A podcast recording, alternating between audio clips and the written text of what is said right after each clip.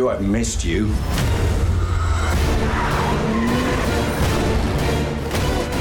Nije vreme za umiranje, samo u bioskopima. Ćao svima, vreme je za rođendan broj 2, dobro nam došli Lab 76, broj 144 i uz Jamesa Bonda pridružio se još jedan član družine za večerašnje rođendansko izdanje. Specijalni gost direktno iz Mizana je stigao, gospodin, ni manje ni više, Junkie Baby, Aleksandar Đankić sa moje leve strane u crvenim bojama u tom duhu, samo da znate i na audio platformama smo, tako da, da i neophodno da se znam, čuje, da se i čujete, ali naravno tu je i gospodin Dejan Potkonjak i spremna ekipa, domaćini su tu.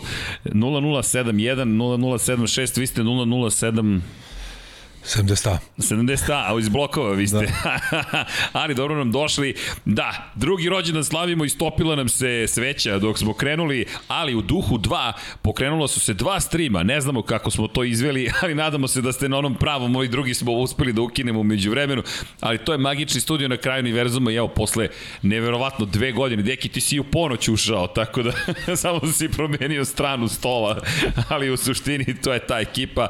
Pavle, pa pisao sam mu da se pridruži nekom momentu da uskoči u studiju. Kada bude u prolazu, odgovora nije bilo, mislim da me ignoriše tokom današnjeg dana. Ljudi, pre svega da podelimo sreću i radost sa vama, drugi rođendan Lab 76, kada smo krenuli, zaista ne mogu da kažem da iko razmišlja o tome gde ćemo stići, šta ćemo raditi, a ko zna gde tek idemo to se nadam da za godinu jednu da ćemo deki biti u još nekom, da kažem, novom stadijumu, ali činjenica je da, da eto, Ada Ciganlija beše pre dve godine, jedan mikrofon, jedan snimač, jedan GoPro, Žarko i moja malenkost. Danas ekipa, ne znam više koliko ljudi broji, 11.000 subscribera, 11.100, zastrašujući delo, mnogo smo srećni, hvala vam, udrite like, udrite subscribe, Deki koji je došao, postao domaćin Džanki koji povremeno tu ordinira, više se Kad sam u Srbiji, ja. da, kada niste u kosmosu, da. ali dobro, stiže i stiže, sad možete vi da ga pitate u četu kada stiže knjiga pesama i poezije, to je priča i, po, i pesama, je li tako? Pa ja se iskreno do nove godine najkasnije. To ti kažem, to tako da uredniče, ja molim vas vi sad pogled da neka bude upućen na drugu stranu stola, Mada ne znam, Džanki nešto izbegava pogled kada je reč o knjizi, ali bit će nam, ja se nadam, se češće tu. U svakom slučaju, mi smo stigli iz Mizana.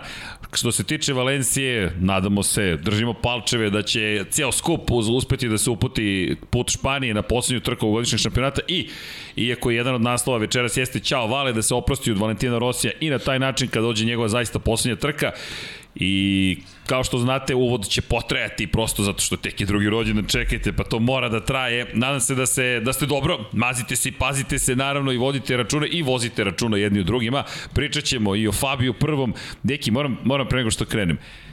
Ako se vratimo na prošlu nedelju, naja, sve smo najavili. Ja mislim da smo bukvalno sve najavili što se na kraju dogodilo, uključujući i Eneo Bastianinija. Samo kratka anegdota. Komentarišemo mi trku i uzbuđenje, pratimo vodeći, gledamo sve, šta se zbiva, gde se zbiva, jednom mi stiže poruka koju sam kasnije video ko je drugi najbrži Ducati. U tom momentu je Nea Bastianini ubedljivo najbrži zapravo Ducati, brži od vodećih, stiže kao munja i posle kada sam prevrtio sve poruke, da ću, ok, deki, trebalo je da znam ko će ga predosetiti. Pozdrav za Žarka, naših prijatelja iz Deke koji su vid, pratili je ne u Bastianinija, mi Beštiju uočili nismo, moram da ti priznam od svog onog silnog uzbuđenja svega što se događalo u Mizanu, samo vidiš, Beštija, če, kako je ovaj čovjek sada dve sekunde iza Fabija Kvartarara koji ide ka tituli, ne znam, ali i to se dogodilo. U svakom slučaju, prethodna emisija je bila krunisanje Fabija prvog, pa evo, krunisanje Fabio prvi, Mark Marquez zabeležio pobedu na uslovno rečeno neprijateljskoj teritoriji na, iz dva razloga. Prvo, u Italiji gde dosta zvižduka ima kada god se saopšti njegovo ime ili se prikaže u kadru, gde je Valentino Rossi slavio svoj oproštaj i na stazi koja je u desno, što je za njega bio veliki izazov i bilo mu važno da triumfuje. I čao Vale, naravno kakav trenutak za Valentino Rossi i kakav trenutak za nekog Srećkovića koji je dobio onu kacigu sa žutim srcem, bacio je posle trke Valentino Rossi, legendarni Valentino Rossi kacigu, inače nije imao drugu istu, vratio se u garažu, gledali smo posle fotografije sa klasičnom kacigom za 2021 I to je sumarno ono što se desilo sve prethodnog vikenda, ali, ali, ali, pre nego što krenemo, ljudi, mesec oktobar je mesec borbe protiv raka dojke. Roze boje su tu, neki, međutim, pokazuju uh, navijačke sklonosti, ja bih rekao... ali, pa nemam tako majicu što da radim. I da, da, Snalazim da. se. ali nije se dovoljno isprala boja zapravo. Da, da, da. da. nije se iskombinovala. Ali, šalno na stranu, roze boja, devojke, molim da se prekontrolišite, to su mnogo ozbiljne i važne stvari i imamo još evo par emisija u oktobru da ponavljamo to. Danas je 27. oktobar 2021. godine. Krenuli smo u oktobru 2019. nekako simbolično rekao bih. Da, pravili smo i pauze dok smo se organizovali, stvorili studio, dok se skupila ekipa, niko nije znao ko će biti ekipa, ali evo, hvala, deki, hvala. Hvala za sve što si uradio ovih poslednjih godinu i više od toga. Za, hvala za crveno i crno. Džanki, hvala ti za svu lep pozitivnu nema, energiju nema, lepe nema na reči. čemu. Ja bih samo dodao jednu stvar, tačno stavio zarez na tu tvoju rečenicu. Ja mislim da e, sa tim stvarima, e, da ne treba samo ovaj mesec da bude, nego 12 meseci Slažem da se. se treba razmišljati o tome. Neki put, ne mislim na tebe naravno, nego neki put mi smeta što to se ispriča, sta, obuku se neke patike u tim bojama i sve to i onda na, narednih 11 meseci ništa. E, super je sve to, ali ukoliko tokom cele godine se e, dame ne vode račun o tome, onda se u principu ništa i ne postiže. Tako je. i upravo- vrlo manje, vrlo manje nego što što bi trebalo, da. Upravo to i jeste poenta, dakle, govorimo o vrlo ozbiljnim stvarima i zašto? E, Zato što, apsolutno, ljudi, mi smo se skupili da pričamo onome što je nama važno. Moto Grand Prix nam je važan. Da li ćemo pričati o tome da se treba boriti protiv raka dojke? Apsolutno. Kada je reč o tome da li, da, da li je ovo samo Moto Grand Prix? Ne, nije ovo je život, ovo je ono što nas spaja, ali pre svega smo živa bića i pričat ćemo i o anksioznosti, i o hendikepima, i o raku testisa. U novembru se borimo protiv toga. Zašto? Pa zato što je uvrženo mišljenje, neće to mene, neće se meni desiti, ili ako o tome pričamo, to će se nekome dogoditi. Ne naprotiv, ne. Ako pričamo, imamo sa razumevanje i samilosti i humanizma jedni prema drugima, možda ćemo nekome pomoći da skupi hrabrosti, ode prekontroliše se na vreme i ne bude posle, nije mu bilo ništa, a kad je poslednji put bio kod na kontroli? Pa pre 20 godina ko zna šta mu je bilo, ali nije znao. I slažem se s tobom, zato Infinity Lighthouse svaki put ima ovu vrstu uvoda, Lab 76, pa i 99 yardi, pa i Kosmos, mada u Kosmosu nekako brzo letimo u lansiranja, bliže nam se neka lansiranja, deki, i mislim da ćemo imati tu vrlo zanimljivih priča, ali kada je reč o oktobru i slažem se s tobom, treba svih 12 meseci da se vodi računa, tako da podržite svoje devojke, podržite svoje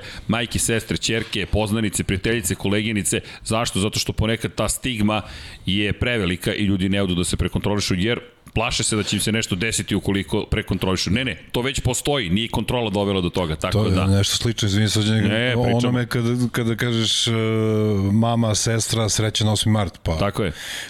treba da voliš te osobe i 9. aprila ili kad god. Tako je. Tako da veliki broj žena, to znam uh, iz prve ruke, ovaj, da i ne vole taj praznik. Više vole ovih 364 dana. Tako da, devojke, srećem vam ne 8. mart. Da, da. Eto, to je u duhu Pita, da, Pita Kerola, uh, Luisa Kerola, izvinjavam se, Pete Carroll mi je u glavi, Vanja, Seattle Seahawksi, ali Luisa Kerola i naravno čuvenih njegovih priča, Alisa u zemlji čuda i tako dalje, slavimo nerođendan. Mada mi danas slavimo rođendan, tako da, devojke, da ponovim još jednom, oktobar, mesec borbe protiv raka dojke, proverite se kada govorimo o nekim ozbiljnim stvarima, ne, torte su tri, tako, to su neozbiljne stvari, ali su dobre.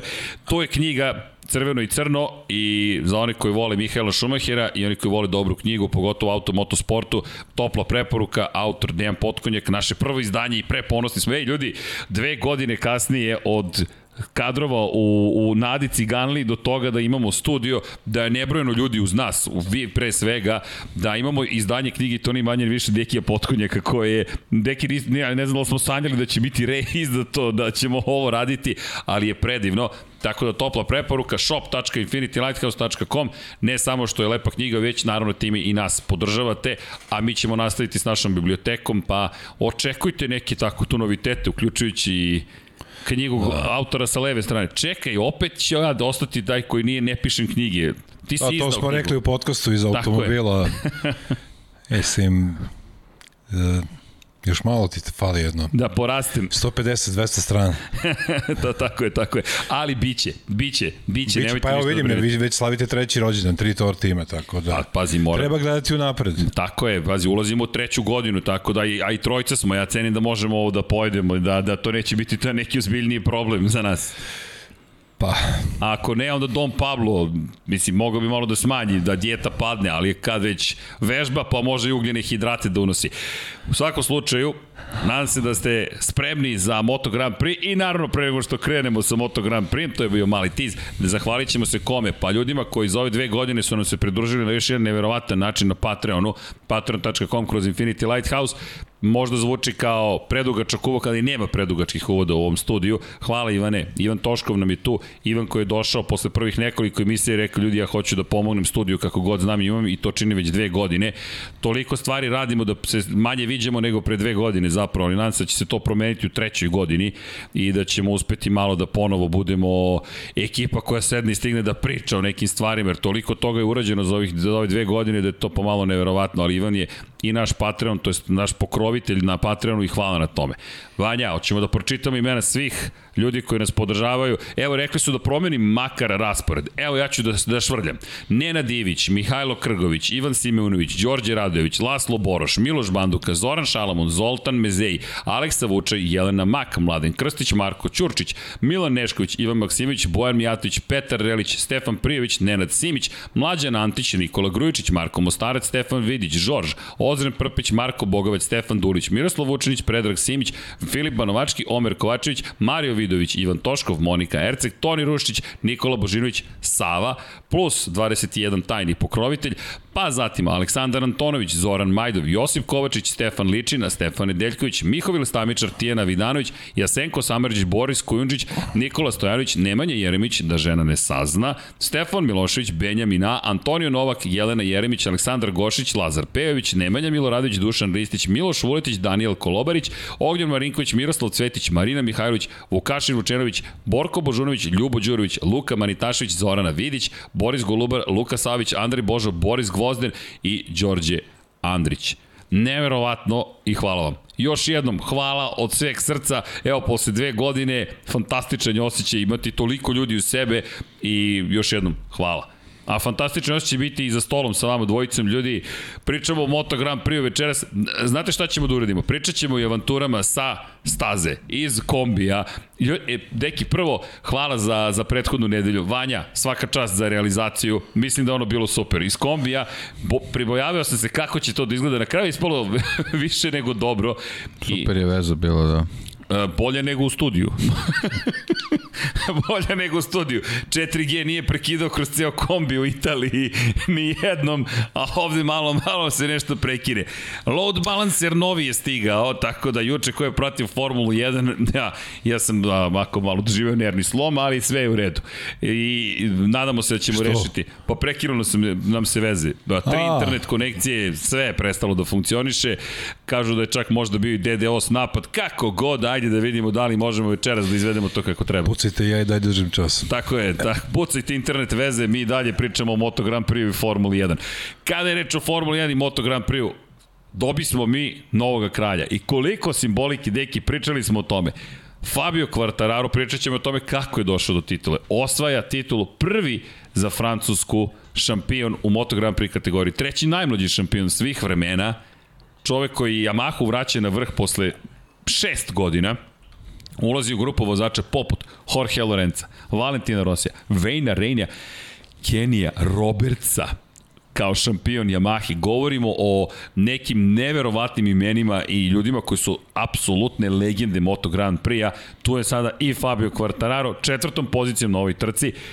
Pobjeda je pripala Marku Markezu na poziciji broj 2 Pole Spargaro prvi put u svojoj karijeri kao vozač Repsol Honda, njegov najbolji plasman inače u karijeri dvostruka pobjeda Honda i na kraju treća pozicija za Neu Bastianinija uz oproštaj Valentina Rosija, padove Jacka Millera, Francesca Banjaje, između ostalog Miguela Oliveire i još velikog broja takmičara, kakav trkački vikend iza nas, a to je samo delić iz Moto Grand Prix-a, pad Raula Fernandeza u momentu kada preuzima vođstvo u šampionatu sveta Moto 2 klase i zapravo omogućavanje Remiju Gardneru koji je bio poražen da poveća svoju prednost dve trke pre kraja i konačno u Moto 3 šampionatu sveta Denis Fođa, kao što smo najavili, pobeđuje, Pedro Acosta ostaje iza klubskog kolege, zanimljiva tabla, to ćemo vam pokazati, je bila u Park Fermeu, hvala svima za fotografije i za skretanje pažnje na kojem piše da bi trebalo da se prepusti pozicija Pedro Acosti, to nije učinio Đaume Masija, obrisi 2005. godine, pričat ćemo o Gaboru Talmačiju,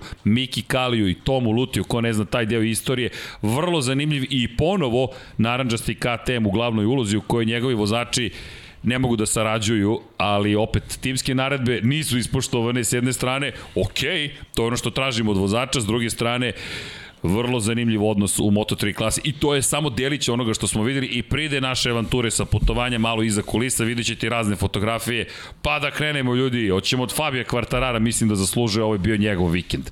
Kakva titula? Sad, ko će? Ko, ko će? Prvi. Deki, deki. Deki. Pa ne znam da li bi definisao kao dug put ili, ili kratak, ne znam kako, kako ovaj, iz koje perspektive da, da posmatam ovaj rezultat Fabio Quartararo, ali generalno sve se svodi pod zasluženo. Apsolutno je zaslužio ovaj rezultat prošle godine su falile te, te neke sitnice, nedostajalo tu ne, nekoliko ovaj, karika u tom lancu, međutim ove godine kao da je kao da smo ga kao da smo dobili novog vozača na, na, na početku sezone, možda samim tim što je došao fabrički tim, da, da, je, da je to možda bio, bio taj presudni, presudni sastojak u, u tom njegovom ovaj magičnom napitku vezanom za, za osvajanje šampionske titule, ali generalno uh, ne vidim šta bi moglo da mu se zameri kad, kad, se, kad se analizira uh, ova godina ovaj, jednostavno i, i ova trka možda bi bila onako u velikom stilu da se ot, o, osvoji uh, titula pobedom, ali ja mislim da on i ovde ponovo ovaj, uradio maksimum i, i, i, i uradio ono što je trebalo da, da dođe do titula. Kažeš magični napitak. Ja mislim da je ovo magični napitak koji je došao posle, posle zapravo osvojene šampionske titule. Malo fotki koji nije bilo nigde objavljenih, bit će objavljene, ali ovo smo morali da fotografišemo. Radost, deki, olakšanje koje je osetio u tom trenutku fenomenalno, ali ovo je šala, prosto smo od dobrog raspoloženja i ovo su prelepe fotke kako slavi jedan klinac, zapravo pogledaj ga, bubuljice su tu i lepo si rekao, je ovo dug put, je ovo kratak put? Koji je ovo put? Ali je prvi put da osvoja titulu šampiona sveta. U Moto trojkama nije osvojio titulu, nije u Moto 2 kategoriji osvojio titulu i kakvi kadrovi, boombox je bio pa, tu. Pa ono stvarno nije prošlo dugo od kad smo se za prepašćenjem gledali kako na Petronasu radi ono Jest. što radi i evo, tu je ono, dečački san je ostvaren, mislim, stvarno na, na, na način gde niko ne može da kaže da, je, da mu je nešto poklonjeno. Stvarno je mnogo radio da bi došao do ovoga. I zlatna kaciga je tu. Da. Pa kruna. Kruna, baš kruna. je Nije ovo kaciga, ovo je kruna. Ovo je kruna, lepo si to rekao, zlatna kruna, lep potpis, pravi. I vidjet ćemo naredne godine, mene živo zanima da li će uzeti taj broj 1 ili ne. Znaš kako, razmišljao sam o njemu, on je, on je sebe tablirao već, on nije nije neophodno da uradi to za razliku od, od Joana, to smo već pričali. Da, da zadržiš broj, ne, ne, ali to je važno, to je velika razlika. Da. 36-ica je nepoznata, 20-ica nije Pa evo vidimo i kako, kako je završilo zvanično ovaj, gubljenje titule. Jednostavno, u šljunku sa strane, potpuno potpuno van bilo kakvih fokusa i, I forme. I, i, i forme i svega. I ne. svega, zaista, zaista onako baš, baš je sve ispalo bez veze. Da, i, i taj pad njegov kada je prosto ceo vikend padovi tokom treninga. Pa, ono, ponav, ponavlja se priča koju smo pričali, jednostavno Suzuki mora mora nekako da svojim vozačima obezbedi motocikle koji će, koji će im doneti neke bolje startne pozicije. Jednostavno, oni kad su pozadi, trka je ne, nemoguće nešto raditi kako treba, posebno kad budeš ovako daleko kao, kao što je Joan Mir, mislim imamo svetskog šampiona koji sta, startuje sa začelja, zaista je poražavajuće. Ili... I naravno desi se to što se desi, jer to je trenutak, posebno u Mizanu, taj splet prve dve, tri krivine, jednostavno to je toliko vozača, toliko putanja, tako je mala verovatnoća da, da, da, da, ćeš, da ćeš proći. proći i ostati u tempu koji ti je potreban da, da, da uhvatiš momke na čelu, da je to stvarno onako splet neverovatnih okolnosti, a ovo što se desilo ipak verovatnije ali vrhunac to ironije, samo bih dodao kratka epizoda, vratit ćemo se na čoveka kog si ti jedini spomenuo. Jedini da sam ja čuo da je neko rekao pre nego što smo stigli na taj vikend, Danilo Petrucci je još jedan italijan koji vozi svoju poslednju trku na domaćem tlu na svoj rođendan 31. Da ove porodicu i prijatelje Joan Mir je njega uradio novu kacigu koju inače ne radi baš tako toliko često. Sve je uradio, Sve je uradio. ali najveći potez i veličina Danila Petruća i ne kao korpulentnog vozača kakav jeste, već kada je prišao Joanu Mir obojice, i da, rekao obojice, okay. da. i Joan Mir koji je rekao kriv sam a izvini e, problem je što je ovo četvrta trka za redom za Joana Mira da nekoga izbacuje sa staze. I to sada postoje jedan ozbiljan trend, inače se to isto napomenulo, pričat ćemo o Joanu Miru kasnije, ali da je neko drugi to učinio, da li bismo sada već ga razapinjali, a Joan Mir tom svojom nekako neprimetljivošću i čak i u tim situacijama kao da se provlači, da niko se ne bavi time da je postao gotovo opasan vozač, konkretno izbacio Jacka Millera, izbacio sada ne samo Jacka Millera, on čovjek malo, malo nekoga izbaci sa staze, znači Jacka Miller je najveći incident, ali Fabio Quartararo, Junkie, kakav je tvoj utisak bio? Mi smo bili zajedno na stazi, tri uzbudljiva dana, I više uzbudljivih dana zapravo. Pa, prvo da konto Žana Mira, nekako on nema tu sreću, vrlo kratko ću, on je nekako, što ti kažeš, um, ispod radara. Čak i titulu kad je osvojio, to nije izgledalo kao prava titula, ne mislim da mu je neko poklonio titulu. Ali jednoj čudnoj sezoni, COVID sezoni, mada ni sad nije mnogo bolje sa smanjenom broju trka, sad samo jednu pobedu i tako dalje. I okej, okay, nadam se da će, što Deke reče, da Suzuki povrati ono što, što mu treba, a to mu trebaju definitivno kvalifikacije, jer u modernom MotoGP-u ne možeš sa 15. pozicije da pobediš, možda u nekim kišnim uslovima pa da iskoristiš, ali, ali to čak mislim u Moto2 kategoriji više ne može, možda samo Moto trojkama može. Pa da, možda samo Moto trojkama, međutim, znaš šta je zanimljivo, ko je startovao 15. Fabio Quartararo. Ja, ljudi, da. on je do poslednjeg trenutka bio u poziciji da se domogne zapravo pehara iako naravno to je prouzrokovano padovima brojnim, opet on je odvezao toliko dobro, to se neko stavlja sa strane, Kvartararo je dobio na, na tacni praktično titulu. Ljudi, on je dao sve od sebe i u ovoj trci, iako to možda nije na prvi pogled jasno kakav tempo su imali zapravo Francesco Banja i Mark Marquez na prve dve pozicije, delovalo je kao da su svi ostali spori. Ne, ne, Kvartararo se baš potrudio po sobom da se probije napred. Mada nije morao toliko možda da riziku, ali to je jedno od odličja pravih šampiona. Uh, zasluženo za kvartarara. Ja sam u jednom trenutku sam se plašio da ne dođe do onog sindroma Denija Kenta. Sutra će titula, preko sutra će titula, sledeći Grand Prix će titula i na kraju uz dosta cimanja ovaj, se dođe do titule, međutim i ta njegova vožnja koji se pomenuo je pokazalo, nije možda želao da čeka, da stane, da vidi šta će se desiti. Banja jeste bio najbrži, to je Marquez rekao, ali ne pobeđuje uvek najbrži, treba da, da odvezeš celu trku, ni šteta, krivo mi zbog Banjaje, ali mislim da su najbolje stvari pred njim. A Quartararo najstalniji, osvaja bodove, ono naše stalno što pričamo, možda smo postali dosadni, kad, kad je brz, mnogo je brz, pobeđuje, kada nije možda njegov vikend, vredno skuplja bodove, malo greši i eto, pomenuli ste ljude koji su prethodili osvajanjima titule za Yamahu. Iskreno da budem, ne znam koji bi drugi čovek osvojio titulu, a da to nije Quartararo za Yamahu. Nekako sam, e, Morbidelli bi mogao, ali ne u ovoj sezoni prepinu povreda, skakanja s motora na motor, pitanje da li bi uopšte neko mogo i tako da je sreće što je došao iz tog Petronasa i upravo ono što je Deki rekao, taj tas na vagi možda taj 1 procenat, možda 5 procenata, možda 10, to je ono što mu je falilo da u fabričkoj mašini kada je prešao u fabričku mašinu ovaj, da, da uzme titulu. Mislim da, da je to bilo odlučujuće.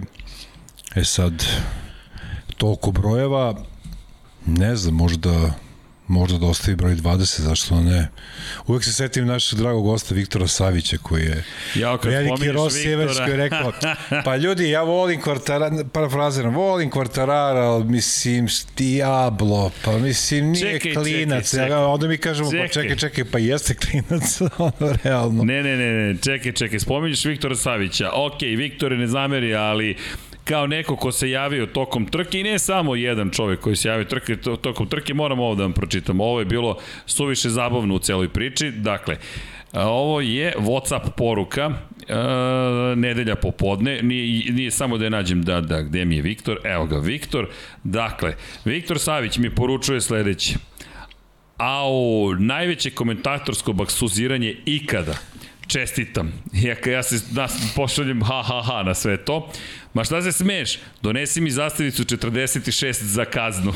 Rekao, kakve ja veze imam s tim? I on mi pušta snimak, bukval, bukvalno rekao si, citiram, i pričam, hvalim Francesca Banjaju i kaže, zastavicu da mi doneseš.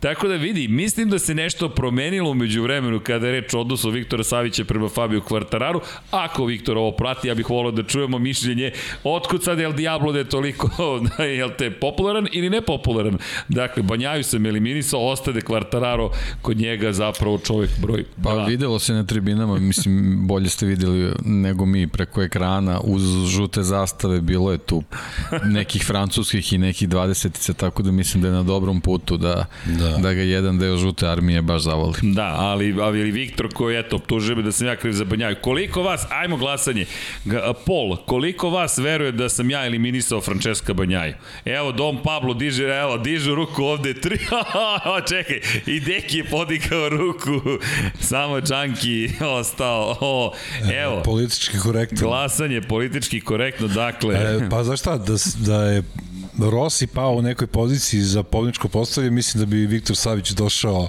na silu ovde na podcast večeras, jedino ako ne bi mogao da nađe ulaz kao ja malo pre, ovaj, zašto stalno dolazim, pa onda se nisam baš snašao, snašao ali uh, kada bi komentatorska kletva i uopšte da bi kad bi komentatori uticali na trke, onda bi mi lepo seli sa kalkulatorom, izračunali da u Valenciji u sve tri trke, u sve tri kategorije, pardon, imamo po pet kandidata za titulu i onda da gledamo i da uživamo. Prema tome, i mi, onda- nemamo, mi nemamo, mislim... I onda ovo- samo pitanje ko koliko nudi da, da ne spominjemo nekog i da ga ne hvalim. Ali, ali imam ja kontraargumente. Hvalio sam ga ja i u Aragonu, hvalio sam, jesam hvalio i na prethodnoj trci I u protiv. Markeza, ja, u Aragonu, hvalio da. sam ga. I, je li je uspeo u svojim namerama da pobedi? Jeste. Činjenica... Ali jedva. Je, pa dobro, Šalim je se, pobedio, šalim- šalim pazi, se, jeste ga. Kvartararo sustigao, ali šalom stranu, Viktor nije promenio svoje mišljenje o Fabio Kvartararo, očigledno da ima novog miljenika Francesca Banjaju, ali lepo si rekao, i osvaja i, i Kvartararo, podelila se publika, zanimljivo, neki su za Kvartarara popularnog četvrtka, neki su za Banjaju, ali moram priznati da je popularnost Francesca Banjaja ozbiljno skočila u poslednjih par meseci, od kada se uključuju u bitku za titulu šampiona, kao da Banjaji nalaze naslednika Valentina Rosija, koji, ljudi, ne može da ne bude u ovoj priči, bez obzira što je Fabio prvi krunisan, što je tu, kao što si rekao, zlatna kruna je to. Valentino Rossi, ovo je bio njegov vikend i ti kada pogledaš, bili smo u Tavulji, u Tavulji je bilo zaista prelepo, prosto svako, svaka, svaka zgrada, svaki prozor, zastava 46. Bukvalno cela Tavulja, kao da je politički pokret u pitanju, kao da je državnost u pitanju. Pa Berlusconi da plaća ne bi mogao da ima takvu popularnost. Tako Apsolutno ne. To ne. Mada kažu da, da, da je prethodne godine bilo malo i više ljudi. Sve to možda je dosta više. COVID... e, Pa i 35.000 ljudi je bilo ograničenje. Inače, Savet za sve koji putuju u Italiju iz Republike Srbije, to možemo da vam kažemo, za ostale republike zaista ne možemo ništa da vam kažemo, za ostale države, dakle, kako funkcioniše, ukoliko imate i zeleni sertifikat, Čekaj, polako. Koje vreme? Vanja, ovo moraš da staviš, pošto su mi ljudi zvali da pitaju kako ste ušli, zato što razmišljaju o odlasku u Portimao i u Valenciju. Okej. Miksa se javio, Miksa pozdrav. O, Pričamo. molim te samo, znači, e, detaljno da objasniš kakav je problem sa sertifikatima kod naših Okej. vakcina i kako se to ovaj, reši da, da može da se uđe. Ok, a, ovako. Dakle, sve ćemo vam poslati. Ima tu par stvari. A, pre svega, poslaćemo vam još jedan link, samo da nađem gde mi je taj link. Mi smo prošli ljudi toliko stvari, mi smo se više bavili zapravo možemo reći papirologijom da stignemo do Italije nego što smo se bavili pripremom za posao. Bukvalno to tako otprilike izgledalo. Dajte mi samo sekund, molim vas, da, da, da to nađem. Dakle, Taj link će biti na, na chatu ili da, na, stavit ćemo na podcastu? i Green... Da. COVID pas, da, da, prosto da vam damo sve informacije, samo da sada nađem gde se tačno nalazi. Dakle, Ajmo od, od početka. Prva stvar, da morate da imate zeleni sertifikat. To je potvrda da ste vakcinisani. Ukoliko niste vakcinisani, postoji pravilo da možete da uđete, ali morate da budete u karantinu od ne znam tačno koliko dana. Mislim da je 5 dana. Da, mislim da je za nevakcinisane više. Da je, mislim da je isto.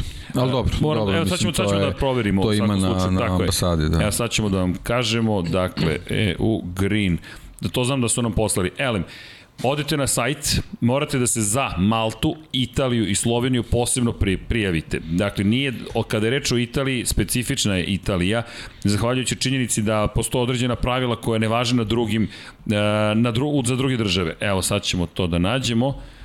E, u, dakle, Ok, dok nađem, da nastavimo priču, pa ćemo vam ubaciti taj link. U svakom slučaju, Kada idete u Italiju, imate posebnu prijavu koja važi, kažem, za Maltu, Sloveniju i Italiju. I ukoliko imate vakcine koje nisu sertifikovane u Evropskoj uniji, ukoliko ste njima vakcinisani, imate posebnu proceduru. Dakle, 5 dana morate da budete u karantinu ukoliko ste napremili Sinopharm vakcine i pritom nije dovoljno da imate jednu Pfizer ili AstraZeneca i pritom morate imati ceo ciklus i prva Astra... Izvinjavam se samo, ovo što srđan priča to važi za ljude koji nemaju potvrdu da idu o, na službeni put da, to, ili, to na kraju, da, ili da. Neku, da. Neku, neku drugu aktivnost koja je navedena o, na, na sajtu ambasade. Znači, ako ne postoje papiri, ovo važi. Da, dakle, kada govorimo o, o ulasku, ajde, to, to, to sam nekako hteo da ostavim za kraj, ali ajmo od početka. Ok, reset Vanja. Idemo od ovog momenta. Mi smo išli na službeni put.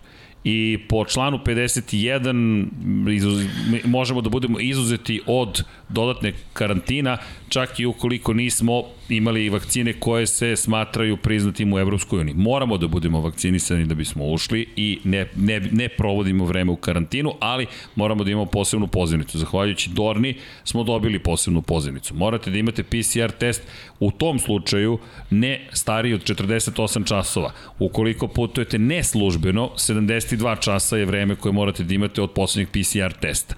Sa tim ulazite dakle u državu. Međutim, Realnost je malo drugačija. Mi smo ušli u Republiku Hrvatsku, pa u Republiku Sloveniju, iako su jedna i druga članica Evropske unije, postoji dalje međudržavna granica između Hrvatske i Slovenije, išli smo kombijem autoputem. Ušli smo u Sloveniju, posle toga više nije bilo nikakve kontrole. Međutim, ukoliko uđete i nemate sve što Italija država tražila od vas, tu posebnu prijavu za Italiju, a to ona je takva da morate da prijavite tačno gde ćete biti, kada ćete biti, koliko ćete ostati, poželjno da ubacite čak i registarski broj svog vozila, ne možete da zvanično legalno budete u Italiji. Ukoliko vas policija zaustavi, vi to nemate, u ozbiljnim ste problemima. Zatim, da biste ušli u restorane, morate da imate zeleni sertifikat. Restorani imaju aplikacije gde kada pročitaju naše sertifikate izlazi greška To nije trač, to je istina. Dakle, zaista izlazi greška. Izađe crveno, ovo nije priznat certifikat. Međutim, svi su veoma ljubazni i pristojni. Zamolite ih da to ne rade kroz aplikaciju, već da uključe kameru na svojim fotoaparatima, na svojim telefonima i da skeniraju QR kod kroz brauzer, u suštini da pošalju link na brauzer. Kada to učine, onda dobiju informaciju da je sertifikat validan. Eto vam mali trik, to su nas drugi takođe naučili, ali to morate da učinite, u suprotnom će svaki put izlaziti greška i neće vam dozvoliti da uđete u restorane. Ponavljam, svi su bili preljubazni i puni razumevanja i mi smo im objasnili čemu je problem, kako smo se snašli svako na svom jeziku i u svakom slučaju uspeli smo da uđemo u restoran. Papira je mnogo, i ukoliko negde putujete, morate da se raspitate konkretno za tu državu. Za Portugal ne znam da li će važiti nešto drugo ili neće, ali mi nismo imali nikakve međugranične kontrole kada smo prolazili Sloveniju i Italiju. I utiskao sam da ih nema ni između Italije i Francuske, situacija je mnogo bolja nego što je bilo prošle godine, prošle godine je bilo baš problematično, sada je malo drugačije. Avionu kada putujete, ne znam šta da vam kažem, od ljudi iz Dorne smo saznali da je kontrola bila e, opuštenija, nije bilo toliko dramatično koliko je bilo u maju za veliku nagradu Italije u Muđelu, tada su bukvalno svaki papir svakoj osobi pregledali više puta, sada provere vam papirologiju, ali nisu toliko, neću da kažem rigorozni, već ne insistiraju na tome da se sve, sve, sve ispregleda po pet puta. Tako da, eto, to mi je, to mi je neka kratka priča o tome šta treba da učinite. A ulazak na stazu? Ulazak na stazu mora Isto da imaš vezano za, sertifikat. i, a o, ovaj, ta, ta procedura vezana za skeniranje? A, za skeniranje mi smo malo drugačije, pošto mi smo na stazu uzeli, ulazili kao sertifikovani, kao novinari, akreditovani. Mi smo morali ove godine da popunjamo u poseban softver da uđemo, da se prijavimo kao kompletna kompanija i onda kao kompanija da prijavimo svakog zaposlenog pona osob, da uploadujemo PCR test u PDF formatu na, na proveru i da čekamo da oni potvrde da ga prihvataju, zatim da podignemo, da uploadujemo zeleni sertifikat za svakog od nas, da uploadujemo pasoš za svakog od nas, da uploadujemo fotografiju za svakog od nas, da uploadujemo, ne znam tačno još koji dokument je bio kao akreditiv da smo mi sa sport kluba i tek onda odete na poseban sajt kroz svoju email adresu, svako od nas je morao da klikne i da potpiše digitalno da se odreče odgovornosti dva puta. Jedna je odgovornost generalna za automotosport, druga je kada je reč o COVID-19 to je bila procedura za nas, tako da na ulazku na stazu nismo imali tu situaciju, pošto smo mi bili već serti, predsertifikovani i onda kada dođemo i provere nam akreditacija, oni ako i ja mislim da tebi izašlo prvi put da nije PCR test validan,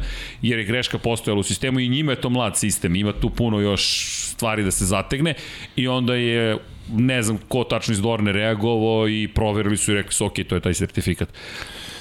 Ne bi bilo loše da ljudi znaju da mogu da odštampaju uvek taj PDF file sa, sa vakcinama, um, zbog mobilnog telefona, zbog raznih aplikacija, zbog potrošnje baterija, ako vam baterija ne radi, uvek možete, ja sam na, na par mesta pokazao sam običan papir gde oni vide, ne znam, ono, Pfizer, vide datum i kao važi sve u redu. Tako da nije loše ni to imati na papiru, ono što se kaže old school varijanta, naravno najbolje da imate kod koji će vaš može svuda uvesti.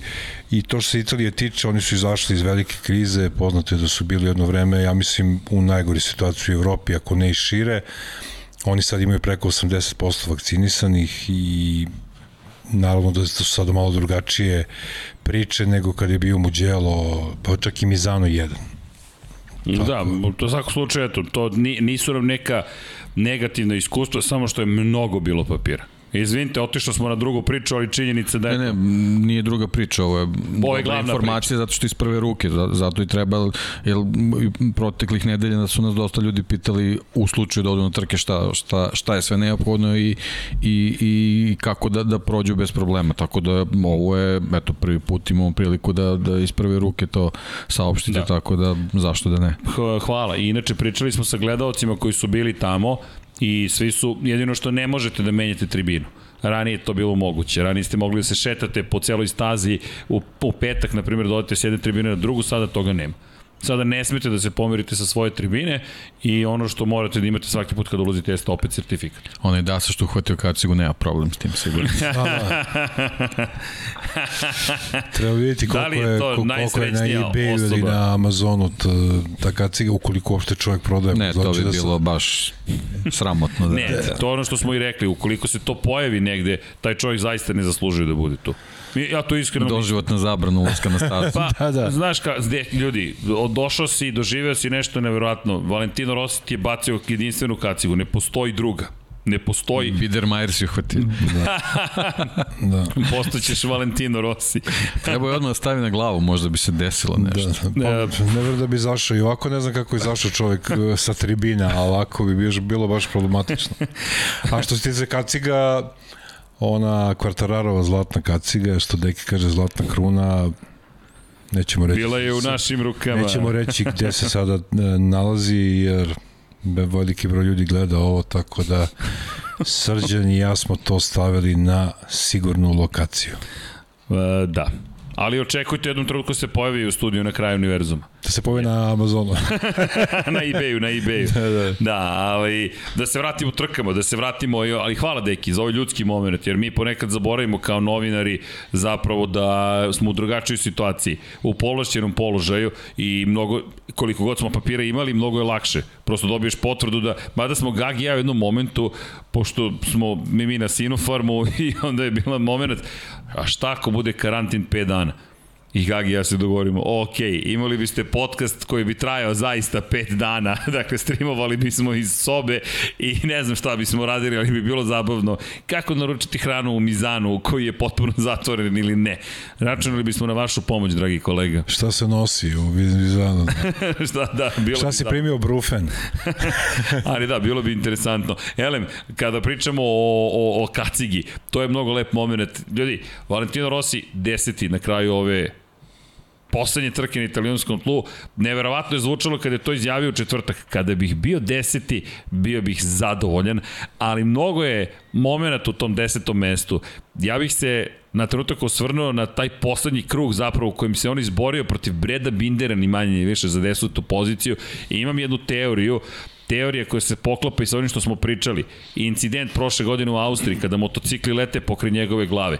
Covid, pad u Barceloni, pad u Barceloni, supruga buduća, dete koje stiže, dete tada još nije, možda je bilo u planu, ne znam, možda je posle toga krenuo neki plan da kaže, ok, ajmo da menjamo život, ali gledajući ga u tim poslednjim krugovima, ti vidiš da, ja, moje duboko ubeđenje, ovo je samo lični stav, je da ima brzine još uvek tu. Da je prosto Rossi ove godine rešio da menja život i da je po, počeo da priča o strahu i opasnosti u Moto Grand Prix. Nikada ranije, hvala, ovo je Dragan fotografisao, deki, pogledaj kacigu. Pogledaj pogled, kakva fotka Draganova Da. fenomenalna. Ima i ona kad se sag, sagne iz, kad na izlasku iz garaže, ali ljudi obratite pažnju na, na, na ovu kacigu. I šta je lepota toga kada ste na licu mesta, što imate pristup ovome.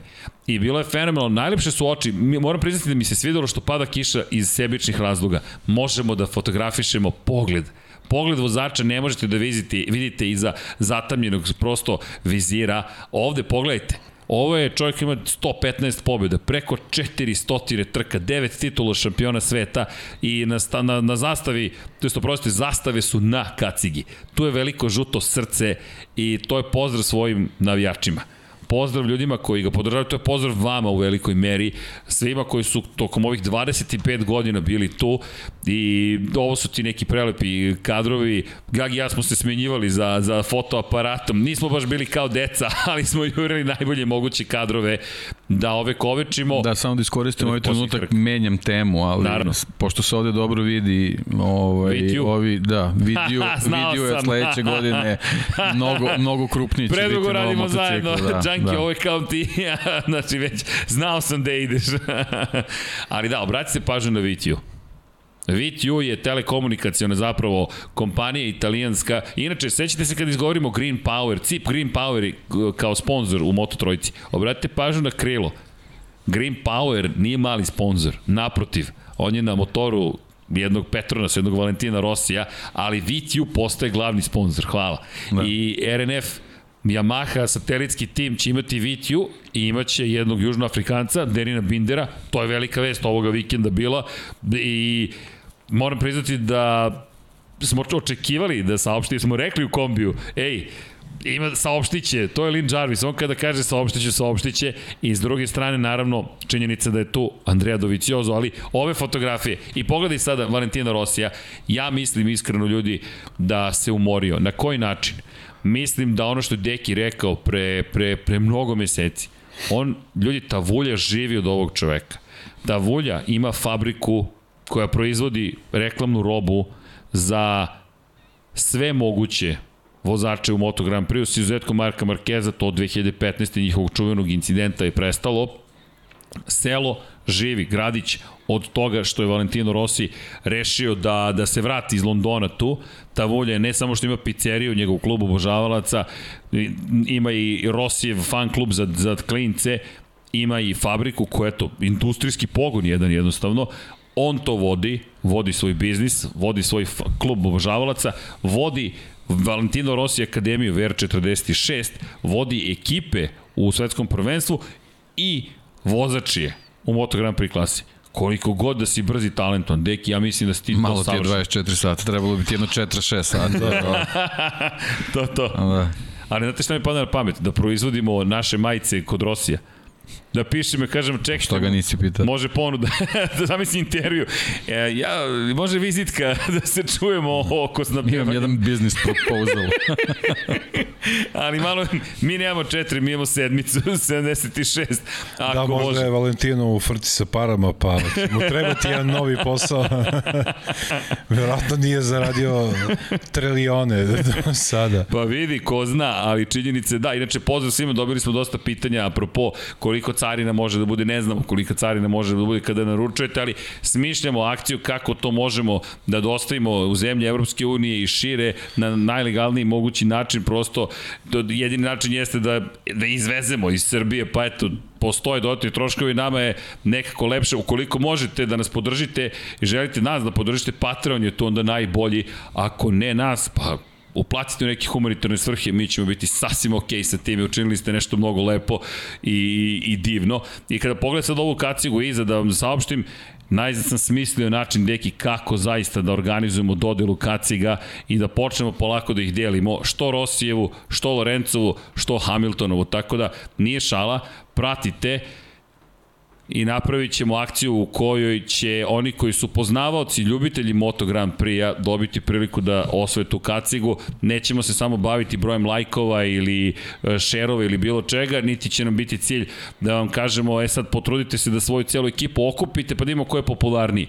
Da, delimično i taj deo priče, ali da oni koji zaista znaju i vole Moto Grand Prix dobiju kacig. Da, Zašto? on je da sam na tribini je dobio na sreću, ovo Na će biti sreću. na znanje. Da. Mi ne smemo Mi na nećemo sreću. bacati da, ništa, Da, da. da, da. Mi ćemo ići na znanje, tako da pripremite, pripremite se za hot seat. Jeste. I, i jedna stvar koja, da ne zaboravim, zaboravit ću, ovaj, a, možda je krajnje vreme da u sve te akcije koje vi pravite uspešno i svaka vam čast, ovaj, da se napravi jedna prava MotoGP žurka na kraju sezone. Ja sam to organizovao ranije i bilo je i lako i teško i upoznali smo mnogi ljudi, ali sada mislim da bi došao rekordan broj ljudi i da bi sve te divne ljude videli na jednom mestu, što se kaže da sednemo, da popijemo kafu, piće, šta god već. Ja ne znam šta je dozvoljeno sada po pitanju okupljanja. Nemam više predstavu šta... Traje još sezona polako. Polako. Da, da, pa ne, ne, tamo negde iza nove srđano godine. kažem, ne, ne, polako, nemoj da... Nemoj da žuriš, Ne preteruj, dečeš, da, polako. da, Da, da. da, da, ali... Sad razmatramo ideju, da. Da, da, da, sviđa mi se svakako, samo da vidimo kako, gde šta, Če- Čeke Junkie u backlogu imamo i najduži podcast u istoriji, imamo, to će biti 76. izdanje, je li tako? To je ostalo. To je ostalo Četvrto i 76. i stoto. Ili stoto Kafana, ostalo. kafana, E, kafana nam je ostala, ka, u kafani. Vanja, jesi spreman? Kada mikrofon popije šniclu, pa kad bude kao muzika, moramo stavimo žicu da, da nas čuva, ali napravit ćemo akciju, šta ti je Ne priznajem bez kariranih stoljnjaka. Tako Da, je, ali da bude 76 u kareu. Kako god. To, to, to, crno-bela karirana ona, i zastava. ona, kako se zove, žuta, stara pisla, piksla, old school, ono što Da, možeš I da... može na svetlo plava metalik. Da, da, da, Može što to. možeš rukom da je saviješ. da. to, Čekaj, čekaj, ovde nije ste to se prava prepoznali. žurka ako... Pa, kolege s fakulteta. A i književnici smo obojica, kao što smo ti više puta rekli, tako da to... Hvala. Hvala. Šalim se. Ali dobro, može da bude i pred, i pred pe, po, početak sledeće sezone, zašto ne? Zašto da ne? Zašto da ne? A hoćemo da se mi vratimo na Mizano? Pa mogli bi, evo, sat vremena, već pričamo svašta Pričamo nešto. svašta. Pa, da. Pa dobro, rekli smo će ovo biti drugačije. Ljudi, prvo da podelimo emociju. Prvo, drugo, treće, peto, deseto, stoto. Bilo je fenomenalno ponovo biti na stazi. I nadam se da smo delić te atmosfere preneli na vas pogrešno je nekako bilo ove dve godine, razmišljaš kao da, će, kao da nikada više nećeš vidjeti stazu, jednostavno tako je daleko delovao Moto Grand Prix. I onda videti neka lica ljudi koje si, koje si viđao i očekivao da ćeš ih vidjeti relativno brzo ponovo i ljudi koji ti prilaze, niko ne priča o poslu, nego prvo, ej, ponovo ste to kao, dobrodošli, jeste dobro, i onda pitanja kako ste progurali, je li sve bilo okej? Okay? Ne, krećemo od toga uh, dok ćete biti tu, koliko ćete trka prenositi, čime se bavite, ne, nego kako ste prošli. isto pitanje naše prema drugima, kako ste vi prošli, jel su svi okej, okay, su vam svi živi, zdravi, pravi, jel sve okej, okay? i onda tek kreće priča o, o poslu i ono što je bilo zastrašujuće prazan padok. Zona je potpuno prazna, Vid Voršić, inače pozdrav za Vida Voršića, našeg dragog kolegu, sada i prijatelja, koji je fenomenalan fotograf iz Andreja Isakovića, koga smo prisvojili tekako rekao je vid, čudna mi je atmosfera, jednostavno drugačija atmosfera odnosu na Formulu 1, često je na Formuli 1 i rekao je manju tenziju osjećamo ovde. Petak i subota i kiša kao da je smanjilo zapravo, kao da se tenzija smanjila i ono što je nama bilo fascinantno jeste potpuno tišina u paduku, mi na to u Moto Grand Prix nismo navikli. Da bude takva tišina, da nema žive duše praktično, da su samo članovi timova tu, je bilo čudno. Kako je tebi izgledalo? Meni je bilo sablasno pomalo. Pa izgledalo je kao da smo došli 5 dana ranije, da se nije ni otvorilo ništa, nije ulaz u, radio uopšte. Kao pogotovo, testovi. Pogotovo petak, pa je petak prepodne, hladno, kiša,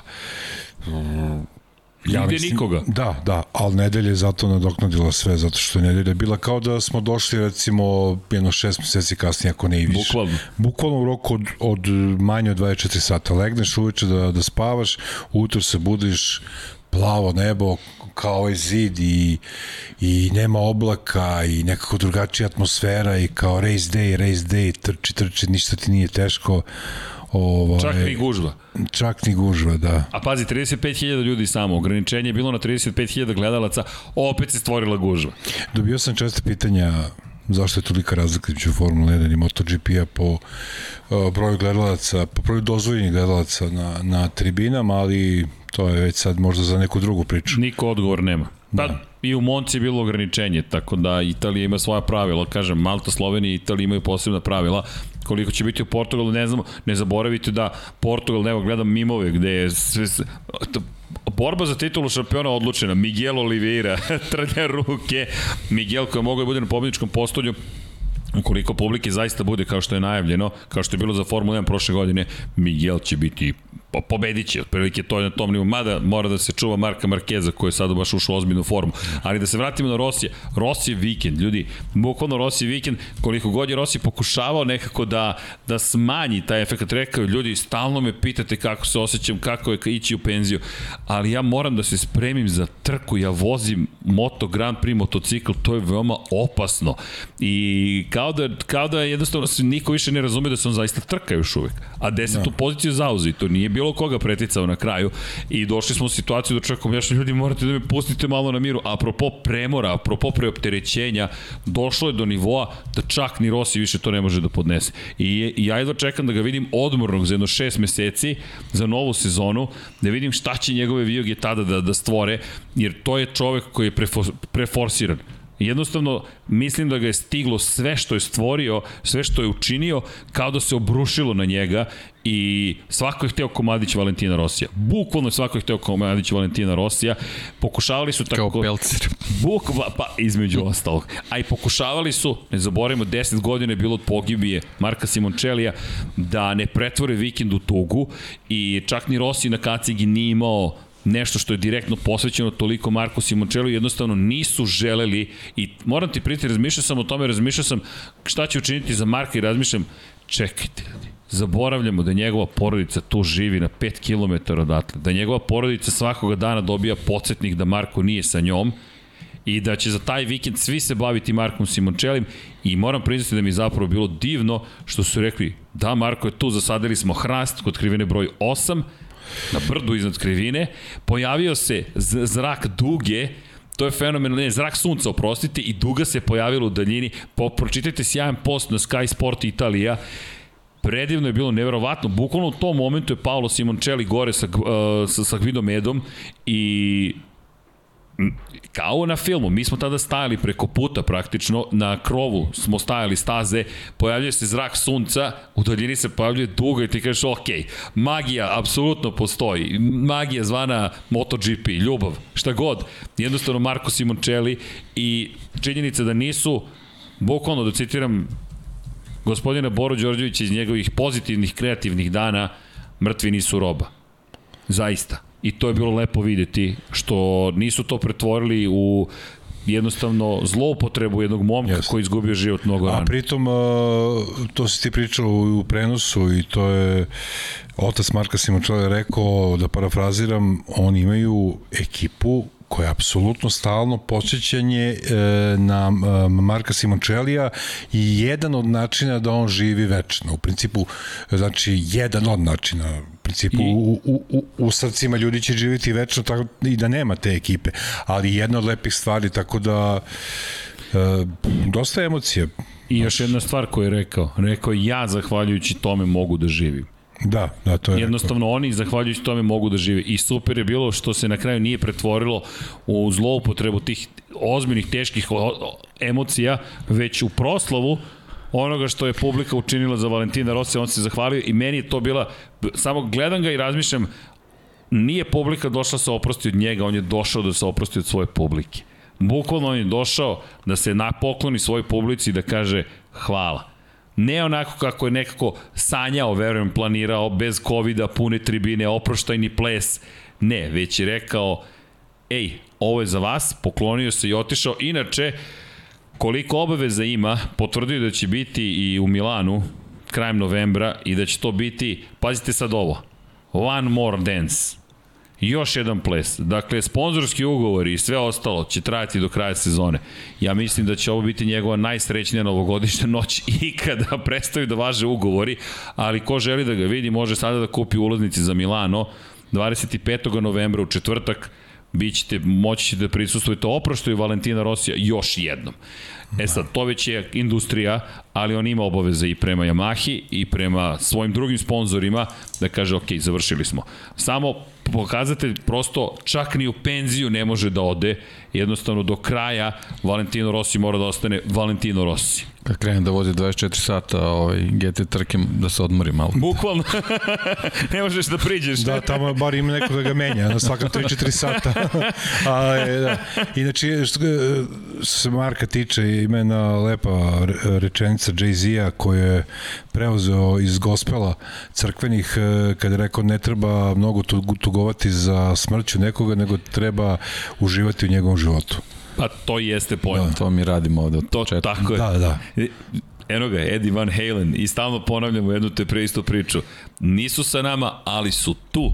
Tu su. Dakle, i mi ćemo ih pamtiti. Inače, dobio je za Viktora Savića, pošto je rekao da se ogrnem Markezovom zastavom, Viktore, evo ga, El Diablo je stigao i već je tu neko vreme, ali sada šampion, ali Nećeš biti pušten ni u jedno pozorište u Beogradu. šalim se, šalim se. Viktor se ne šali. to se ne šali. Oprosti si, znaš kad, sledeće godine u Muđelu, kad uh, Vale bude specijalni gost, kad bude treći.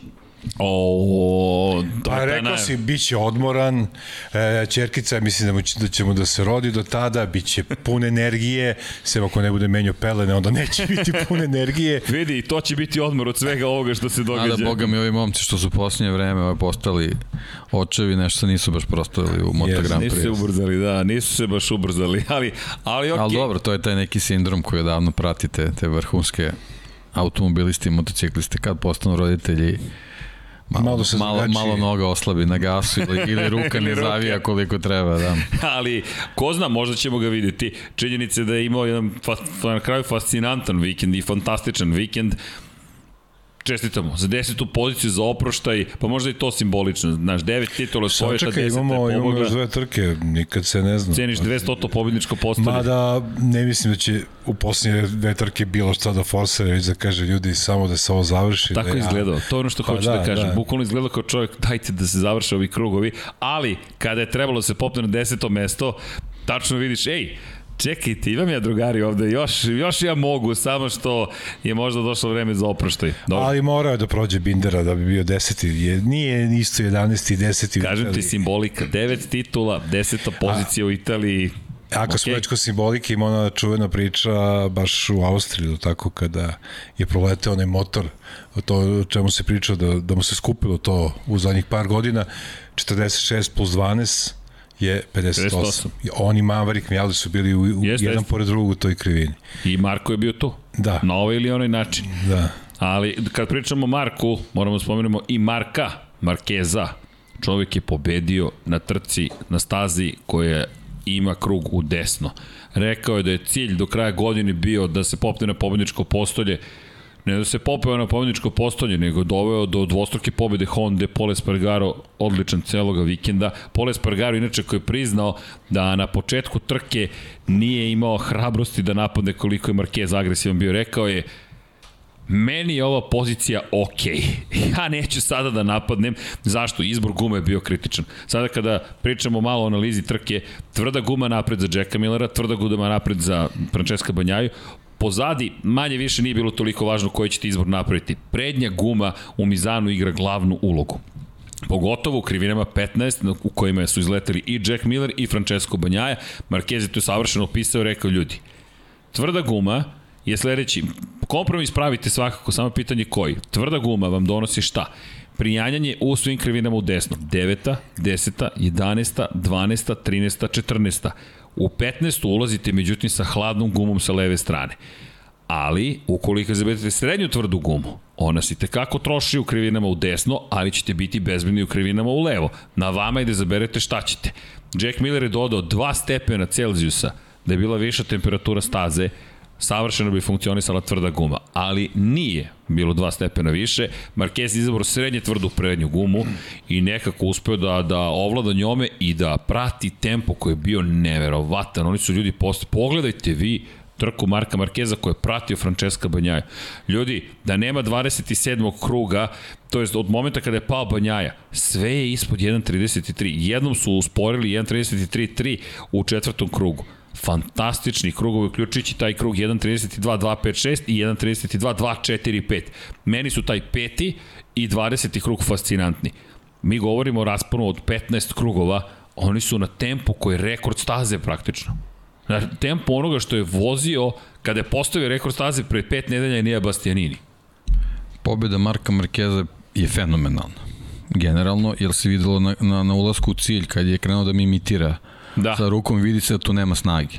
Da, da. Videlo se da on tu ruku ne može da drži, da, da pokaže silinu te, te ruke, ali mene, mene ovaj tempo njegov je fascinirao kako uopšte bio u stanju da prati Banjaju. Banjaja je vozio fenomenalno. Možda ga to i povuklo, kogo to možda čudno zvučalo, ovaj, da sad kažeš Markeza povukao Banja, ali...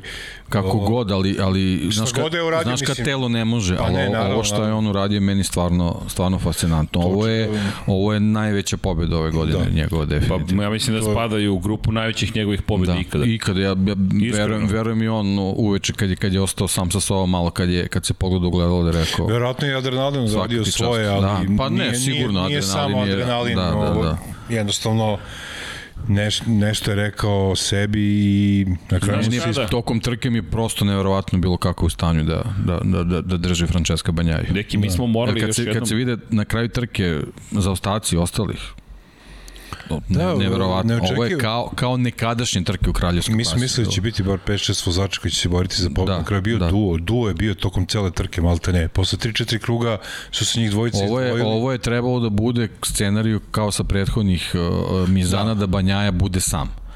Da. I međutim, tako je izgledalo i u da, petak međutim, i subotu, pogotovo u subotu izgledalo vratio, da će da. da i kako sada stvari stoje, u stvari vidimo i po grafici da je Marquez jedini uspio da prati Banjaju. Banjaju bi rutinski to rešio. Mislim sad, rutinski, Vidi. šta je rutinski u MotoGP-u? Jeste, ali ovo što što pričate, ja mislim da je Deki upravo to savršeno opisao kada pogledaš, pogledaš analizu od pa Peka Banjaje smo to očekivali uslovno rečeno. Ovo je već postaje sada njegova staza. Mi ovde govorimo o čoveku koji je u dve godine u četiri nastupa imao tri dominantna nastupa. Imao je tri dominantne trke. Dve nije završio, činjenica, ali opet kada uzmeš krugovi iz prethodne godine, kada uzmeš krugovi iz ove godine, u momentima kada je bio na toj vodećoj poziciji, to su zastrašujuće vremena. 1.32, 9, 33, 1, 32, 7, 2, 7, 2, 5, 2, 7, 2, 5, 2, 5, 2, 4, 2, 4, 2, 6, 2, 8, 2, 6, 2, 4, 2, 3, 2, 1. I u tom momentu, ja, ja moram ti reći da smo se nas dvojica pogledali I kao, ajde da ponovo proverimo da li smo mi pogrešno protumačili krugove. Ja sam u jednom trenutku pomislio da mi nismo sekund sporiji od onoga što mi pričamo. Jer mi je neverovatno da smo mi zapravo na tom nivou, da mi ovde govorimo o trci u kojoj ti imaš rekord staze praktično za rekordom staze. Mi, mi, mi ne govorimo, mi govorimo prosto o, o, o nečem nestvarnom. 1.32, 1.7, 1 je najbrži krug ikada oni ih voze posle nekoliko krugova koji su nadomak toga. I proverimo za svaki slučaj još jednom pogledaš tabku kojem je Circuit Information stoji 1.32, 2, ne, ne sećam se na pamet koji je, neverovatno Genije Bastianini, koji je do treće pozicije došao uz briljantnu vožnju. I ako se pogledamo, kažemo, ne, ne, ovo gori ti osjećaš atmosferu, ali oni bukvalno uništavaju stazu. Ne znam ko je koga tu forsirao, ko je šta hteo da postigne, ali znam da je trka bila fantastična. Iz druge perspektive, podsjetila je, hvala, ovo su inače opet kadrovi od petka, Mark Marquez u svom filmu dao nam je fantastičan, moram priznati da sada smo imali prvi put priliku da ga vidimo posle povrede uživo. Pogled je zreliji nego što je ikada bio. Nijednoga, uvek je, uvek je sagovornik i gledao u oči, ali ranije si osjećao PR mašinu. Ranije si osjećao da ti daje generičke odgovore zato što je tu, i nisu on ništa nije izmišljao ili davao netačne odgovore, samo ajmo da to brzo odredimo i idemo dalje. Sada, pun fokus na sagovornika. I mi ga pitamo, ok, rekao si da će ti ovo biti mučenje, rekao, ok, kota, kota, mizano, mizano, ali ja u stomaku ne osjećam, ja ga pitam, stomak, on kaže da, ovde, ali i gume i sama staza. To je, to je u petak bilo, u subotu se već promenilo, u nedelju to je bilo, to je bilo neverovatno. Međutim, znaš kao, kog momenta sam pomislio, ovaj čovjek će da pobedi danas, kad sam čuo zviz, zvižduke. Toliko, to se ne čuje u prenosu, toliko su mu zviždali, sam pomislio, ljudi, ovo je, znaš na koga me podsjetilo? Na, na Novaka Đokovića.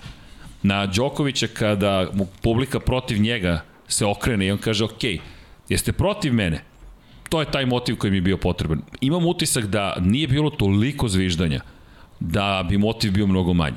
I da ovo, bi se zadovoljio praćenjem Banaj, Banjaj, ne bi, ne bi ga terao da, da ovaj vozi onaj tempo koji je vozi. Ne, onoga momenta kad sam čuo zvizduk i to se mnogo glasnije ču, čuje, I, kako su, i, i Džankija koji se gledamo, o, baš su mu. To je, ljudi, to, to je, ne znam koliko desetina hiljada ljudi ti zviždi. Tri puta manje nego što bi mu broj koji bi mu zviždao da je bila, da je bila 100 hiljada. Ali to, ali to, okay. ali to nisu, okay. kri, nisi krivi navijači, već Ej, vidi, COVID protokol. Ja, da, za broj da, ali što se tiče Markeza, samo bi bila misla, pa mislim, ne, ovaj čovjek će sada iz inata i to se nekako, mislim da se to prenelo. Uh, da. I Dom Pablo koji da, mi šalje... Znaš, a znaš, znaš o čemu se radi? E, njegovo telo do pre par nedelja to nije moglo da prati. Ne, nije moglo. On je sad ispratio to. Ali evo jedno pitanje. E, pita me čovek koji je zapravo navijač e, svih ostalih osim Marka Marquez, ajde tako da se izrazim, i pita me danas, da te pita. Znam veliki broj tih navijača. I, I pita me, kaže, Erceg, da te pitam nešto. Da li je njegovo telo popustilo pet krugova pre kraja? Ja kažem ne znam, nije nemoguće, upravo ovo što kažeš, jer Marquez je u onom momentu kada je Banjaja pobegao na sekundu zapravo postao sporiji, nije odjednom Banjaja postao brži. Banjaja je držao ba, tempo. Banjaja je držao tempo. Držao je tempo rekordni, nije puštao gas sa, sa, sa, sa onog Ducatija i svaka mu čast na to. Neka. Ovo je, šta je rekao Banjaja na kraju trke? Ovo je moja kvartararova prošla sezona.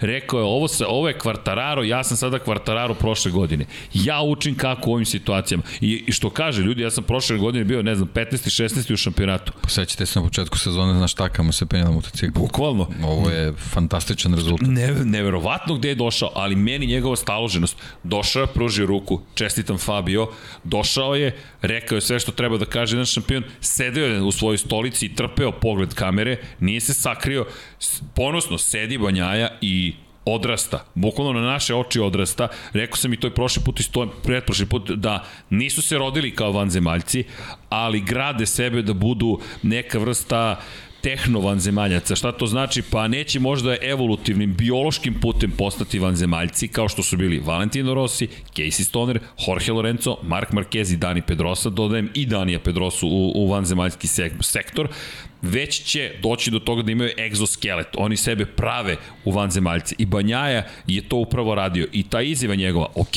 naučio sam puno, Da, krivo mi je, nisam ovo želeo da se ovako završi, ali sam zadovoljan. Hvala publici, navijela za mene i kada sam izletio sa stazi, to mi mnogo znači. I Banjaj jednom dobio mnogo, mnogo, mnogo pristalica. Deluje mi da je to da se polako pravi izbor. Za koga ćeš navijati ako si navijač Valentino Rossi kada ode Valentino Rossi? Niko još uvek ne zna, ali polako se to nekako segmentira. Elem, da se vratimo samo na, na Banjaju. I Banjaje koji, koji sve to ponavlja na jedan divan način priča i kada je reč o, o Markezu, da li se umorio, pita me čovjek, znaš zašto te pitam? Jer ako se umorio, to mi daje nadu da ostali imaju neku šansu sledeće sezone. Već sada je velika zabrinutost ako Mark Marquez može da zabeleži dve pobjede za redom, ako može u Aragonu da se bori za tri pobjede u četiri trke, ako se vratimo do Nemačke da osvoji tri trke, da pobedi u tri trke na ovoj Hondi, za koju je rekao mi je ne razvijamo više mi ćemo je razvije, mi razvijamo motor za 2022. onda to djeluje zastrašujuće. Ali, ali, Fabio Quartararo je postao prvak to menja mnoge stvari. To je rekao Fabio Quartara. Ima jedna divna slika kako stoji naslonjen na ogradu. Ako možeš da je nađeš Vanja, meni je ovo jedno od onih fenomenalnih fotografija. Prosto priča koja je ispričana u Mizanu je impresivna. Pogledajte ovaj, o, pogledajte pogled. Deki, meni je ovo potpis, hvala ne, Nevena ovo izgovorili uče, kaže šta sam uradio. Bukvalno šta sam uradio. Koleginica naša iz komunikacija, Irena i Nevena sede i ovako, smeju se. Pogledi šta? Šta sam uradio? Ne znam Fabio, šta si uradio? To je i naše pitanje. Osvojio si titulu šampiona sveta. I rekao je sada, je ovo druga priča. Pa Marquez u ovoj formi, pa Banjaje koji se tako izražava. Marquez je u poslednje četiri trke 83 boda svoje. Da, pa pričali smo da bi mogo da bude treći u generalnom plasmanu čak. Kako je krenulo? O, matematički moguće. Inače, kad ste vas dvojica pričali o tim igricama i o, o svim tim stvarima, kako ko koga prati, šta radi, pa Sećamo se da je Marquez, a nije morao, prošao Jorge Lorenza namerno u Lorenzo Krivini, je li tako? Se ne varam. Između ostalog. Mogu je da prođe bilo gde na stazi, ali e, to je radio Rossi, to su radili mnogi pre Rosija i posle Rosija, ne baš mnogo posle Rosija, ali bilo je, sećamo se svih onih e, duela, ali e, ne kaže se džabe da s jedne strane je šteta što neće više voditi Valentino Rossi, e, počeo od, od Katara sledeće godine, ali da bi sledeća sezona mogla da bude najbolja u istoriji i najizjednačenija. E sad, Držimo palčeve. Mi se nadamo, ali... Ako se pojavi David Ebrivio u Suzuki-u, ko zna, možda i Joan Mir nešto učini u cijeloj toj priči. Možda. Ali ako je Banjaja zaista diplomirao, kao što smo rekli u Aragonu, i ovo sada postdiplomske studije... Čekaj, mi dostavimo diploma, Aragon za njega, za Verstappena diploma u Koti ovog pa vikenda. Pa to, znači sledeća godina nema, mlad sam, nisam još uvijek iskusan, e, pobedio si, pobedio si Marka Markeza, pobedio si ove, dobar si, brz si. Ne, mislim da ono odavno ni on ne želi da, da ima izgovore te vrste. Da, mislim da, da verovatno. Sam, sam dolazak u fabričku ekipu Pa tu su, to tu su izgovori isključeni. Sve. Čekaj, i da hoćeš, nemaš. kad to spominješ, ja mu da odgovorim, ja mu odgovoram, kažem ne znam iskreno. Kažem, ne znam, ne znam da li se umorio Mark Marquez u tih posljednjih pet kruga. Ima smisla da je tu već nastupio umor i da je moguće, pustio. Moguće, Druga pozicija sasvim zadovoljavajuća. Ej, nemaš razloga da se žališ, kao što si rekao, lepe poene osvoje u poslednje vreme, ali nadovezuje se na, na veliki broj povreda i na dolazak u šenu fabričku ekipu Franco Morbidelli. On se umorio do kraju trke i on je rekao, moj telo ovo ne može.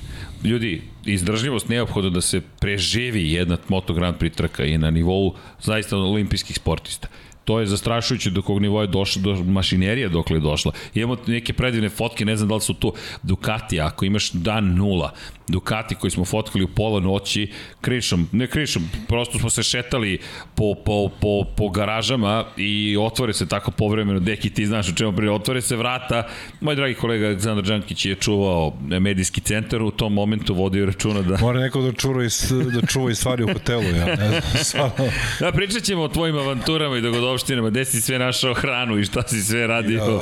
Ja. Čujem da, da je bilo zabavno, ceo izveštaj bio turistički, ali da, prelepe su fotke bile zašto? Zato što opet vidimo neke elemente koji se ne vide kako razvijaju taj motocikl. Ljudi, to je svemirski brod. Čak i za ove dve godine koliko smo bili odsuti, koliko god da su fotke divne, kada priđete i kažete, ok, ovi ljudi su ponovo otišli negde toliko daleko.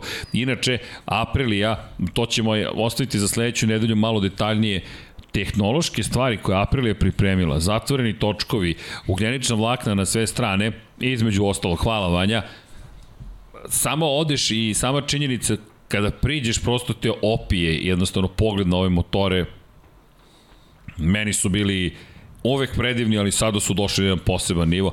Inače, Aprilia koja ima kratki taj izduv dole kao i Ducati, zanimljiva su rešenja. Aprilia koja ima pito cev, ni manje ni više, na, na, na, na, na vetrobranskom staklu, pokušava da prenese neka od iskustva. Evo, ovo je super kadar, mene, da. mene fascinira ovaj deo da piše net up ovaj ovaj splet ovih usisa ovde i, i Jeste. aerododataka koje apsolutno niko drugi još nije primenio, tako Jeste. da vidjet ćemo ovaj, ako, ako to stvarno doprinosi, možemo da, da očekujemo ozbiljnu evoluciju ostalih sledeće sezone. Pored, pored tog, tog detalja, meni bukvalno ostali motocikli deluju kao da su 3, 4, 5 godina stariji. Da. Jeste, Ducati. Zaista, zaista izgleda fascinantno. Ne. E sad, jedino što ostaje ona stara boljka moraju vozači koji nauče ovaj, da, da, da ukrote prednji kraj Da. Sigurno će vraća. biti. Rekli smo, da. kako smo rekli, ono srđene, i u Šaliju zbili sledeće godine Ducati prvenstvo, osam, Ducati kup, to je Deki Ducati, rekao, Ducati da, kup. I još dva nestak vozača Porsche super pored kup, njih. Ducati da. super kup. A Ducati stvarno fenomenalno izgleda, mada meni yes. dizajn, govorim samo isključivo dizajn KTM je bio favorit na početku sezone. Ova trka ali... još jednom pokazala, mislim, stvarno je zver na stazi, ali izgleda da možeš da budeš prefinjen vozač da bi ovo vozio. Da. Jednostavno, Jest. divljaci na ovom motociklu ne prolazi. E, to je zanimljivo, da, da zver zapravo je toliko brza, ali beštija konkretno. E, ljudi, Enea Bastianini je odvezao ne trku života, ovo je trka sezone da se ti probiješ na treću poziciju sa začelja u Moto Grand Prix, još kao Novajlija, bez obzira što si tu bio već na pre pet nedelja, je nešto što je na, u rangu onoga što radi jedan Mark Marquez, jedan Valentino Rossi, možda Jorge Martin, čak ni Martin to nije učinio. Martin je kretao sa pol pozicija. Mi ovde govorimo o jednom klincu koji ima motor star dve godine, njegov klubski kolega, obrate pažnju na ovo, on se ubrzavao kako je trka napredovala Ne, ne znam kad smo poslednji put ovako nešto videli. On je krenuo 1.35.0, ok, 33.5, 3.4, 3.6 bitke, 3.9, 3.8, 3.6, 3.7, 3-1, 3-2, 3-1, 2-9, 3-0, 2-8, 2-8, 2-5, 2-8, 3-3, 2-6, 3-1, 2-7, 2-8, 2-7, 2-7, 2-2, 2-4. 1.32, 2.44, deki, 26. Oh. krugu, pa čemu mi uopšte pričamo ovde? Da, ovo nije radio ni u Moto2 klasi. Pa ko je ovo radio? Junkie kad vidiš ovako da pada, dakle trend da je na dole, svi imaju trend na gore, kako ide trka, oni se sporavaju. Ne, ne, Bastianini na minus prvi. ne, vero, veruj mi, Mi ga nismo videli. Inače, to nije opravdanje. Dugo nismo bili na stazi. Na stazi je potpuno drugi tajming. Tajming, način, ekrani za tajming su potpuno drugačiji. I koliko god da imaju više informacija, Iskriš malo vrat. Ja sam ti rekao, ruke godine. Ruk, apsolutno. I ko ima najviše poena od Novajlija? Ko ima najviše poena da, od Novajlija? Od, od posle ove trke zvanično. Da. Zvanično Enea da. Bastini. Ljudi, Enea Bastini je 13. u šampionatu sveta, ima 5 poena više od Jorgea Martina. Jorge Martin ima pobedu, fakat, ali... I... Uh, Poslednje četiri trke. Gans nov motocikl. I, pa da, nije baš bio potpuno nov posle pa, dobro, padova, da, da, ali do, da, najnovija verzija. Kažem, jednostavno taj Ducati ovaj, mora, mora fino da se vozi. Kao što je Enea rekao posle prvog Mizana. Jeste. Yes. Otkrio eto neke, neke tajne ovim momcima, ovaj, tako da, da moraju, moraju da slušaju motocikl. Inače, Moto Grand Prix, izvini, Moto Niš. Grand Prix motocikl zahteva da budeš veoma precizan. To je ona razlika između svetskog šampionata u Superbajku, u kojoj nam inače odlazi Iker Lekona, da ne zaboravimo. Iker, I Čavi Vjerhe, ali tako? I Čavi Vjerhe, da, da, iz Moto dvojke. Biće zanimljivo pratiti taj tim. Ej, oni, se, oni idu u Hondin da. fabrički tim. Ja baš očekujem procvat Ikera Lekona ovde pokazuje, pokazuje da, da, da ima talenat, ali jednostavno nema, nema, nema divljaštva. Nema, tako nema, je. Nema ne, trenutak koji ga ponese A Superbike to dozvoljava. Da, Moto Grand Prix to ne, ne, ne Moto Grand Prix ne, ne prašta. Ovo su ljudi raketne, ovo su rakete na dva točka. Ovo je, vi ovde morate da budete pilot. Pilot, sav, be, savršeni pilot, ne, ne borbeni pilot, ne, ne, ne, kosmonaut. Vi ovde nemate pravo ni na jednu grešku. I odmah ste van orbite. Odmah ste van orbite. Zaista super preciznost. Moraš da čitaš procedure. Tako je, tako je. No. 1, 2, 3, 4, 5 i da obuzdaš sebe. U Superbajku kada pogledate Scotta Reddinga, stvari su Da. dosta jasne. Da, da. Daje vam dovoljno da kažete, ma mogu ja i na silu, mogu ja na divljaštvo ovo da izvedem. Ne, može ponekad da bude rodeo kao što nam je Mark Marquez pokazao. Da. Može da se desi, ali ono što se i njemu desilo prošle godine Da. I je Boban, dokaz Boban da- Snyder potez To su, vikenda. da, da, pa da, da, da. Ovaj, o, Ali motocikli, ljudi- posebno Ducati, to, to Kažu je da jednostavno postoji, Mustang i to je da to. postoji velika razlika u odnosu na MotoGP nekada i sad, e, da je nekad mogo to što ti kažeš na suvu snagu, sad je već to već polupilot Ali neka pazi, verzija. Ali čak i tad Grand Prix trkanje je uvek bilo Grand Prix trkanje. Jeste. Znaš, GP trkanje je drugačije, ali sama priroda motora dvotaknih ti je dozvoljavala da mora si drugačije da to da krotiš bukvalno. A ovo sada naučnik moraš da budeš. Jeste. A kad smo pričali za Eneu, eto ja sam pominjao to par puta, čovjek je pre godinu dana bio večiti talenat, čovjek kome u, uđu neke bubice i ne izađu mu po 2-3 GP-a, onda pobedi ono, on je umeđu vremenu svoju titulu, za mene je to veliko bilo iznadženje, ne zbog toga što sam mislio da nije talenat, nego što nisam verovao da će od svih tih vozača u Moto2 klasi on biti najhladnije glave i uzeti titulu. I onda dolazak u MotoGP i ovakve vožnje. Bukvalno prošlo leto, evo deki smo pričali, e ne, pa dobro, znamo, talenat je, harizmatičan je, bezobrazan je, u onom pozitivnom sportskom smislu reči, ali e ne, ne. Ali, evo ga. Imam, imam dve stvari koje moram da kažem na tu temu. Dve ozbiljne stvari koje moram da kažem na tu temu. Dejan Potkonjak i Dejan Potkonjak. to su dve ozbiljne stvari koje da kažem na tu temu. Dejan Potkonjak koji je prošle godine, deki ko će dosviti titul? Enea Bastianini. To je prva stvar. Veruj mi, Čanki, samo jedina jedna osoba koju ja znam je Dejan Potkonjak. Druga stvar, Mizano gde je osvojio titulu prošle godine, sad mi je kliknulo kad je Džanki ovo izgovorio, samo mi se sklopilo, pap, 2020. godina, napad na poziciju broj Kiša, 1. prekid Tako je. i on, on bukvalno diriguje kompletnim gridom šta treba da se radi. Bo, I samo je ušao u I to prvo, je, prvo, to je, to je bilo to. Ček, jel, ob- da li je objasnio? Da, momak koji, ono, kliker. kliker. Da, Da, A Ducati da. izgleda mora da se vozi na kliker. Pitajte Casey Stoner. Tako je, sad mi uze reči iz usta. Casey je to objašnjava. Znaš ko je to savršeno pisao? Inače, Nicky Hayden. Nicky Hayden je, nažalost, život izgubio relativno blizu ove staze. Ne znam šta je to u Riminiju, ali ulica Dajđira Kata, ulica Žila Vilneva, zatim staza se zove Marko Simoncelli, govorimo o, o mestu gde je Šoetom Izava izgubio život, govorimo o tome da se Wayne Rainey tu povredio, govorimo o tome da Nicky Hayden, nažalost, u saobraćaju izgubio život relativno blizu, postoji posebna klupa na kojoj možete dodati, sedete, dodate počast Nicky Hayden, ceo mural, zid je u njegovim tragovima svetski šampion iz 2006. i Nicky Hayden koji je rekao za Casey Stonera, kada ga, su ga pitali koliko je brutalan sa motociklom Casey Stoner, i Niki koji kaže, "S- sa Ducatijem? Ne, ne, ne, vi, vi ne razumete, Casey je najnežniji, on se prilagođava onome što radi taj motocikl i kaže, nikad nisam zapravo video nežnijeg vozača na Ducatiju od Pa Casey kroćenje Stonera. divljo konje. Nijedan rodeo jahač nije, nije grub. Da. To je to. Nego osjeća. E, ali čekaj. Jao, Vanja, možeš da nađeš fotografiju dan 00 poslednja fotografija, beli jedan motocikl. Mnogo mi je bitan taj kadar, to sam zaboravio da napomenem.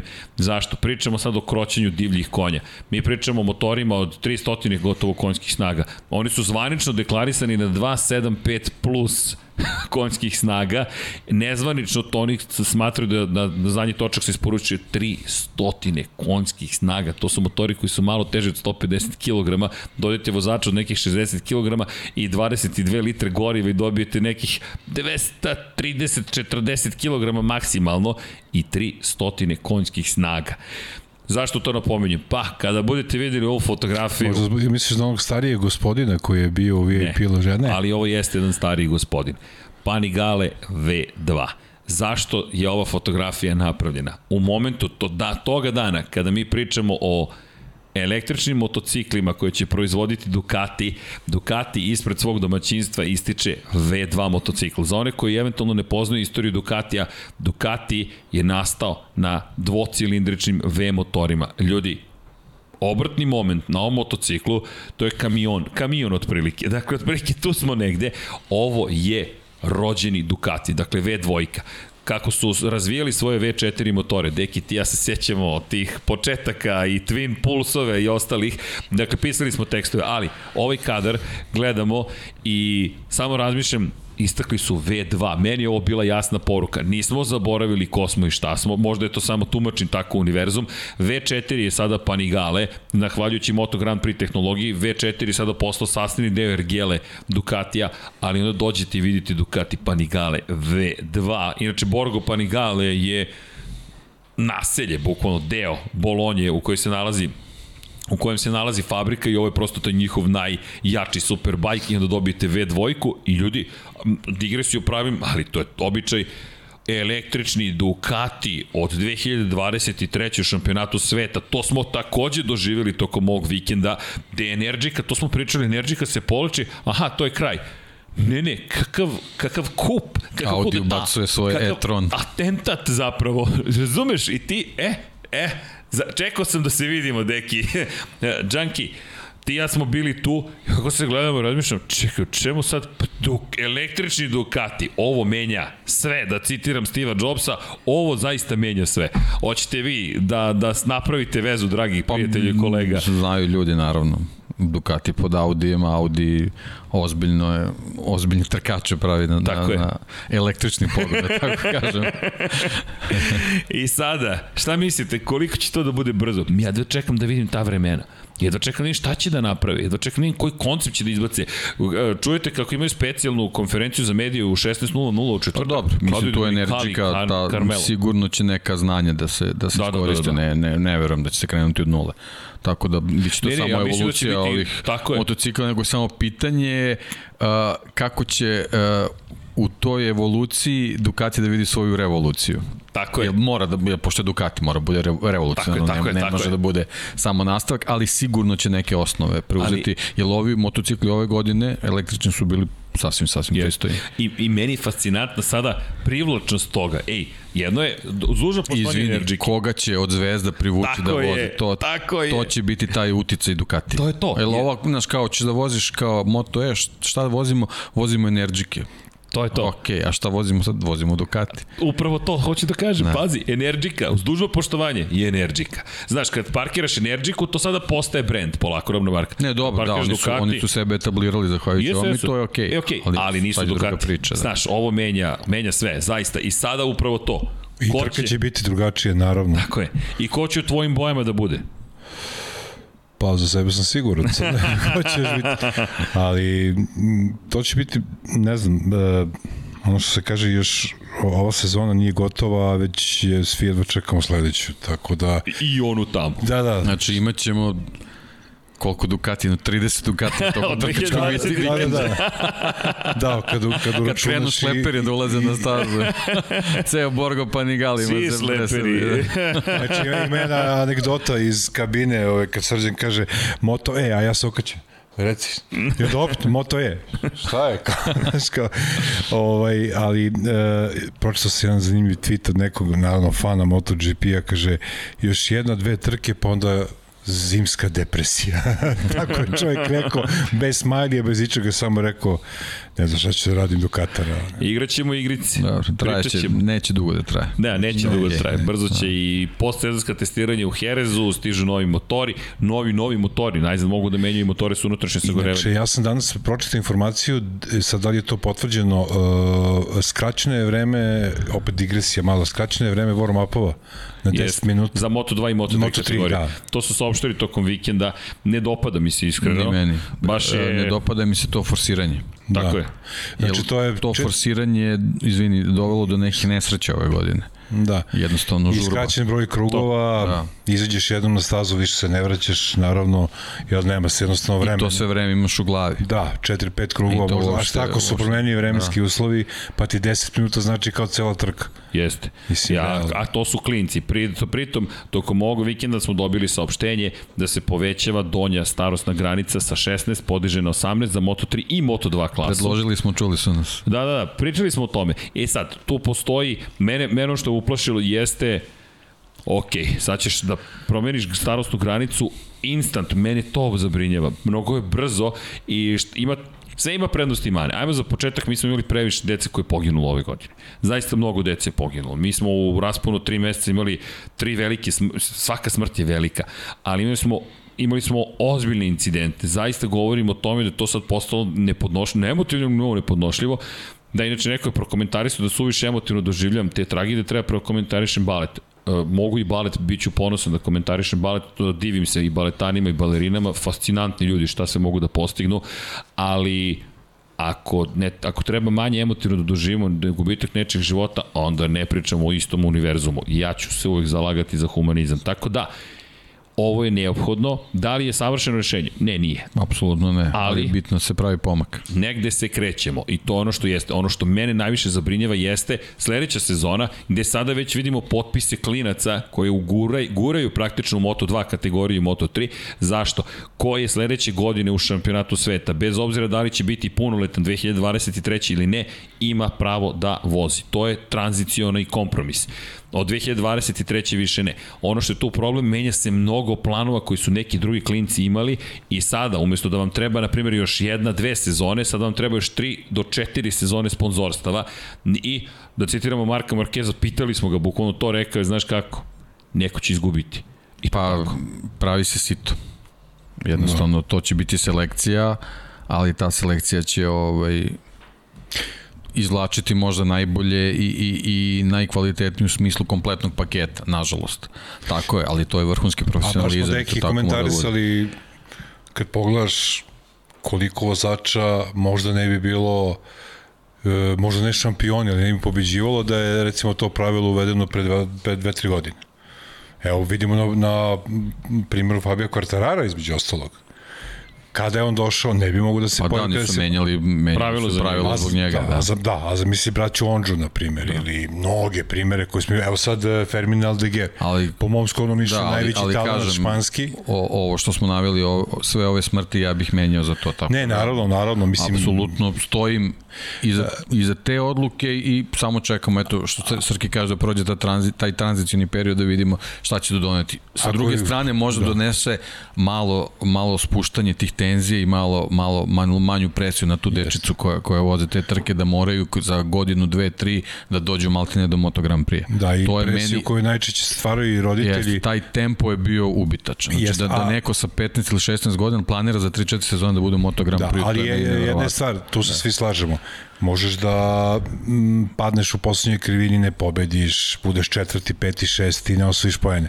Ako izgubiš život, Tako nar, narednog MotoGP-a nema. Dogod si živ, Tako možeš je. da kažeš, ok, sad sam izgubio, sad nisam pobedio, imam za dve nedelje. Drugu trku ili za nedelju dana, kako god bio kalendar i to je to. E, Ljudski život je Neprocenjiv. neprocenjiv. Treba, treba spre, e, samo da se ta presija skine s njih, a s druge strane više sezona u niđim šampionatima a, donosit će nam možda veći broj iskusnijih vozača koji će biti kvalitetniji u najjačoj kategoriji. Da. Ovako mi imamo par wunderkindova, ali ostali jednostavno nemaju vremena da, da, da sazreju da dođu u tu situaciju. Ovo će možda doneti, možda doneti to. Da, e, Loris Bazi je, na primjer, mišljenje da zapravo ovo nije ključno rešenje, da nije poenta u godinama, njegovo mišljenje je da je zapravo problem u kategoriji od 300 kubika u supersportu i od 250 kubika u Moto3 klasi. To je još jedan korak. Da, to kaže, prosto njegovo mišljenje je da je suviše izjednačena kategorija, to jest da ne moraš da budeš talentovaniji da bi uspeo u toj klasi.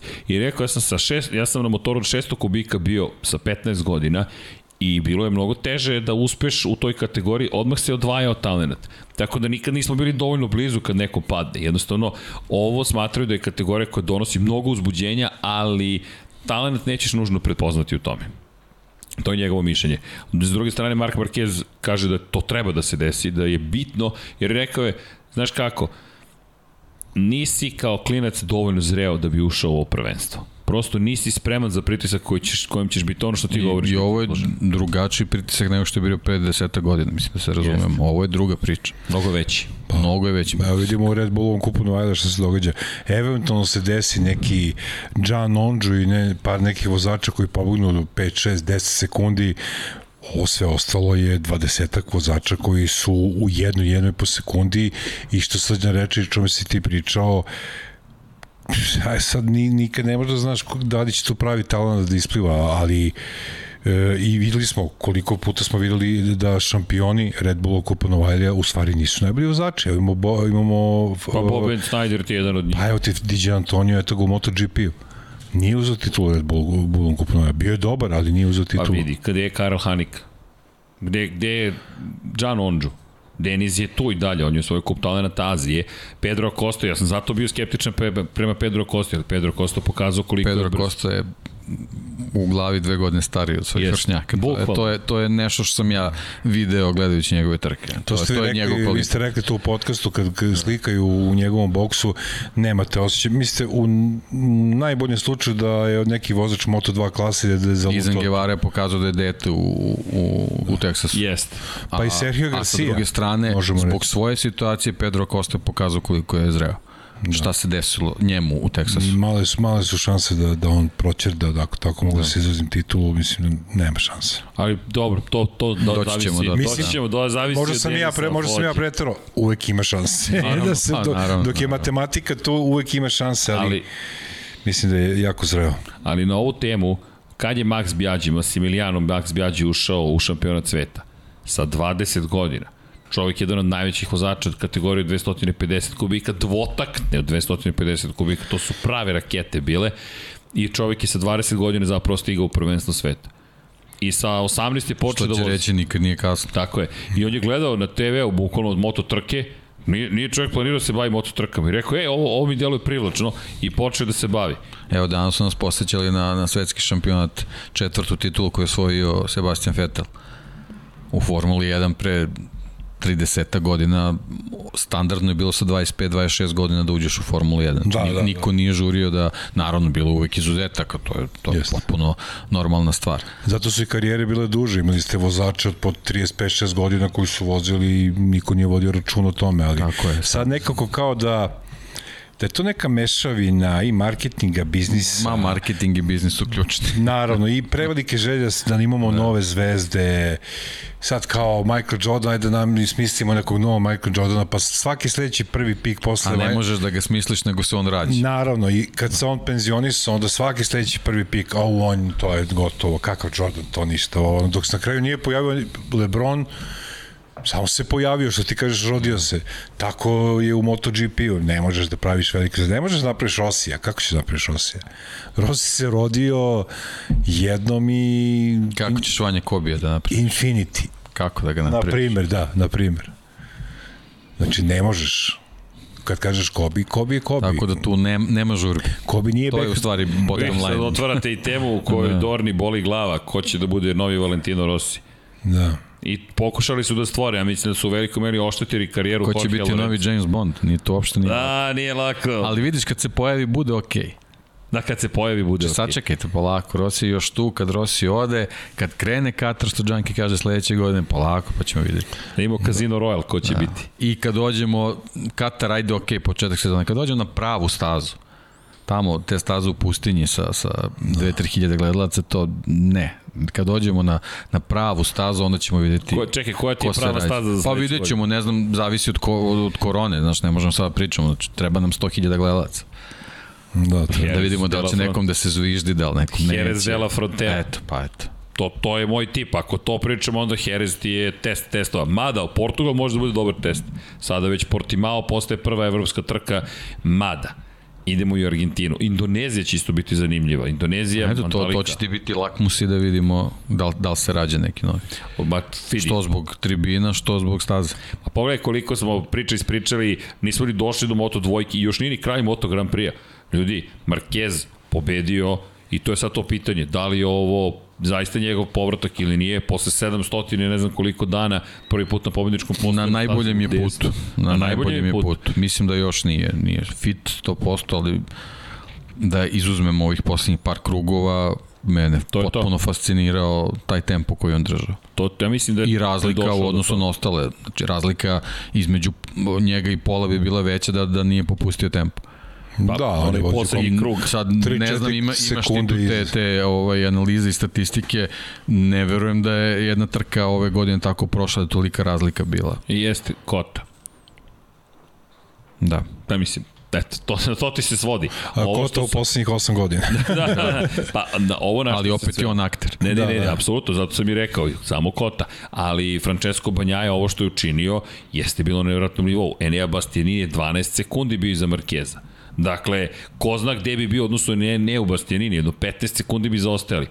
Enea je odvezao sjajno, ali Francesco Banjaja je odvezao jednu od svojih najboljih trka. Malo je nedostalo da bude masterclass. Ali, šta smo videli? Par stvari, moje mišljenje, vidjeli smo da će Marquez nastaviti da i dalje da lomi Da, i otklon, može otklon i za Banjaju i za, i za ovaj, Beštiju biće da, da ovakav tempo mora da pokaže na drugoj stazi, osim Mizan. Tako je. Da, da. E onda ćemo reći, ok. Ne vozi se Mizano 16 puta godišnje pa da mogu da uzimaju. Tako je, Si tako ti beše deki rekao da ukoliko Bastianini se plasirao pre dve, tri pozicije u kvalifikacijama da pobeđuje. Ili smo to Ni- čuli ne, od ne, ne, ne. Ne, ne, da nisam ja, ovaj, Mislim da nisam nešto- tipao nikad za pobedu njega što se toga tiče, ali... Ali, Ali ovaj, mislim da su ljudi u Ducatiju Da. uh, bili Da, mislim, Je mislim, rekao da, rekli ste u prenosu, Rekli mislim, smo, čini mi se da, to, njemu je da, prišao, da, da. posle prve trke u Mizanu mu je prišao Luigi Dalinja. Bravo, jeste, I rekao, jeste, to je to, to je to. A, Da. u Luigi u svom maniru. A, prilazimo, ovaj momak stoji prvi put na pobedničkom postolju Moto Grand Prix na motoru starom dve godine, kaže, e, dobro je, ali moram da ti kažem, da si se bolje kvalifikovao, mogao si da, Da, da da. pobediš. Luigi zvani Nastavak motivacija, rečenice je daću ti novi motocikl. Jel, Da. jel tu je u stvari ta ključna ostalog. razlika uh, u kvalifikacijama, tu se vidi generacija motocikla. Jeste, neki stari beštija bi mu spalio Ducati posle takve rečenice. Ne, ne, ne, ne, to je Vinjales. Ne, ne, znam, nego kad, Jo, znam šta sam da vam mislio. ispričam jednu anegdotu. Ajde, to je jedno od, lep, od, od pointi cele ove priče, ali samo jedno, mislim da ne otkrivam previše. Svi dolaze, prolaze da čestitaju ekipi Yamahe i Fabio Quartararu i prolazi Alex Rins i pita, dolazi Vinjales? Niko nije shvatio moju šalu. Šteta. Okej. Okay. To je ono. Znaš kad bombuješ kao, kao, kao komičar. Muk. Neću ponavljati ovu šalu. Nama je bila smešna. Možda e, neka priča o Vinjali Suzuki nekada davno i to. Ne, ne, ne, ne, Pa bukvalno Alex kako, došao da analog, vam tom analogijom posle Mirove titule i sada Quartararo sledeće godine će neko iz Aprilija bude šampion kada ovaj bude otišao. Da, da. To je ne sledeće, nego 23. je li tako? A meni je žao što A, je... neki, okej, ovo je dobro. Aprilija zanimljivo. 23. šampion sveta, kogod šta bude je vozio. Maverick Vinales sam uradio od sebe i od svog imidža i nisam siguran da... Najveći minus je što je otero Valentina Rossi iz fabričke ekipe. To je, to je da, minus to je- karijere. Ovo sve ostalo, to je on. Evo ponovo imao, imao je fenomenalnu trku. Zašto? Zato što vozi na stazi koja je tacna. Da, da, da, da. Imao je četvrto vreme, čini mi se. Četvrti najbrži krug. Jeste samo što u Portimao već je e, pa roller to, coaster. to ćemo da vidimo, da. Ali dobro, ajde da mu oprostimo ovih 3-4 trke, ovaj, vidjet ćemo Ne, na ne, početku sve sledeće okej, sezone, ali okej, da. ne vidim, ne vidim Maverick Vinalesa kao nekog budućeg šampiona. Mislim da Pa kažem, kad bude otišao iz Aprilije, Da, da, njima da. će. Samo pitanje gde. Mislim da Što ste grozni? Čekaj, ma, ma, malo nismo neko grozni, nego ne vidim Mavericka Vinjalesa u, u sezoni od Ne znam 20. što pričamo o njemu sad, ali Da, da. Imao je, ne, imao je četvrti Ja najbrži nisam. krug, okej. Da. ja nisam pričao. Ja sam Možemo samo da rekao, ja, ja sam krugove. samo rekao u sezoni od 22 trke Ja sam ne samo vidim Mavericka ispričao- Vinjalesa kao šampiona. Ja sam samo ispričao anegdotu koju sam očekivao da će izazvati salve smeha, ali dobio sam jedan... Aj ponovi. Alex Rins je pitao hoće doći Maverick Vinales. to kaže, to. Anja si upalio aplauz gore. Ne, sa, Vanja je pustio subtitlove pa smo onda skapirali. Ili na španskom. Hvala.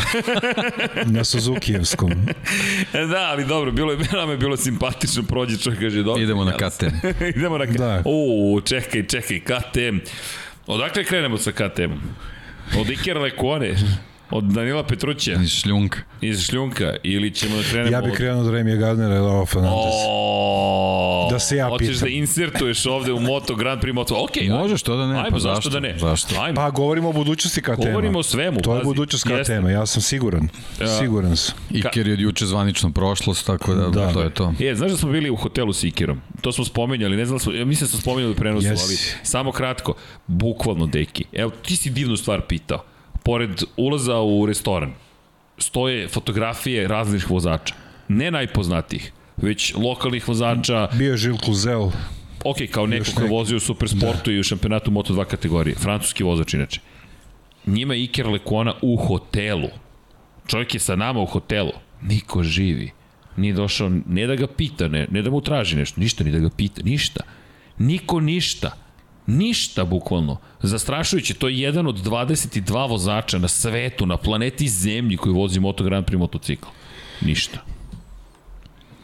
To je ceo opis situacije u kojoj se našao Iker Lekona. Jednostavno, Moto Grand Prix, moj utisak je traži više od toga. Moraš da budeš i zvezda. Sada već moraš da budeš zvezda. Pa možda budeš prepoznati, ja nisam Moraš. siguran da, da je u tom hotelu da su ga svi prepoznali. Nikoga. Nažalost. apsolutno, da, Ne, da. nas dvojica smo ga prepoznali. Pa da, verovatno. Neke vaše Iker. kolege, da, naše Da, da. kolege da su tu bile, znali bi ko je on, naravno, ali... Ne, harizma je- ako, ako najđu, najđu navijači bilo kog italijanskog vozača, nisam baš siguran da obavezno moraju znaju kako izgleda Lekona. Ali, a, to da, ali znaš šta je zanimljivo? Andreja Minjo, Andreja Minjo ne može da napusti stazu mirno. Andreja Minjo ne može da napusti stazu, ljudi oko I njih. pored pada. Ne, nevažno je, pazi, oni su Rosijeva deca. Dakle, mi pričamo o Andreju Minju. Koji je uspeh Andreja Minje do sada u svetskom šampionatu? Jedna pobjeda u karijeri. Poštujem, fantastičan uspeh, ali ako pričamo o zvezdanim tragovima, Andreja Minjo privlači takvu pažnju da izgleda kao da je Rossi lično. Ljudi, njega opsedaju, to, to su horde italijanskih navijača, koliko je moglo njih da bude. Ma, generalno, mislim, svi vozači italijanski koji su u svetskom šampionatu. To, to je to. Zvezde su. To je Ja to. sam imao prilike da, da vidim, pošto sam išao da se nađem sa Srđanom, našim drugarom koji je išao s nama uh, u Italiju. Da, pozdrav za Srki. Da, pozdrav za Srki. Ovaj, I onda išli su oni kamioni spakovani, sve, već to put vratno za Portugal, mislim, nema šta. A neki vozači su išli, vidio sam Milena Jarvisa i on je nekako nevoljno bio da, da otvori prozor, da ne otvori, nema veze i u jednom trenutku je prolazio Morbidelli kada su ga e, navijači videli, to je bio takav stampedo da u jednom trenutku smo i Srđan ja bili samo da neko ne padne po točkove, naravno oni znaju da drže ruku, e, nogu na kočnici i Morbidelli je otvorio prozor, a autogrami, vrišni, sve to, toliki se, toliki se, tolika se guž, Distanca, sve, sve se ispoštovalo. da, jeste, da, da, pogotovo ljudi koji vrište Pokazivali, kroz- pokazivali su ove da, da, zelene vrište kroz sertifikate. prozor, da, da, da. I u roku, znaš kako se gužva napravila? Aprilini, e, e, e, kamioni, svi živi, sviraju, sviraju, on ne može čovjek da krene. Ne znam da li on vozi auto ili bio pored, ali i da hoće ne može da krene. I onda mi je tek bilo jasno posle tog momenta zašto masa ljudi zvu, zvuči, e, masa tih vozača i neke te ekipe zvuči možda onako neko, nekomunikativno, ali Delo arogantno. Onako, Da, u delo arogantno, u stvari izbora, ne da, može, jer da. onako stane jednom, njih 50... On gubi tajming svoj, da, da, to je da, problem. i njih 50 stoji, on ne može nigde, ne može nazad, napred, levo, desno i još pritom može da zgazi nekoga, mislim, neko, molika deca trče iza, mislim. Da, da. I to je bila gužva, to je bilo, Prave zvezde.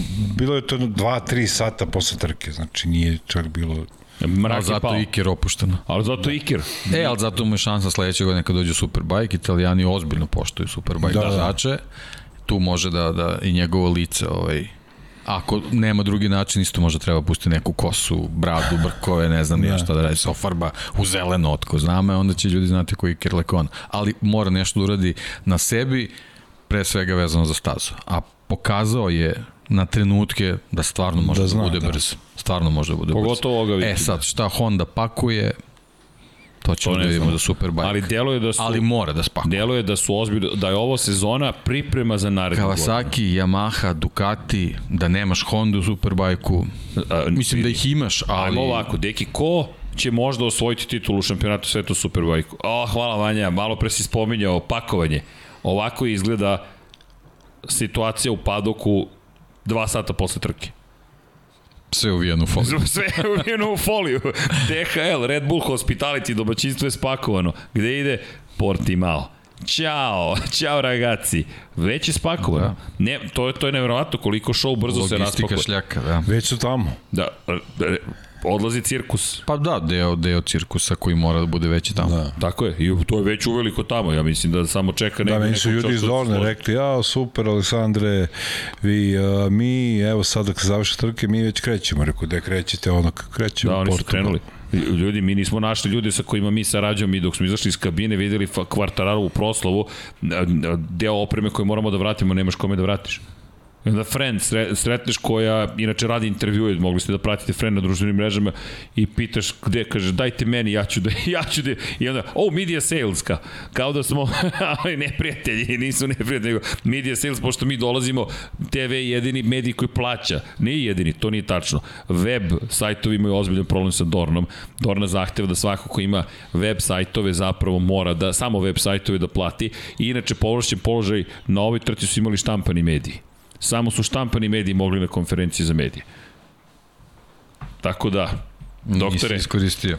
Zato je najviše i bilo u presu. Ne, ne, nas su znali da smo TV, ni samo su nam rekli, uh, Srđan, Zvezdica se uvukla na kvarno pre konferencije, sedela je na konferenciji pre toga i ostala da sedi. I naravno, samo sjanja, ja ću da ostanem ovde, jer ko ostani, pa ako APP i Frine koja tu vodi ceo centar, pošto poznaje sve ljude, e, Jelena Sorry. dakle da nismo mogli baš da prisustujemo svim konferencijama, ali okej. Okay. Ej, napredovali su po pitanju organizacije intervjua. Znaš kako organizuju sada za, za TV? Junkie je to snimao. Sada imaš takozvani TV pen, klasičan prostor gde se skupe, sve ovako šipki su razasrte, ekipa stavi svoj mikrofon, zalepi, stavi svoju kameru i pozadi se samo menja pozadina. Magnetna je traka, plop, staviš magnet i dobiješ pozadinu Ducatija. Skineš, dođe Marquez, stavi zajedno sa svojim PR-om Repsol Honda. Skinu oni, dođe sledeći, samo se menja pozadina. Show business je full bio. Sledeće godine stiže novi gde će biti digitalni i samo lepo klik, promeni se pozadina i imaš novog vozača ispred sebe poboljšava neke stvari, moram da priznam, ali nedostaje taj ukus domaćinstva. Da dođeš, sedneš i kažeš možemo sada da postavimo opremu i da pričaš sa tim ljudima. Efikasnije, ali manje humano nekako i nestalo je domaćinstvo, to je Estrelja Galicije, na naše veliko razočaranje, Estrelja Galicija nije imala svoje domaćinstvo, gde je uvek bilo poznato... Dobro, to je možda zbog ove situacije. Zbog, zbog COVID, zbog COVID. Da, da. Čekamo da nije čak ni neka ušteda, da samo ga nema, a ti ga tražiš jer tamo je uvek najbolja žurka kada se se završi. Ej, žurka. Dobro, o, ovde Fabio je pravio žurku. Fabio je napravio ozbiljnu žurku i fenomenalno mi što je na zvaničnoj konferenciji za medije izvodio onu magnum bocu, velika boca i pio iz boce i lepo je bilo videti njega tako ljudski e, Ma ne, njemu ogroman teret je spao, yes. pao, ovaj, posle, posle, posle prošle sezone. I... Ma, pogledaš njegove, pogledaš njegovo lice da. posle osvojene titule i ove fotografije koje imamo njega kako je sa svojom ekipom Yamahe, kako, kako prosto pogledajmo lice samo. Dakle, imamo baš dosta fotografija iz tog, iz, sa te proslave. Upo, nismo upali, prosto pozvani ste tamo, ali ovoga puta... I svi mediji su bili pozvani ili... Znaš šta je neverovatno? Svi su mogli da dođu, ali nisu svi došli. Pa, to sam baš teo da te pitam, ovo nismo, nismo juče pričali o tome, mislim, ja vidim stvarno dosta fotografija tvojih, ali pozadina je sve neke uniforme Yamahe, ne, ne vidim Jeste. ljude, ne, neke kolege naše Deki, druge, to, ne, to mi je čudno baš. Evo, Deki... Da li su ono kao hvatali letove, morali da žure, idu, ne znam šta je razlog, možda ste vi jedini došli na točkovima. ne, ne znam, moguće. pa, pa kao niste žurili, znaš. moguće. Ali, ali mi je ne prosto znam. neverovatno da, da, da ove, to nije zabeleženo onako ma, malo, malo više. Vidi, moram da ti priznam nešto, novinarstvo je postalo dosta generičko, rekao bih, i kao da ljudi očekuju da im sažvaće stalno neku, neku informaciju, ne kritikujem nikoga, ali vrlo malo kolega je bilo dole. E, moje mišljenje je bilo da je to najvažnije mesto u tom trenutku svetu Moto Grand Prix gde treba biti. Jednostavno, mi smo se, ja sam se sjurio, do, znaš kako sam išao? Evo, vrlo iskreno, ako neko hoće da bude novinar sutra i ako gledate filmove, pa je to, gledajte filmove gde to nije tako luksuzno. Ne, ovo je predivno, ovo je jedan od najlepših poslova koje možete imati. Pratite njuh, pratite događaj, doživlje. Znaš kako sam ih otkrio? Iako su oni najavljivali, sve to okej, okay, ali kako ih otkriješ u tom trenutku, ti ne znaš kako vreme protiče, ti znaš u zoni kako protiče, Žanki, ti znaš kako protiče vreme u zoni. U padoku promeni se vremenska, dilatacija se nekad desi. Ne, ne, slobodno, slobodno, Vanja, ovo su super fotke. I ja idem da fotografišem, jer to je najlepši moment, tada su ljudi već opušteni, četvrtak, nedelja popodne i čujem buku i to buka, ruši se nešto, trčim da vidim šta se događa, ruši se Repsol garaža. Potpuno je zatvorena, mogli smo malo da provjerimo iznad, ruši se. Marquez i Espargaro slave svoju pobedu. Morat će na desnima malo da poradi. Da. I, Mala digresija. da, da, da. I, i, I u tom trenutku nova buka Dobro, nastaje. Dazan, Dazan se... E, možda vratiš samo ovu, ovu, Ovu prethodnu. Da. Dobro, Dazan je tu, tamo vidim još jednu kameru. Da, nama I, je... I ne znam sad, I Dorna, možda, Dorna. možda Ona je zvanična Dorna. verovatno Ne, ona je zvanična to Dorna. Prosto mi je neverovatno. I u svim kadrovima su Deki, Yamahine plave znaš majice. šta se desilo? Mislim, ja sam ovde očekivao 150 novinara. Znaš šta se zaista. desilo? Zaista. A, to ti je, opet kažem, uh, TV pen je bio pun kamera, mi u tom momentu nemamo drugu kameru. Ti snimaš intervjue, uh, Dorna n- nije učestvovala, organizovala Yamaha, ali nekako kao da su svi zaboravili po sili protokola i procedure da je doživljaj. Da je Da, da, doživljaj. da, moguće, moguće. Da je da. doživljaj. Znaš, to je moj utisak Svi su tražili kanalisanje, neko ovo je bilo je. van, van tokova. Tako je, van da. tokova. I to, je ono, Da. e, to je ono što A ja ovo, volim. ovo se ranije događalo potpuno normalno. Ovo je glavna stvar. Da. I ako, možeš Vanja, molim te, pustiš taj slide show. Ovo je moment, ja sam bio potpuno, kruna vikenda i u tom momentu, kažem ti, čuje se nova buka. Neka nova buka, vidimo u Yamahinu i garaži se kreće frka. I sad, svi su tu, razmišljam, nemam kameru sa sobom, nemam mikrofon sa sobom, sve zaključeno, sve zakucano za, za pod. Praktično razmišljam, ok, ovde mora nešto da se desi. Mobilni telefoni i verni, verna jedna od kamera, Vanja, kako smo oslobodili fotoaparat, a?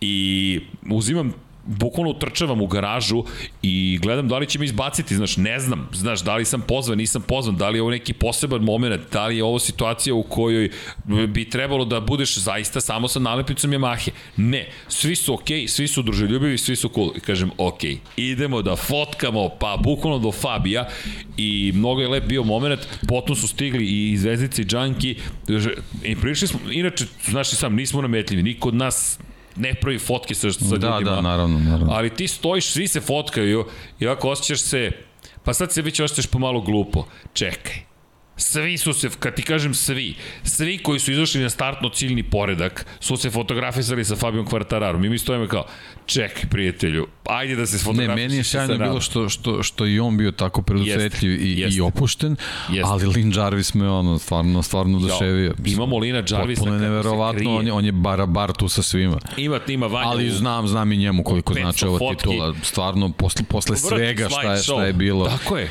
Sa fabrične, znači pričamo o fabričkoj ekipi i prošle Tako i ove sezone, ovo je stvarno fenomenalna stvar. Ima tu jedna fotografija, mnogo je lepa, kada se e, jedan od predstavnika fabrike iz Japana sa jednom devojkom smeju se jedno drugome. To je čista nepatvorena sreća.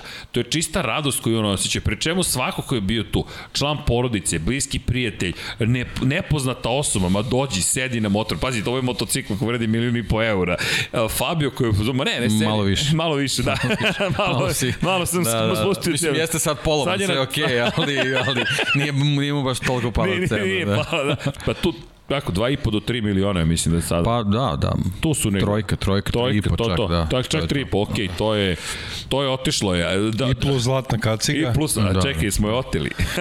A to, mislim, mora nešto, mislim. Ali, uh, pogledajte u pozadini plave čaše, to, to je neko prokomentarisao, sve je brendirano, nema, nema providnih čaša, nego plave čaše. Mene je kutija da. Tako je, ali e, to su mi bile bitne fotke, da su Ali je bitno, spremili su prvo meč lopta i sve je bilo Sve je spremno. bilo spremno. Sve je bilo spremno. Znači ali da, da, da su i u njega zaista. Da, i ne znam koliko se vidi ovde da. veliki pano iza koji je bio... Da, da, iza- videlo se. Vidio, vidio Videlo se, da. A, ali znaš šta je fenomen? Pa majice, su- sve je bilo spremno. Sve. Da. sve je bilo spremno. On je rekao da prvi put nije mogao da jede. Ovo mi je divna fotka. I nisam mogao da isfokusiram. Ljudi, ovde je tuča bila. Bukvalno, ali pogledaj radost ekipe u pozadini. Ovde niko ne glumi radost. On je na, natakao kacigu. Bukvalno je natakao na glavu i urla. Kako da glumim, ovo stvarno za, za, za radost- stvarno puno znači. I radost i rekao Stvarno bih i olakšanje. Da, Da, si da, dve da. nedelje do Portimao. Evo ga, evo ga taj osmeh. Previše sam blizu bio, prosto nisam mogao da, da, da fokusiram, ali taj osmeh, pa onda sledeći ide osmeh, ako ima ta sledeća, pogledaj, po, pogledaj kako se posmatraju. Ej, osvojena titula. Pa to, to. To je, a to su ti ljudski momenti, to je ono što je meni bilo divno. Znaš, i kažete, priču smo uhvatili. To je priča, to je, to je glavna priča, nema tu šta. I Fabio Oni koji su se oko. bukvalno na jedan motocikl oslanjali, oslanjali ove Da. godine. Na jednog Da. vozača i na jedan Tako je, motocikl. tako je. Šta u stvari njegova titula znači za Yamahu i koliko je velika. Kad krene analiza sezone. Lin Jarvis kad sedne, Kad sedne pa i kad krene da analizira. Da. i kaže šta smo uradili. A, a pritom je najmlađi na s- u svim ovim kadrovima. da, da, da, da. Da, Lin Jarvis, pa dobro, Lin Jarvis po, postigao je jedan ciljeva. Srđana, da. E, ali vidi, a, onda plati piće Razlanu Razaliju i Johanu Stigefeldu. Nije Yamaha Da, da. otkrila Fabio Quartarara. Yamaha nije otkrila ni Franka Morbidelija. Yamaha nikoga nije otkrila. Lin Jarvis se izvukao. Lin Jarvis da deo Zato ti svog kažem, bonusa znači, plati prošla i ova Quartararo. sezona, Deki, ovo je s jedne strane apsolutno zasluženo. Sjeća se da smo jednom onako, nismo eksplicitno rekli, ali, ali u jednom od podcasta je bila priča dokle Lin Jarvis misli da bude u Yamahi na ovaj način. Ovo je, ovo je ozbiljno čupanje i svega. Jeste. Bukvalno izvlačenje, ali ja ti kažem, on duguje bonus Fabio Quartararo, svoj ceo bonus ovogodišnji duguje Fabio Quartararo. I ne Fabio Quartararo, Razlo Rozario i Ohanu Stigifield. Oni su ljudi koji su se kladili na klinca. Znaš šta je meni fenomenalno bila priča? Na konferenciji za medije šampionskoj posle toga, Fabio koji je opušten, pukao je Zoom, skroz. Dakle, vidiš, i njima internet stradao, tako da to, to, to mi je bilo malo lakše. to stvar nije, to je bilo u nedelju. Ali desilo se da ne dolazi do prekida u vezama. I Fabio koji je potpuno, potpuno opušten, pije iz boce, ovo velika flaša, gleda šta se događa oko njega, ali sve to nevažno. Jednostavno, titula je osvojena, ajmo da sad malo skinemo maske i da, da uživamo u trenutku, to mi je bilo divno. Ima još jedna fantastična slika, Vanja, poslaću ti na Slack, pošto sam ti poslao 500 fotografija, onako nehumano krajnje, ali Fabio Quartararo, Franco Morbidelli su Petronas bili do pre dve godine i prošle godine. To je Petronas ekipa koja je došla u ekipu Yamahe. Do tada konzervativni Lin Jarvis ništa apsolutno nije uradio. Angažao je Maverika Vinjalesa i kao što ti kažeš, nije kriv Vinjales. Kriv je Lin Jarvis ako potražimo krivce. Odluka, o pogledajte ovog čoveka. Ovaj čovek ima titule sa praktično svakim čovekom bukvalno koji je ušao u Yamahu. I kada pričamo o osvajanju titula, ako možemo da kažemo da je neko veliki šampion, onda je to ovaj čovjek. On je nas posle Rosija došao do toga, Bernard Ansio inače, je u pitanju, on je došao do toga da osvaja titule praktično sa svakim. Jednostavno, bio je sa Rosijem, bio je sada sa Kvartararom, bio je pre toga sa Duanom, pre toga je bio čak i sa Wayneom Gardnerom. Mi govorimo o ovaj čovjek što pije, njega inače, on ne voli da ga prskuje šampanjcem. Veoma ozbiljan. Ako mu priđete sa kamerom garaži, e, spremite se na fizički duel. Bukvalno, e, e, Ansio uopšte nije ljubazan kada treba da brani svoju garažu. Ne, ljudi, to je lično. I uspeli Zato su... se tako redko i po- pojavljuju da, prenosima. Da. ali je dobio šampanjac i rekao je, okej, čak i on je popio šampanjac. I meni su to tit... U pozadini Kvartararo da intervju. Boombox je doneo Kvartararo trener. E, muzika trešti. E, priča... Prilično žurka, tako ćemo i mi. da. Ako nas, ako nas srđan zezne, tako ćemo i mi. Samo što će E, nas biti to. više ljudi. Ali e, to što se Jarvisa tiče dugo, dugo godinama, da kažem, idu priče da bi on trebao da napusti Yamahu, još dok je Rossi bio to davno, čini mi se negde od 2015. od one čuvene frke sa Markom Markezom, ali opet, što ti kažeš, Zeki, tad je Lorenzo uzeo titulu, Da. pa se nekako ispod tepi, tepiha stavilo, stavilo neke stvari, ali Pa dobro, treba je Rossi, znači Vidi, Jarvis opet je bi to... Yamaha bila, Vidi, ali Lin Jarvis ali je- to je baš se. davno bilo već. Jeste. To je da, to problem. je u, u ovom vremenu to je istorija. To je ali sjajan si osvrt napravio. Ima dve stvari u toj Yamahinoj tituli, to je Lorencovoj. Prva stvar, Jarvis je to pogrešno sve vodio. A, oni su otkazali proslavu šampionske titule kada je Lorenzo osvojio titulu. Da, nije ovoga bilo. Nije bilo ovoga. Lorenzo je zato otišao iz Yamahe. Oni su rekli otkazujemo proslavu osvajanja šampionske titule, suviše je napeta situacija. Šta pričate? Čovjek je svoju titulu. Da, razumem da to nije najpopularnija titula. Razumem da bi 97% ljudi htelo da Valentino Rossi osvoji titulu. Ali to je vaš vozač. Čovek je. Kakvim god da smatraju Jorge Lorenza, Jorge To je vaš Lorenza- vozač ili ti, to nije njegov problem. Tako je. Ima još jedna stvar. Uh, Lorenzo, da kada se priča o negativcima u, u Moto Grand Prix, on nije negativac, ne postoje. On, ovo nisu masovne ubice, ovo nisu mafijaši, ovo nisu kriminalci, ovo nisu zlotvori. Ne, to su ljudi koji su suparnici nekoga koga neko drugi voli. Jarvis inače ima, ima bolja fotka, Vanja, kad se krije. Namjerno sam ti poslao one nejasne, možda si ih, evo ga, pogledaj gde se sakrio od šampanjca. U štek je otišao Jarvis, samo mi je ušao gospodin u kadar, na autofokus sam tada bio prebacio i krije se iza i onda istrčava da, da poprska nekoga i vraća se nazad. I kažem, Inače, ko će tako srđene, Jorge Lenco je bio prvih vozača koji čestitao kvartaru titulu. Videli smo odmah u paduku da Jeste, došao je. Nema šta, ali vidi, Yamaha tada nije proslavila titulu i to je rekao Jarvis, naša poslednja titula nije baš protekla kako smo hteli. A poslednju koju su proslavili kako su želeli je bila Lorencova iz 2012. godine. 9 godina je prošlo, cela decenija od kada je Yamaha proslavila titulu kako dolikuje. I mnogo se desilo među vremenu. Lorenzo otišao, stigao Vinjales, Vinjales koji dobio ugovor umesto Rosija, To je Jarvis odlučio, nije Valentino Rossi Kažem, odlučio. Sam, samo sam rekao. Da. Zamisli, samo, zamisli situaciju, samo zamisli ovaj Mizano s Rossi. Zamisli sa fabričkom ekipom, meni iskreno nije delovalo ispravno da Valentino kako je te, izvini, kako je teklo se u privatnoj ekipi. Kako je teklo se potpuno je sve jedno ko, ko bi bio ovaj timski kolega I, Fabio Quartararo ove sezone. Jest, A mnogo jest. bi lepše bilo to bio Valentino Rossi. Ovako, ljudi. Fabrička Yamaha samo boje koje Rossi proslavio. Nije jedini, naravno, ali znamo gde je Yamaha bila pre nego što je Rossi došao tamo. Nije, nigde. bila je nigde. u ozbiljnim problemima. Nije bila nigde, vidi, oni su pokušali da dovedu Yamahu. Sa čitavom situacijom, ovim otkazivanjem Petronas i svega, nikakav problem nije bio kad je Vinjales otišao da Rossi stave tu, a da Morbidelli udalju njegovu fabričku yes. Yamahu Petronas. Pogotovo što je Rossi. Mnogo znači, ne bi se ne bi se ni ni ni Morbidelli bunio, a a već je tipa potpisao ugovor za Petro za za Monster da, sledeće da. Monster Yamaha sledeće sezone. I još jedan žal što Tako nismo da, išli na trke, izvini, ove i prošle godine. Ljudi, Petronas je mnogo manji ove sezone nego što je bio 2019. 2019. to je bila sila u padoku.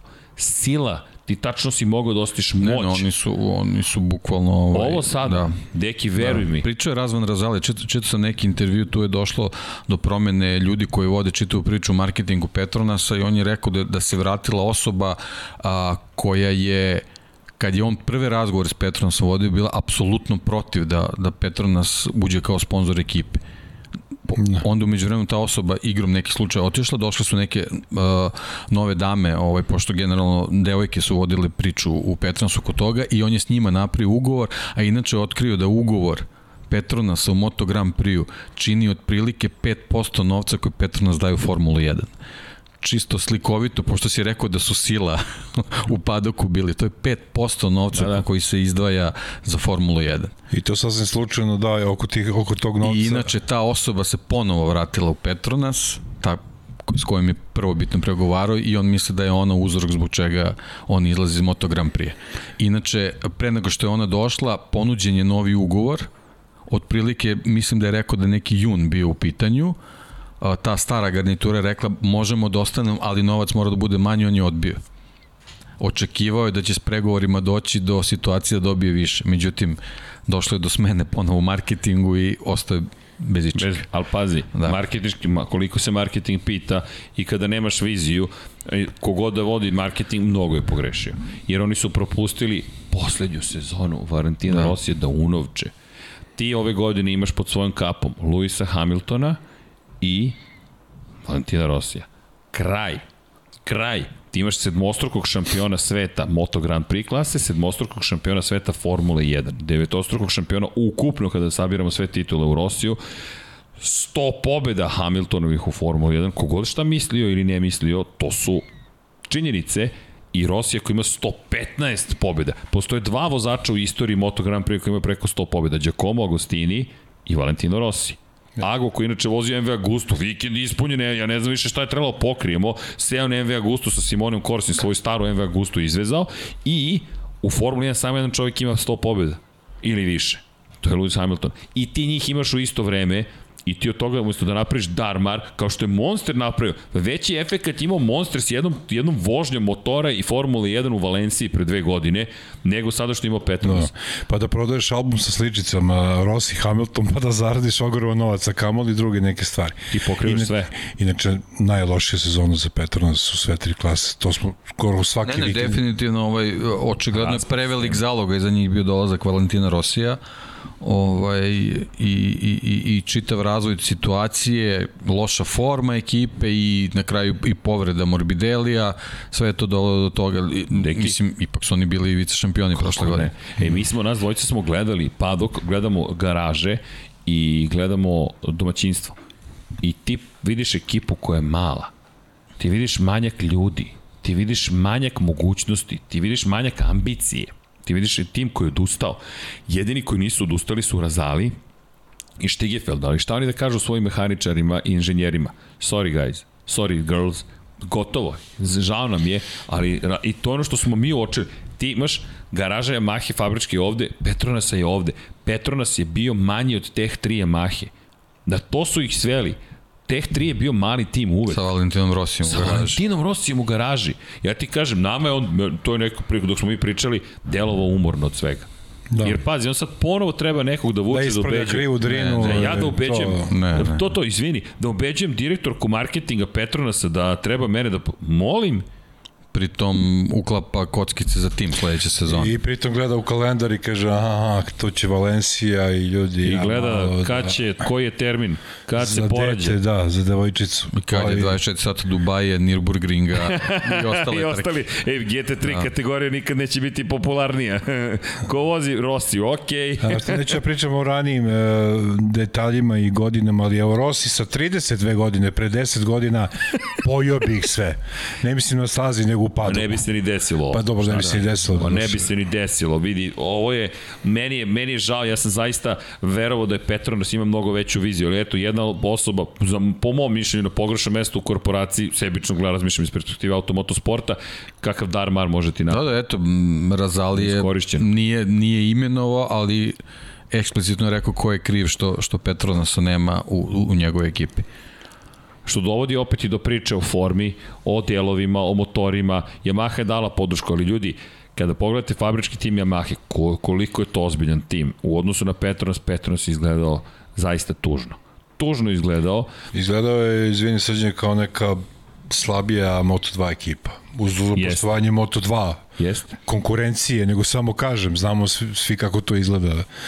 A, Čudno. I šteta. I popolno se slažem sa Dekim, da Rossi nije toliko velika faca i velika zvezda i da realno, što ti kažeš, mu nije možda malo i muka od svega, od tog stresa i napora, Da, i Junkie, čovjek ima četir, preko 40 godina, treba da se dokazuje nekome. Ma nema Šta, potrebe. kome onda se dokazuje? I siguran sam da bi bio na ovoj proslavi Fabijovi. E, i I onda ih bi bilo hiljadu novinara. Da, da, da. da, Milion da, da. novinara. Da, da, da. Bile bi tri Je li Fabio to zaslužio pre svega? Jeste. Pre svega, evo sad kad ste rekli, stvarno mi je neverovatno da je ovako malo ljudi bilo ovde. Posebno što je bilo otvoreno sve i dozvoljeno i slobodno i opušteno. Neki, ja sam se Prosto mi je frapirao. neverovatno. Ja sam se frapirao. Za Rosija nisi mogao da priđeš kada su mu davali trofej za životno delo. Mogli su da priđu Dazan i Sky. Samo oni su i Dorna. To su tri televizije koje su mogli da priđu u tom momentu. Ja nisam mogao da priđem. A činjenica, opet nisam imao snimatelja sa sobom. Ali došao sam i, sorry, samo ko može da snima. Verujem da smo se najavili na vreme, ali stojimo, 35.000 ljudi je bilo tu. Glavne tribine su ostale pune da isprate Valentina Rosija.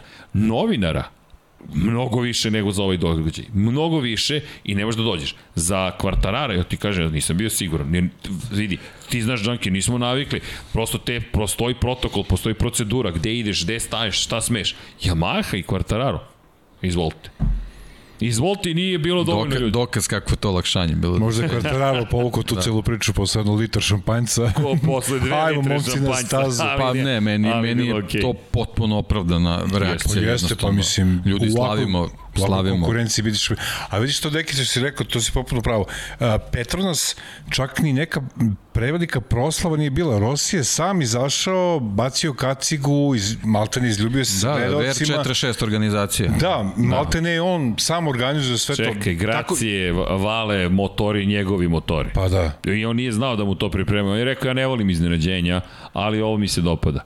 U žuti, žutili su se, Blenda nije mogla da ih pokrije, ja sam se smejao zato što su pod, da, da, kamera to ne može da podnese, tebi gori Blenda, ti razmišljaš, ne ljudi šta ste uradili. Ja sam već imao spremnu priču, evo sad mogu da kažem da je Marini a, došao do, po, do pobjedničkog postolja, da kažem, evo, 200 to pobjedničko postolje za Rosija. Lepo.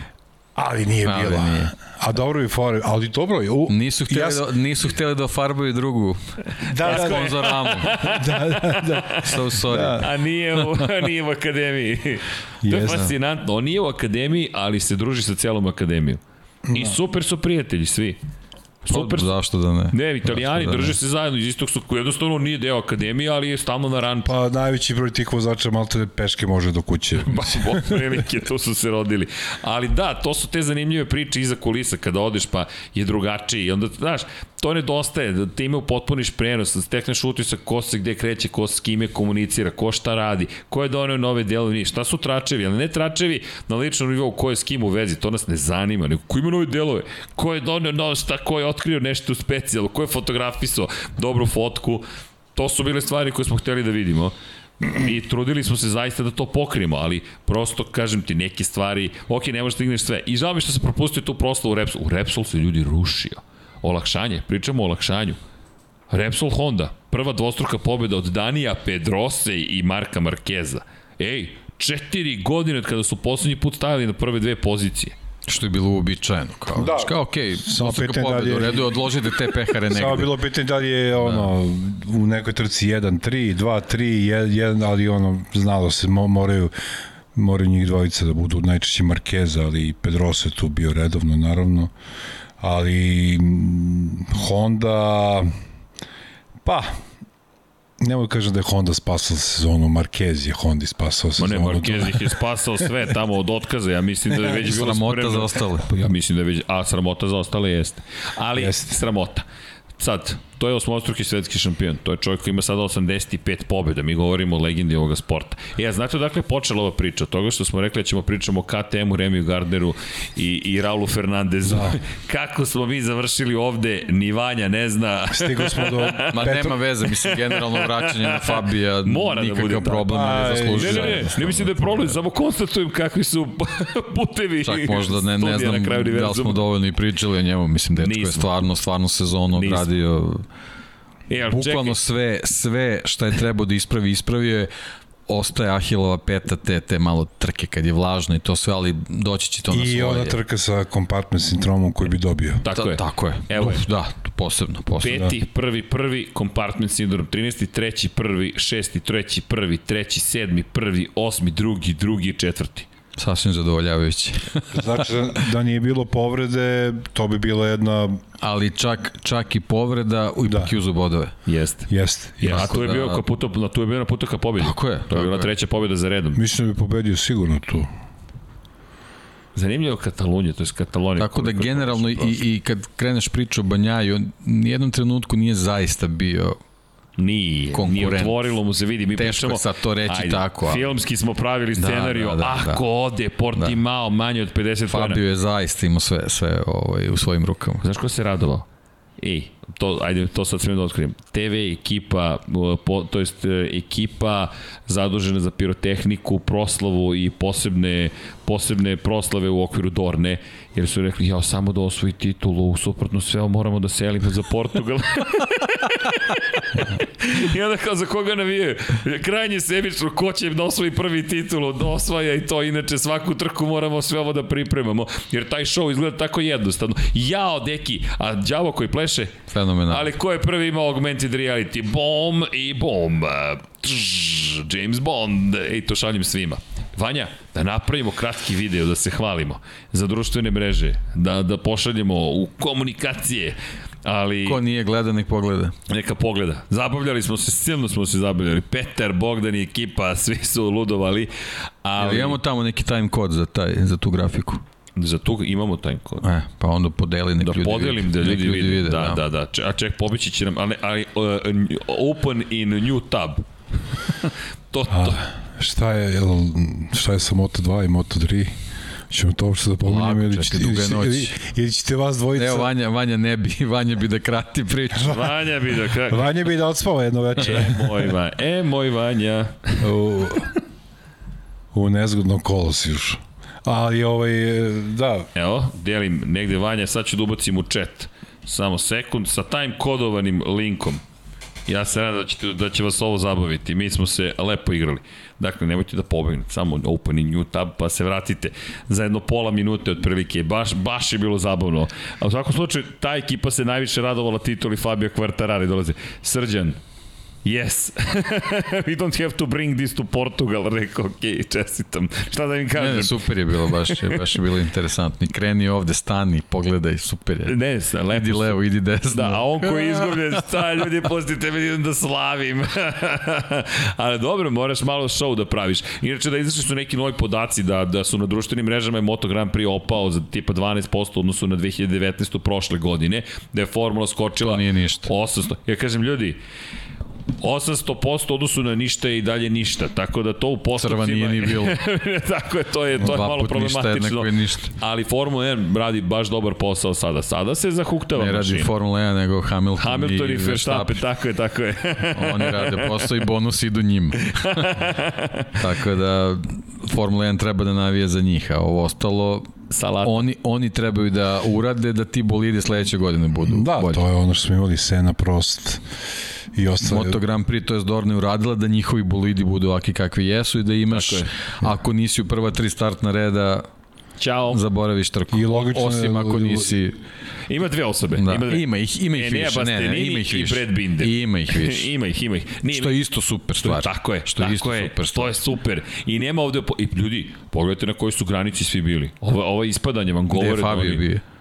Fa, fa, Tako da, mm, odlična, odlična, trka. odlična trka, odličan koncept, sve, sve što se tiče Dorne super.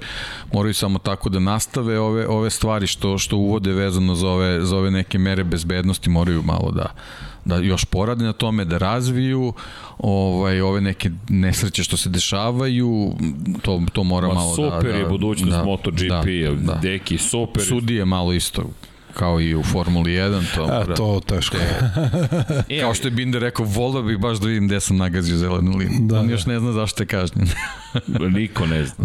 da, Ali, dobro. da. Senzori. Da, pa da, Senzori. to je to. Je to. Senzori. Senzori koji pokazuju šta? Pokazuju da li si napustio stazu i da pokušam da nas ovom pričom vratim gde na stazu. KTM. I, i Raula Fernandeza tako je koji je napustio stazu. Ljudi, kakav zastrašujući incident. Neverovatno, baš, baš Frapiran sam bio. I, I čekao sam njegovu izjavu nestrpljivo. Junkie i ja gledamo, sad vraćamo na računaru frame po frame da vidimo, ima trag neki beličast se pojavljuje, ali to nije, to je posle pada. I, i pro, prosto je promašio na ulazku u krivinu i rekao, ljudi, ja ne znam zašto šta se ovde desilo. Pa, njegova reakcija mi ide ka tome da je svestan da je preterao. Moguće. Ali on Tak- kaže, ništa nisam drugačije ta- uradio. Pa znam, ali to je ta reakcija gde, gde, gde si svestan da ima tvoje odgovornost. Znaš, ne ima, a znaš da je šta je rekao? Rekao je, ja nisam razmišljao o titule. Ja sam samo vozio da pobedim. I to da pobedi Tako u je. stilu. Pa dobro, bio je u Kao i fazonu. Banjaje. Da, I njegovi pekov pad, samo ovo je bio dramatičniji zato što se desio baš iznenada. Kao što si ti pokušavao da, da, da pogledaš da li je možda otišao suviše na, na desno, je li tako, on na, tako na je. njegovu stranu, međutim videli Vidiš smo Kanea koji se ulazi na, bravo, na da. pasicu i ide I čovjek. znači nije problem, da. Nije problem. Tako da mislim da je ovo bilo i, i, i pre svega Znaš- preko mogućnosti motocikla. znaš šta smo mi razmišljali? Da li je mo, ma, masna, da li je staza bila zapravo problematična, bilo je puno vode a, pre toga, pa dok se prosušilo, da li je taj deo, ali kažem, nije, ne, ne deluje mi kao tako, pa da li smo se možda blokirao točak, da li zadnji, da li prednji, međutim na kraju rekao, ne znam, sve sam uradio isto, kako god, rekao je, sada, iz ove perspektive, ja bih drugačije vozio, razmišljao bih o šampionatu.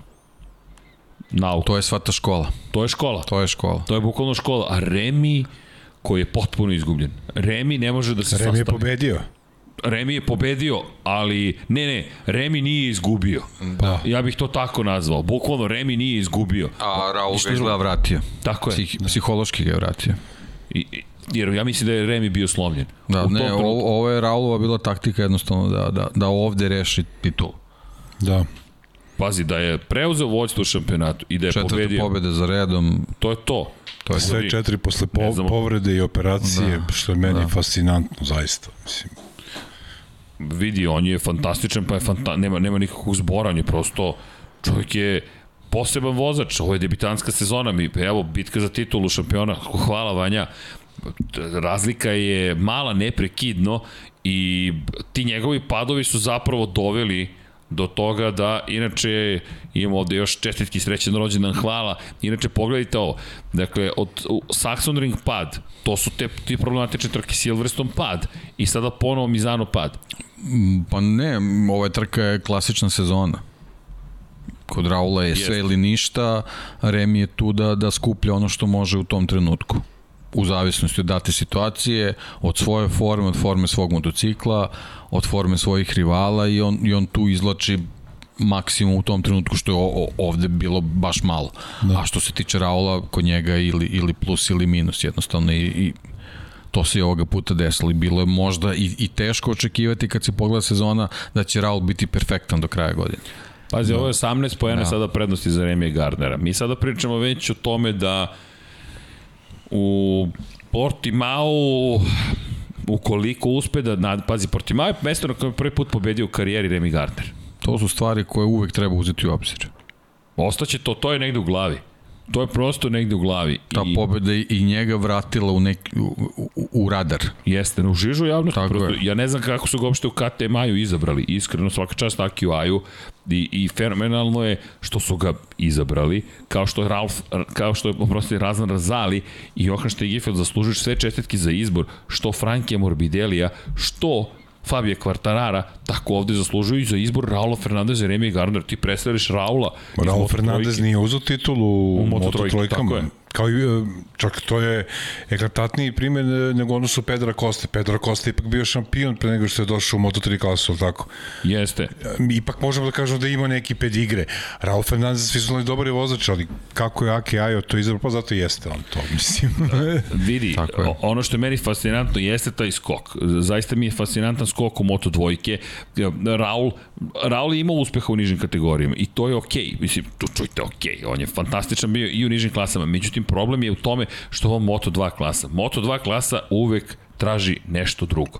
I ti nikad ne znaš kada je reč o Moto2 kategoriji zapravo koga ćeš dobiti u celoj priči. Jer Moto2 je potpuno izjednačen. Jesu i Moto3 izjednačene, ali Moto2 je toliko izjednačen da čak ni sa Raulom Fernandezom on, on je osvojio pre tri godine titulu šampionatu sveta za juniore, I, I bio je jedan od tih, ali Izan Guevara je takođe osvojio. Znaš, osvajao je Nikolo Bulega je osvojio. Nikolo Bulega bio dobar u Moto trojkama. U Moto dvojkama ne može da se snađe čovek. Ni, I sad je pa, pao. Pa zato što je to već viši, viši korak gde moraš mnogo nekih elemenata savladaš osim što je brza vožnja. To, da. to nije dovoljan element za, za tu priču. Pa onda da je to tako, onda bi sve bilo lako. Aha, ovo je prvak u prethodnoj klasi pre te, bit će i ovde, bit će dobar vozač. Evo, uvek se setimo Karela Hanike, uvek se setimo Boba Ben Snydera, setimo se nekih vrhunskih vozača. U ostalom kad pogledaš, uh, tačno ne mogu sad se setim, ali američki vozač koji je osvojio prvi Red Bull kupu Novalija, kasnije, ja mislim da čak se čovjek više ne bavi sportom, motociklizmom.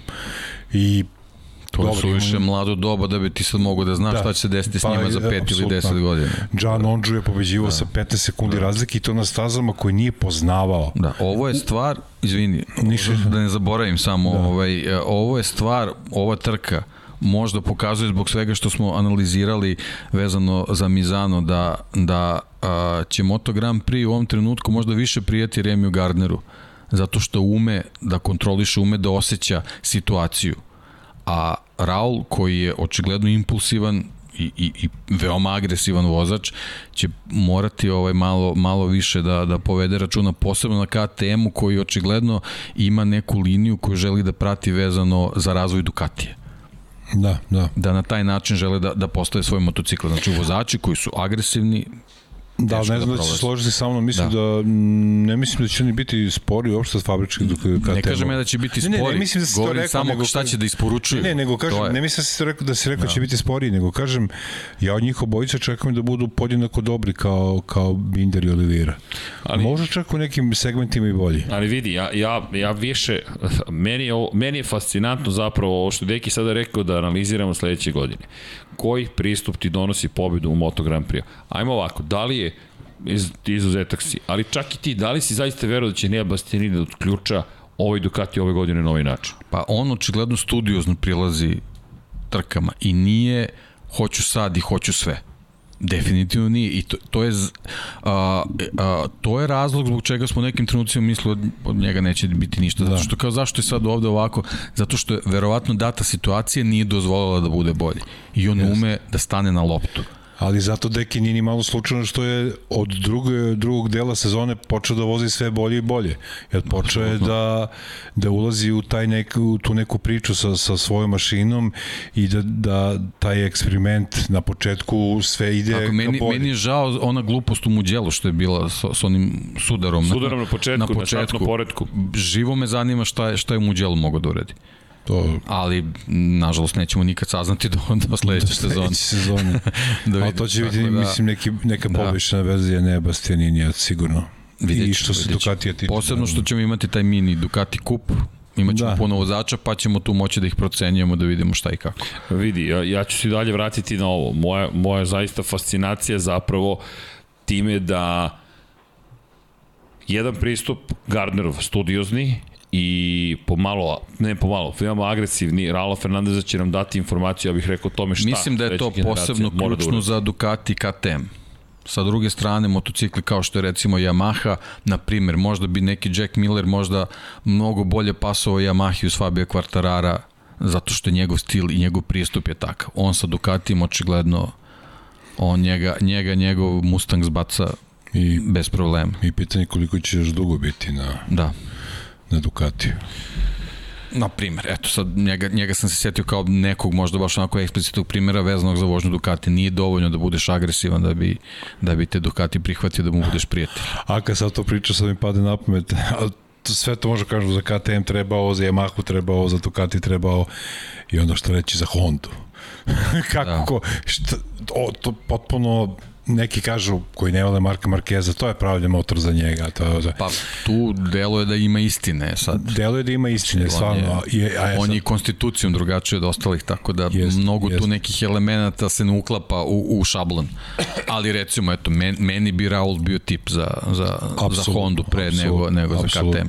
Ja sam navio da ode u Repsol Hondu. Navijali smo zajedno. Da, da, da. Ali ovaj, to se neće desiti barem još dve godine. Minimum. Pa, Da, i Da. mnogo zavisi od rezultata. Tako je. Da. Ra, vidi, ovo je za Hondu super. Iskreno, ja mislim da Honda i Yamaha da su dobro prošli. Lin Jarvis je hteo Raula Fernandeza, to je bio njegov najagresivniji potez u poslednjih, ja mislim, 15 godina. I ta želja, to mislim da se nas vraća na vreme Jorge Lorenza, pa čak i Valentina Rossi. Međutim, znaš, znate ko je angažovao Jorge Lorenza i ko je angažovao Valentina Rossi? Da li se sećate? Davide Brivio. Ne Lin Jarvis. Davide Brivio je vodio pregovore sa Valentinom Rossijem i kada mu je javio Rossi prihvata ponudu, pošto je Brivio išao prvi da razgovara sa, sa Rossijem i onda su zajedno Jarvis i on kad je prihvatio otišli na Ibicu da, da pregovaraju, to je bilo tajni sastanak tokom leta, ali Davide Brivio je povlačio te poteze. Bukvalno je on doveo Jorge, sad mi se vratio film, Davide Brivio je potpisao ugovor sa Rossijem i potpisao ugovor sa Jorgeom Lorencom. On je rekao, okej, ovo su ljudi koje treba da imamo. I završio posao sa Joanom Mirom. Pa, vidi, završio posao i sa Aleksom Rinsom, ako pogledaš njegova strategija nije uopšte bila loša. On je pr- pritom kada Andreja Janone nije donosio rezultate, ono što mislim da je Janone uradio sa Suzuki nije pitanje bilo rezultata na stazi, već ponašanja u garaži. Uh, on je bio onaj element koji kvari, koji kvari prosto harmoniju u ekipi i Brivio je Da, tu da li tu spada još neko? ok, vrlo, vrlo, da li ga je pustio, hoćeš reći? Ok, ni to nije nemoguće. To je isto, to je super pitanje. Mislim da je Brivio Nije se jedino... trudio preterano da ga zadrži. Da, konkretno Recimo Deki i ja, za one koji eventualno ne znaju, pričamo o Maveriku Vinjalesu. Da, Jeste nije se trudio. Suzuki koji je bio u rukama jednog čoveka, Brivija, sad je ispao kao neki dom sindikata, ja ne znam kako to... Kombinat, kombinat. Nije, nije, kombinat, loše, da, nije, kom- nije loš komentar, da. Da. Imaš mnogo ljudi koji su se zapravo skupili.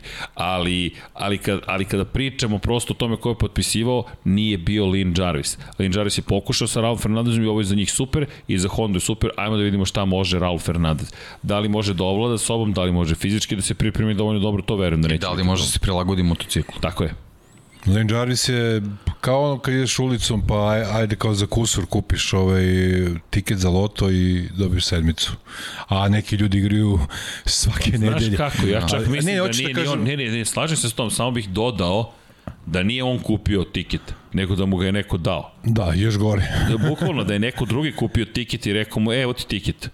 Jer Ali- on je dobio ovaj tiket, ovo je Petronas tiket. Na konto vaše priče, mislim da a, da ne zvučim ružno da kažem, imao je više sreće nego pameti, čovjek je vrhunski, Svi oni imaju mnogo pameti. a ima i da, pameti, a- naravno, ali, ali imao je dosta sreće i dosta posla su mu radili drugi ljudi, neki njegovi poslovni potezi su bili Znaš kako, okej. bilo je, bilo je Dobra prilika. više nego očigledno da ti moraš Fabio Kvart- Kvartarara da, Da, da to- prevedeš u fabričku ekipu. to bi da svako uradio, to bi svako uradio. Tako da tu nema tu sreće.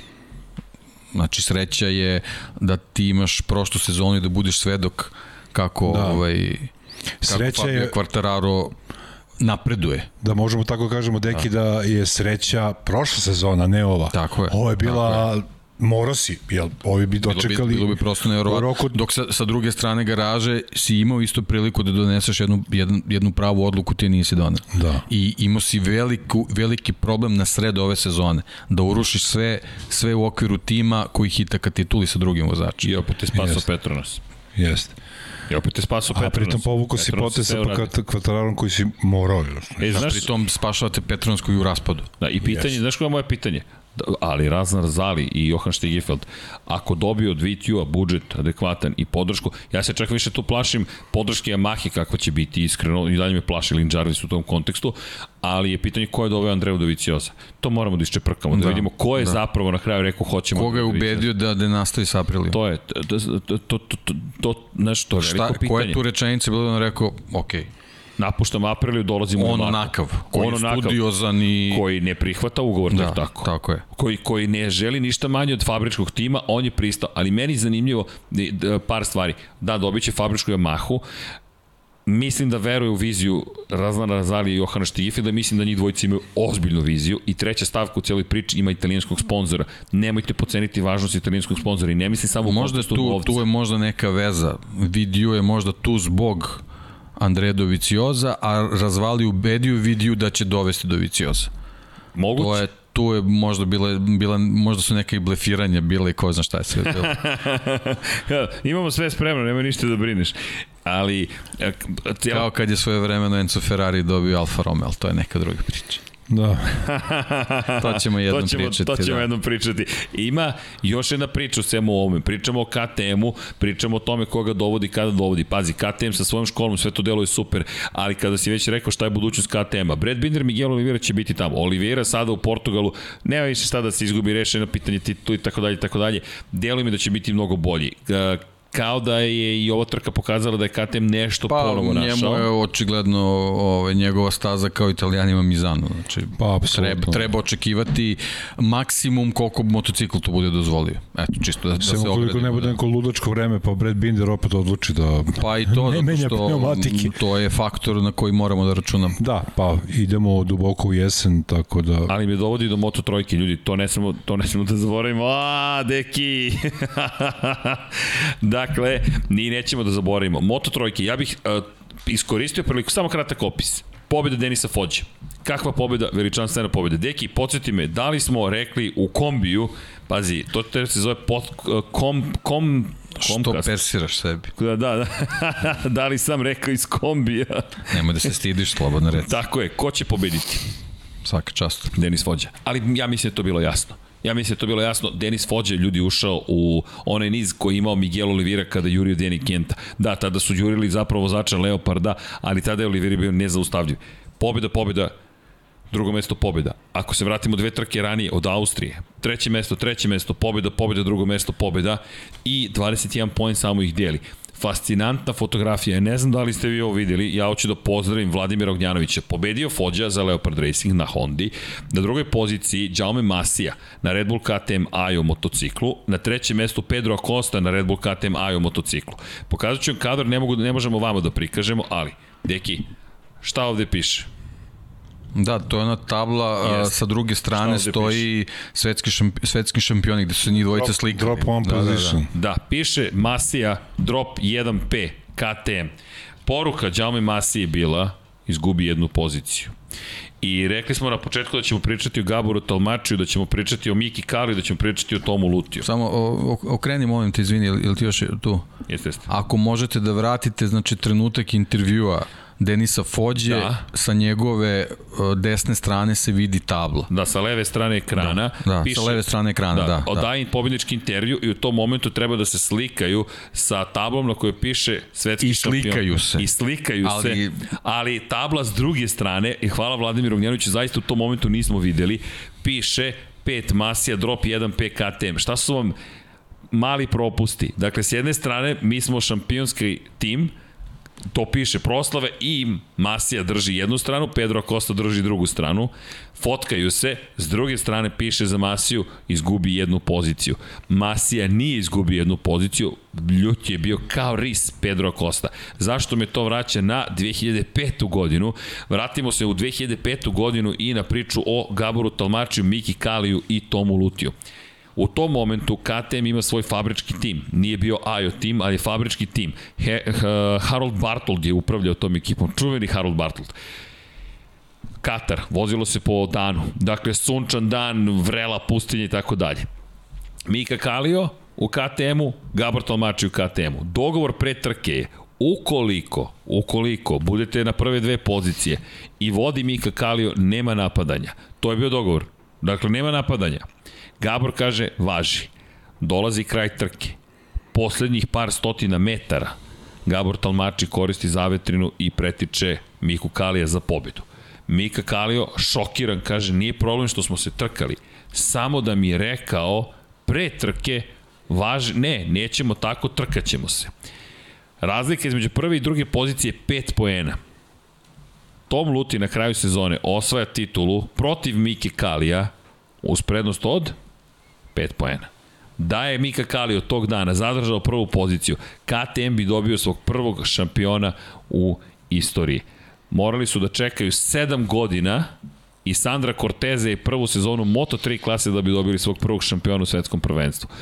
7 godina. I Harold Bartold i, i ostatak ekipe kao risevi su bili besni. Ne zato što je pobedio Talmači, već zato što je rekao jedno, uradio drugo, Gabor inače kasnije osvojio titulu šampiona sveta sa Jorge Martinezom Sparom, postao je prvog 2007. godine, prvi jedini mađarski još uvek šampion sveta, ali taj moment je ostao i tekako zapamćen i KTM, verujem da se dan danas prisjećaju toga. Zašto me vraća na ovo? Rekao bih da je očigledno. Šta ukoliko na kraju sezone bude nedostajalo 4 poena? S tom razlikom što Pedro Costa nije vodio u odnosu na Đaume Masiju i nije bio dogovor ne napadamo se. Ne znam kakav je bio dogovor, deluje mi kao da su tražili Masiji da pusti poziciju. Masija koja je trebalo da vodi tim je rekao ne, hvala. I Nisam video tablu. Nisam video tablu. Inače, Gabor je rekao, pa nisam znao da je poslednji krug, pomislio sam da je pred poslednji, Pa pa, sam hteo može da budem izgovor da bude, zavetren. nije problem. Sigurno neću ulaziti u konfrontaciju, tako da. Tako je. Ali je činjenica da je Pedro Costa sad mogu da ima 25 bodova prednosti, Što je znači cela to je pobeda. cela pobeda. Tako da velika je stvar. I da slavi titulu već u Portugalu. Potencijalno. Po- potencijalno, da. Potencijalno. Da, da. Ovako, Dovoljno da Fođa ne bude bolji od njega i to je to. ovako, drama je vrlo ozbiljna. Mada je pitanje srđane da li u Moto3 klasi uopšte možeš da pustiš nekoga, jer ako pustiš jednog, O- proći te ovoga- Ovde je petorica. bila, ovde, Ovde bila mogao. situacija da, da je to Ovde je mogao mogao. da uradi. Da, da, ako je mogu. Ovde je mogao. E sad, da li je to trebalo da uradi? Da. Pa, Sad je to da, pitanje. Da. Ko, za, Suviše velika razlika bila realno. Nije, nije on njemu bio na točku pa kažeš ajde. Da, da. pusti malo gas, nego razlika čak i je da ipak bude bila velika. peti. Možda nije fair da, da se to traži na taj način. ali opet to sad dolazimo do da li to treba tražiti vozaču, da li on treba tako da postupi ili svako se trka za sebe i to je to. Ja sam uvijek za trkanje. Da. Ali što se Masije tiče, mislim da to bi više, više bio ego trip. Iskreno. Moguće. Jer je on bio taj prvi Ali- vozač, on je bio planiran za titulu, pobedio On je u Kataru. bio za, za, za odlazak u dalje. Mo- tako je. Da, da, i pobedio u Kataru, sve izgledalo fajno, d- Ono lepo. fazonu, ok, ako si bolje, pobedi me na stazi. Pa to.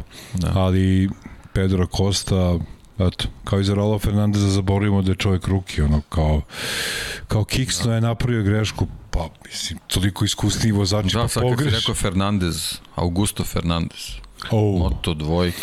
One, one Bastianini. Ne, vratit ćemo, vratit ćemo se, vratit ćemo se, vratit ćemo se. Samo, Bastianini. ovo je bila, ovo je Uopšte lepa ne znam priča o kako tituli šampiona ovaj, sveta. da, ne, da, ne da. brini, ne brini, nismo zaboravili. Imamo mi još u MotoGP u stvari, ali e, samo činjenica da je ovo bio Vanja veliki već moment. obuko jaknu. Vanja obuko jaknu, Vanja šalje nam, ne, ovo je kimono, ja mislim da će da nas taba sada. I znaš da je igrao Mortal Kombat 11 pre nego što sam došao. I dok si stigao, vidim da si na 94-5%. Kada vidite, inače Infinity Light, ili Infinity Lighthouse ili Light HS, Da, je, je username na Sony PlayStation Networku, tako da tu možete da se uvek nađete sa Vanjom pre svega. On je naš zakoniti predstavnik u pred svetom Sony-a i opasan je u Mortal Kombatu. Mogu moram ti priznati, o, Fatality im završava poslove. To uopšte nema šale. Stamina na 95 non stop. dobar je, dobar je. Baš je dobar. Morat ćemo da već... Ja šibam nogama samo. Samo noge. A Lom. on? Pa ne znam kako on igra, ne znam šta mu je taktika. Sve. Sve. Vidi ga, vidimo osmeh. Prvi put se nasmeo poslednjih 45 minuta. Dobro, našli smo pravu žicu. Morat ćemo Ali- da ga vidimo u MLB-u, ovaj, pošto očigledno on i ja, jer još par ljudi jedini pratimo bejsbol u Srbiji. Šteta, ali možda viško još par ljudi. U ovom uh, trenutku u studiju na kraju univerzuma se nalazi 75% ljudi koji u Srbiji prate MLB. Gospodin Vanja Milićević, gospodin Aleksandar Đakić i gospodin Dejan Potkonjak. Da, vidi, 100% sam siguran koliko god odmahuješ glavom da znaš da su, da ko je eliminisan Ko je eliminisan? Prošlogodni šam, Ne, ne, znam, znam. Slušao sam, presluškivao sam malo pre. Kukali su kod Dodgersa i bavili su se Dodgersima. da, prošlogodišnji šampioni, ali p- a, kod bejsbola je to teško da će se napraviti dve, tri titule za redom, gotovo nemoguće. Takav je sistem i to je to. Sa 106 pobeda u sezoni ispadnete u wild cardu i to je to. Šta je muka sportska? Šta je muka sportska? Ne, ono, 160 utakmica igraš godišnje bez play-offa, koji u principu dve, tri utakmice. 160 utakmica. Ima jedna fora u Seinfeldu, u. Seinfeldu ima fora kad kaže onaj, pa kako oni kad ti avioni ništa se ne desi, kad oni toliko svaka ekipa putuje 80 i nešto puta tamo, vamo, levo, desno. kako se oni ne sudare više? Znači, ne priželjkujem ništa, samo citiram Dobro, humor. Seinfelda. Humor. Da. Ali da se vratimo na ovu bitku, Denis Fođa produžava agoniju s, s, prosto Pedro Costa ili sebi daje nadu. I ukoliko se ponovi ovaj rezultat i izgubi još 9 poena Pedro Costa, stigu stići ćemo u Valenciju sa 12 poena razlike, a tu ne da živci igraju ulogu, nego ko zna šta ćemo da vidimo. Pravi test i za Fođu, i za Kostu, pa sada i za ekipu Aki Aja. A pazi kakva dva testa ima. Ajo, nema dva borca za titulu u Moto trojici, ali ima čoveka koji je rekao ne, neće učestvovati u ovom timskom radu, ja sam i dalje isto za trkanje. Trkajte se ljudi, pa ko bude bolji. Ne razumem i ekipu, i nemam ništa protiv što su tražili, takođe i Masija koji je rekao ne, trkamo se, jer Masija može sebe da dovede u situaciju da sutra se kaže ok, aha ti se nešto pušta. Ljudi, kada izgubite oštrinu, uf, teško je to vratiti ekipi, to ne znači toliko, ali za vozača može biti kritično. Jedan detalj može odlučiti. Inače, fascinantno mi je ko je u baš Moto Grand Prix, ne u Formuli 1, Ricardo je pričao o tome koliko mu je tenis fascinantan sport, gde ti možeš da dobijaš i da vodiš i dominiraš i dođu tri poena za redom u kojima izgubiš i kreće krah popuštaš psihički, tvoj protivnik počinje da leti i potpuna promjena. Sad zamislite u motociklizmu, oni imaju dve nedelje da razmisle svemu što se dešavalo, stižu tamo i sedam dana posle predposlednje trke idu na veliko finale sezone. To će biti psihološka drama. Pri drama. Kosta ima zabeležen let od 50 metara na 6 metara visine. Da, da, pre samo tri nedelje. Tako je. I to je nešto što je samo ostavio iza sebe, to je ono što si ti pričao o zbiljnosti. Ne bavimo se više time. Inače, ajde, Moto Trojki samo kratko, Andreja Minjo,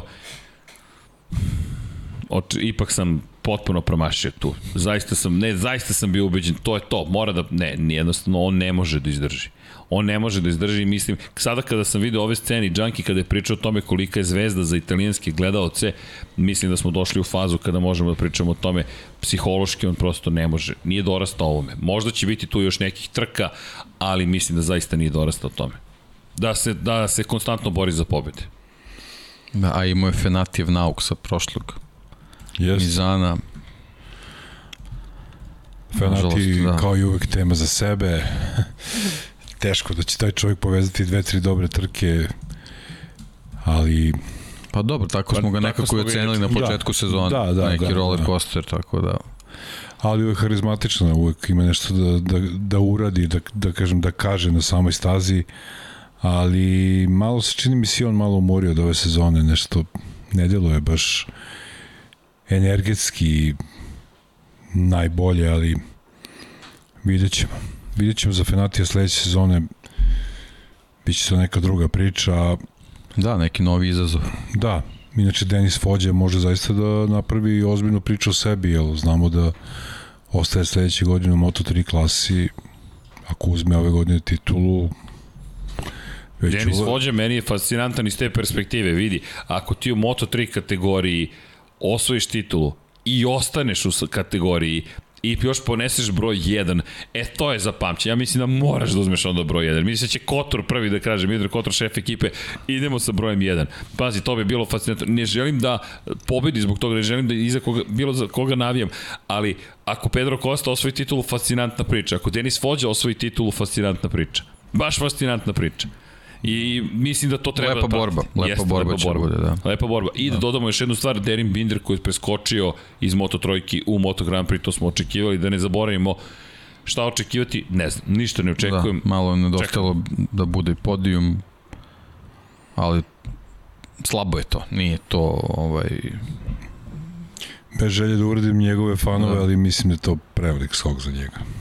Pa meni da. deluje pomalo preozbiljno, ali kažem, ajmo da sačekamo. Ali ja bih volao da grešim. Nama da. samo ostaje da se nadamo da je neko nešto video što mi možda Pa to, nismo. I da ja će to da- stvarno biti nek, neki greši. ozbiljan bum, da. Da. Vidi, pričamo opet o Razlanu, Rozaliju i Johanu Štigifu. Kažem, I- moguće da je, da je neko nešto Ako se ispostavi da su i ovde videli, ok, samo pratite koga biraju za vozače, to su onda budući šampioni. Mislim, on je njima na oku, generalno Da. da. bio Da. da. njihov je vozač praktično. Su, tako su da biraju. Znači ima, ima neki razlog, znači nije, nije sigurno, u stvari ne znam, ću, možda donosi neko ogromno sponzorstvo sa, to, sa sobom koji njima treba u ovom trenutku. A možda i oni mogu da promaše ljudi. Mislim da se razumemo, svašta to je Ako sve. pogode, onda im svaka čast Onda- treba, treba ih zvati za, za kladionice, za sve. neke za da, prvo, da, da, da.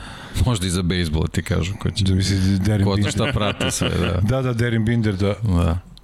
da bude odmah bolji od svog brata, to bi tek bio Dobro, to, apsolutni to spektakl. teško, ali... spektakl Da, da. Pa to kažem, ne kažem da će biti, ali to bi tek bilo ono, čekaj, od, od, odakle sad ovaj. Pa okej, ajde, vidit ćemo. A blago rečeno nije da. briljirao u Moto3 Eto, klasi. jo, još jedna porodica, uz porodicu Marquez, imamo porodicu Binder i imamo ogromnu porodicu Rossi. Da, da, da, da. Porodicu VR46. Dede i unuci. Tako Da, da, Da. da, da, tako da sad imamo te porodične trke, imaćemo Ducati Cup i Family Races u, u Da, da, Moto da, Grand da. Prix, tako da super. Da se vratimo na da. porodicu Fernandez. Šalim se, nisu da, Da, porodica, da, da, ali da, nemoj da, da. zaboraviš da. Da. Fernandeza, molim te. Dakle, Ne, ja ne znam, kad ste spomenuli prezime, ja rekao čoveče. Nismo ga spomenuli, ali u Moto dvojkama jeste bilo... Jeste bilo... Moj tip od petka, rekao sam, Rekao si. po kiši najbrži po suvom, relativno suvom, kako smo se šalili, polu suvom, najbrži e, nešto malo loše kvalifikacije, ali dalje mislim da je pobedio kazna Samo kazna, samo Da, da, da nije kazne toga- bilo. To bi bila pobjeda. Da. Da. Gotovo sigurno. Ali ajmo sad o kazni. On je kažnjen na isti način kao Jake Dixon, koji je ugrozio ljudske živote. Meni to neprihvatljivo. Ne, ne, ne, ne, ne sporim ja kaznu, nego kažem samo da, da se nije desila, a eto, to i njemu neko iskustvo nauk.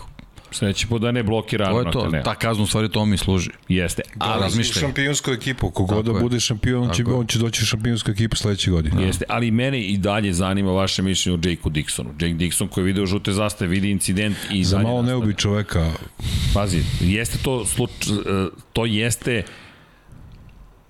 incident nije s predomišljem, trkački, ali... ali tome služe žute zastave, dvostruke žute zastave. Redari su u šljunku, kolega je u šljunku.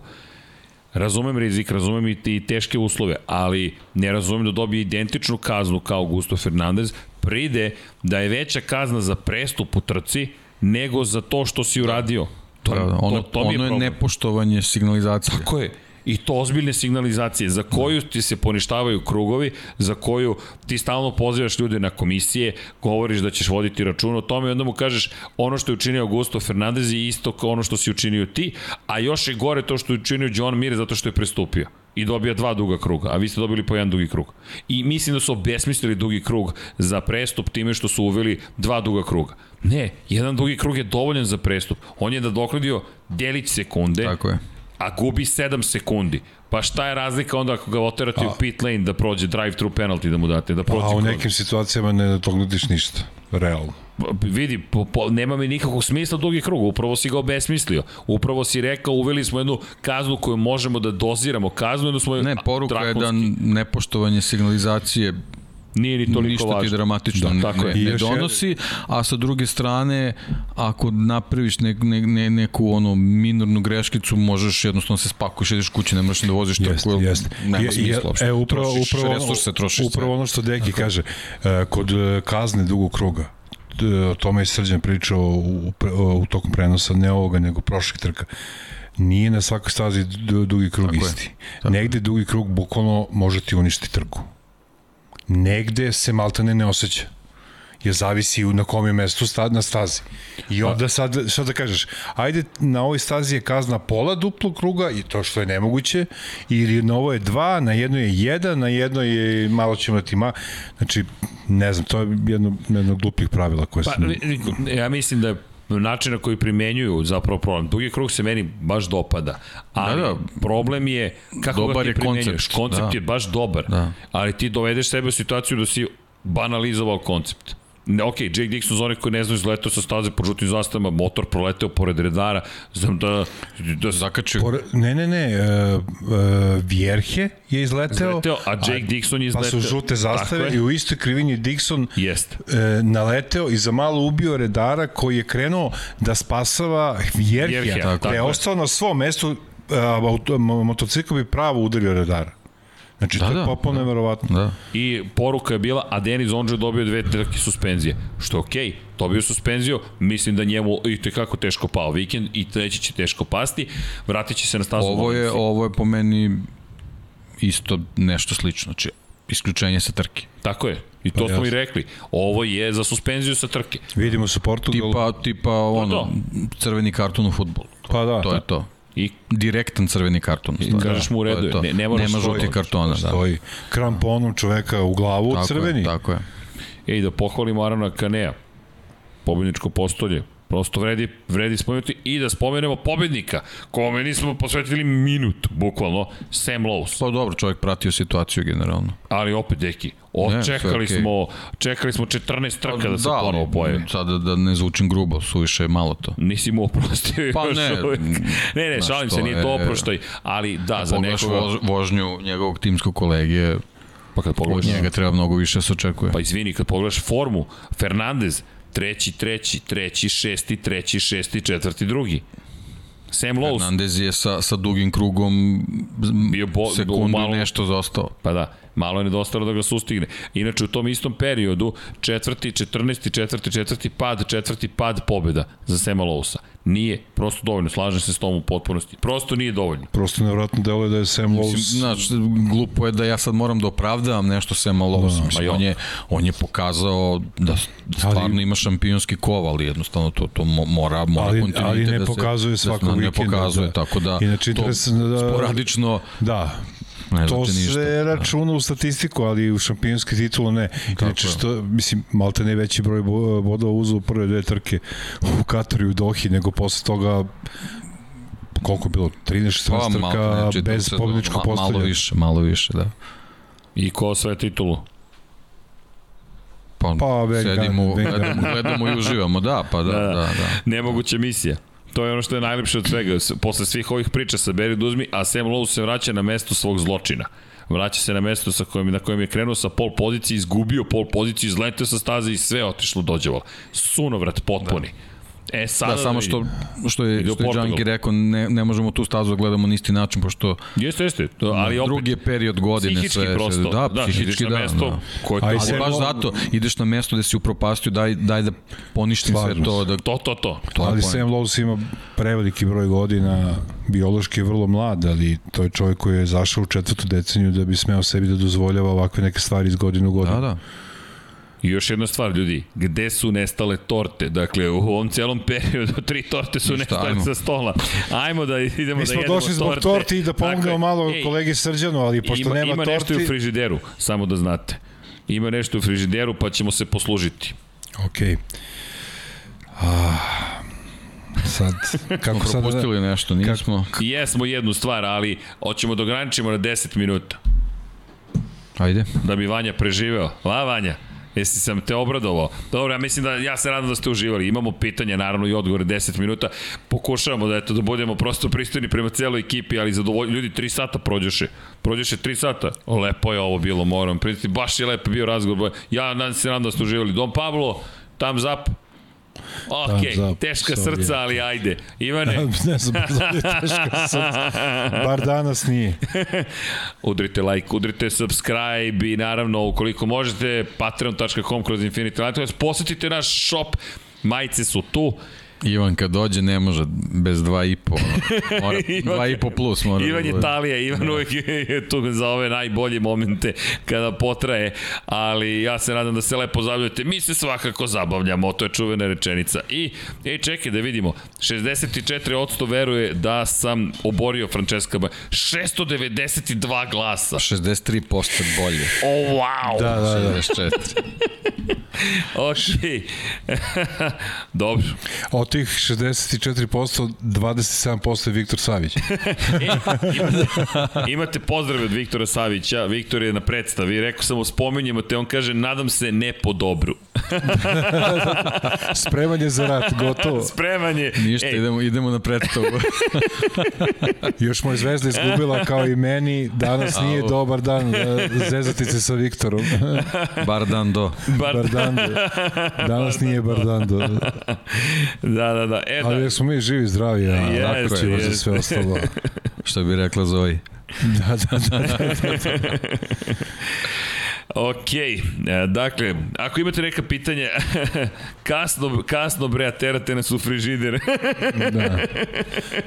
A znaš kako je nama, da dođemo kući nama? sad. dok- Da, A evo, ovo je poslovna obaveza. Dakle, mi sad imamo poslovnu obavezu da odemo tamo do kuhinje. Da, inače, da, evo, upravo smo ušli u drugi dan Pa mi, ovog podcasta. nama svi To podcasti je traju dva dana. da uđe se u drugi dan, ne znam šta je to novo. Ali dobro. Toprak na M jedinici, kaže Dimitrij Mitrović. Toprak, jao, Kasno. Bojim se da još jedan koji, koji će biti u, fa, u Johnny Rea stilu kasno. Mada je Johnny izjavio, to si ti pričao, da je Johnny rekao da je da smatra da je Rossi u pravu, da je trebalo da proba MotoGP. Na, ali opet, to je sad lako reći posle A šest titula u Superbajku. Ali znate kako, gospodin Erceg, sad ako dođe u MotoGP, da je došao u MotoGP, pa da nije uspeo, onda se treba vratiti u Superbike, što je onda još teže. Možda je bolje ići na sigurno, ali sad... I zato što ja? nismo spomenuli. Fantazi nismo spomenuli. u, bolje Boško da me nisi, proziva, da, čekaj, Boško čekaj. mora da me sad pobeđuje do 100 mesta, Ja. čim spominje. Evo, Boško, sad ćemo da bacimo pogled na Fantazi i da odgovorim na pitanje za hibridne Smo motore. rekli da nećemo to. A, Mislim, fantasy. Kaže ovako, pozdrav Moamer Dostović, i sinoć sam vas pitao, nisam došao na red, ako možete preučiti neku literaturu ili neki izvor informacije o hibridnom pogonu u bolidu F1. Uh, neko je pitao za, za, za, za preporučit ćemo, ali uh, čujte, bili smo na putu, ja se izvinjam, nismo postigli sve to, dakle, kada čujete koliko papirologije smo samo imali, to je, to je tek pitanje ka- kako se postići. Tako da bacit ćemo pogled, javit ćemo vam, ne znam tačno baš za literaturu zvanično, nema toga mnogo. Ljudi, tu se radi o vrlo tajanstvenim zapravo informacijama. To, to je sve nagađanje. Nivo je bukvalno nagađanja i svi eksperti koji se trude da shvate šta se tu događa, ali suštinski niko ne zna tu veliku poslovnu tajnu. Ljudi, to je tako tajna da je Ferrari tek, to smo pričali, posle 7 godina predstavio svoj prvi motor iz hibridne ere toliko je tajanstveno sve. Tako da literatura malo teže. Kada ćemo 76 broj Lab 76 od 37, 37 sati i kada će opet gosti? Stižu gosti Miksa, nemojte ništa da brinete. Evo imali smo Filipa Jenića, pogledajte, ste gledali Filipa Jenića? Ako ne, pogledajte. Vanja, nek pati Vanja. Nemojte da nam pati Vanja. Ali udrite sa pitanjima, evo tu smo. Čekamo. Ako već čekamo samo da pomenemo i našu dragu koleginicu Maju Todić i njenu čerkicu Ej, da, to je baš koja lepo bilo. koja je preko uh, Zvezdice i uz ljubaznost Jelene Trajković Jeste. a, po, poslala, a Jelena je uh, dala je i Banjaj i Miru Dirljivo. sličice koje je to divno dete nacrtalo za njih i, i oni su dobili kao poklon i baš su se obradovali. Banja je rekao stavit ću ovde u džep, tipa kao za sreću, Mir je bio oduševljen i onako kad vide to, da mala deca toliko vole taj sport uh, i onda i oni se osjećaju malo i bitnijim, jer znaju da je to u, Jeste. neku ruku i zbog njih. Jeste. Inače, u fantaziju Hajduci i Uskoci na prvoj poziciji dalje iz Srbije 1100, 700, 1100, 1716,5. 11.5. Da, da, da. Poslednji, poslednja trka 113 poena. Bogda Gepe iz Srbije, druga pozicija 1704,5, 99 poena u poslednjem Grand Prix-u. Zatim Matija Gepe 21 st- u poslednji Grand Prix 92,5, nešto lošiji vikend. 1600, 1692,5. Moskvić najbolji iz Srbije 1692, 1692, jesam dobro rekao, jesam, ok, nisam zatio to. U ovom trenutku ne znam ni da li jesi. 119,5. Zlatni Ducati iz Hrvatske, dobar vikend, 129,5 poena, 1691 poen. A Rosa, 1689,5, 99 poena u prethodnoj trci. Iz Španije, opa, pozdrav za Španiju. Polezano MotoGP tim iz Hrvatske, 1689, 149,5, opa, pozdrav za Polezano. Idemo, 149,5 poena, moram da imam ovaj tim. Šta je Polezano? Panjaja, Kvartararo, To je Ducati, hrvatski tim, jel? Marquez, jeste i Bastianini. Pa ko da je bio vikend u, na grobniku, a ne? Pazi da je, pazi čoveku da, pazi da mu je završio Banjaje na prvom mestu, Kvartararo mu je drugi vozač zlatni, Ducati mu je e, konstruktor, Marquez mu je srebrni vozač i Bastianini mu je drugi srebrni. Au, ovo bi bilo zastrašujuće, ali Peko je napravio problem. Da Lowrider iz Srbije 1689, 99 poena u ovom vikendu, čeka da vidimo ovih 99. Žarko, Banjaj, Ducati, Marquez, Miller. Uf, bolno. Bolno. A Matija, da vidimo šta je Matija. Francesco mu je bio tu Martin i Miller. Au, ovo je tek bolno. I da vidimo Karl, Karl Marx, PN iz Srbije, 1686,5, 132,5 poena, nije loše. Zarko, Banjaja, Ducati, Quartararo, Marquez je i se kali, kladi na Engelsa. Da, očigledno. I Ant Ant-Man Motorcycles, Jorge Martin, nula poena Martin ovog vikenda u Fantasy. St- Strašno. Poražavajuće Banjaja, Ducati Marquez, Quartararo. Dobro. Koji si ti, deki? Da, Tonem. tra- Toneš, koji si? Tonem, tonem. 357. Ja sam 303. Yes! Makar negde, makar negde u formuli uništio me u formuli. Morat ću sedne minut da, Uništio. da, da nešto uradim po ovom pitanju. Ej, ko Šta ti, smo rekli? Ko ti u Čekaj, ekipi? čekaj, čekaj, čekaj, Znaš ko je meni u ekipi? Pazi, Miller, Quartararo, Ducati, Marquez, Martin. Meni je to ostalo sa početka godine, ja bukvalno nisam dirao. Znači, Quartararo, Miller, Zarko, Oliveira. Ovo je Oliveira, ne mislim da te koštao. E, mogu bi da počnem da Miller nije. On nije uopšte puno košta. Ja mislim koštao te u izgubljenim poenima. E, evo stižu neka pitanja. Da vidimo kako se zonu očekujete za Raul Remi u MotoGP-u Silvija. Pozdrav za Pa, Silviju.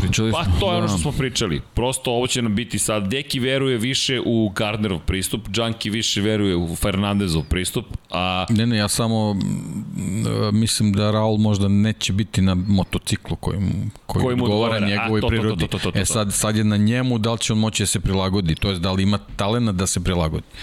Je moj To neki je. osjećaj da će Raul voziti jednu godinu za KTM i da će tu biti neke neke akcije da on bude prebačen negde drugo. Da stignu ponude koje ne mogu dodati. Da, da, da, da, da, da.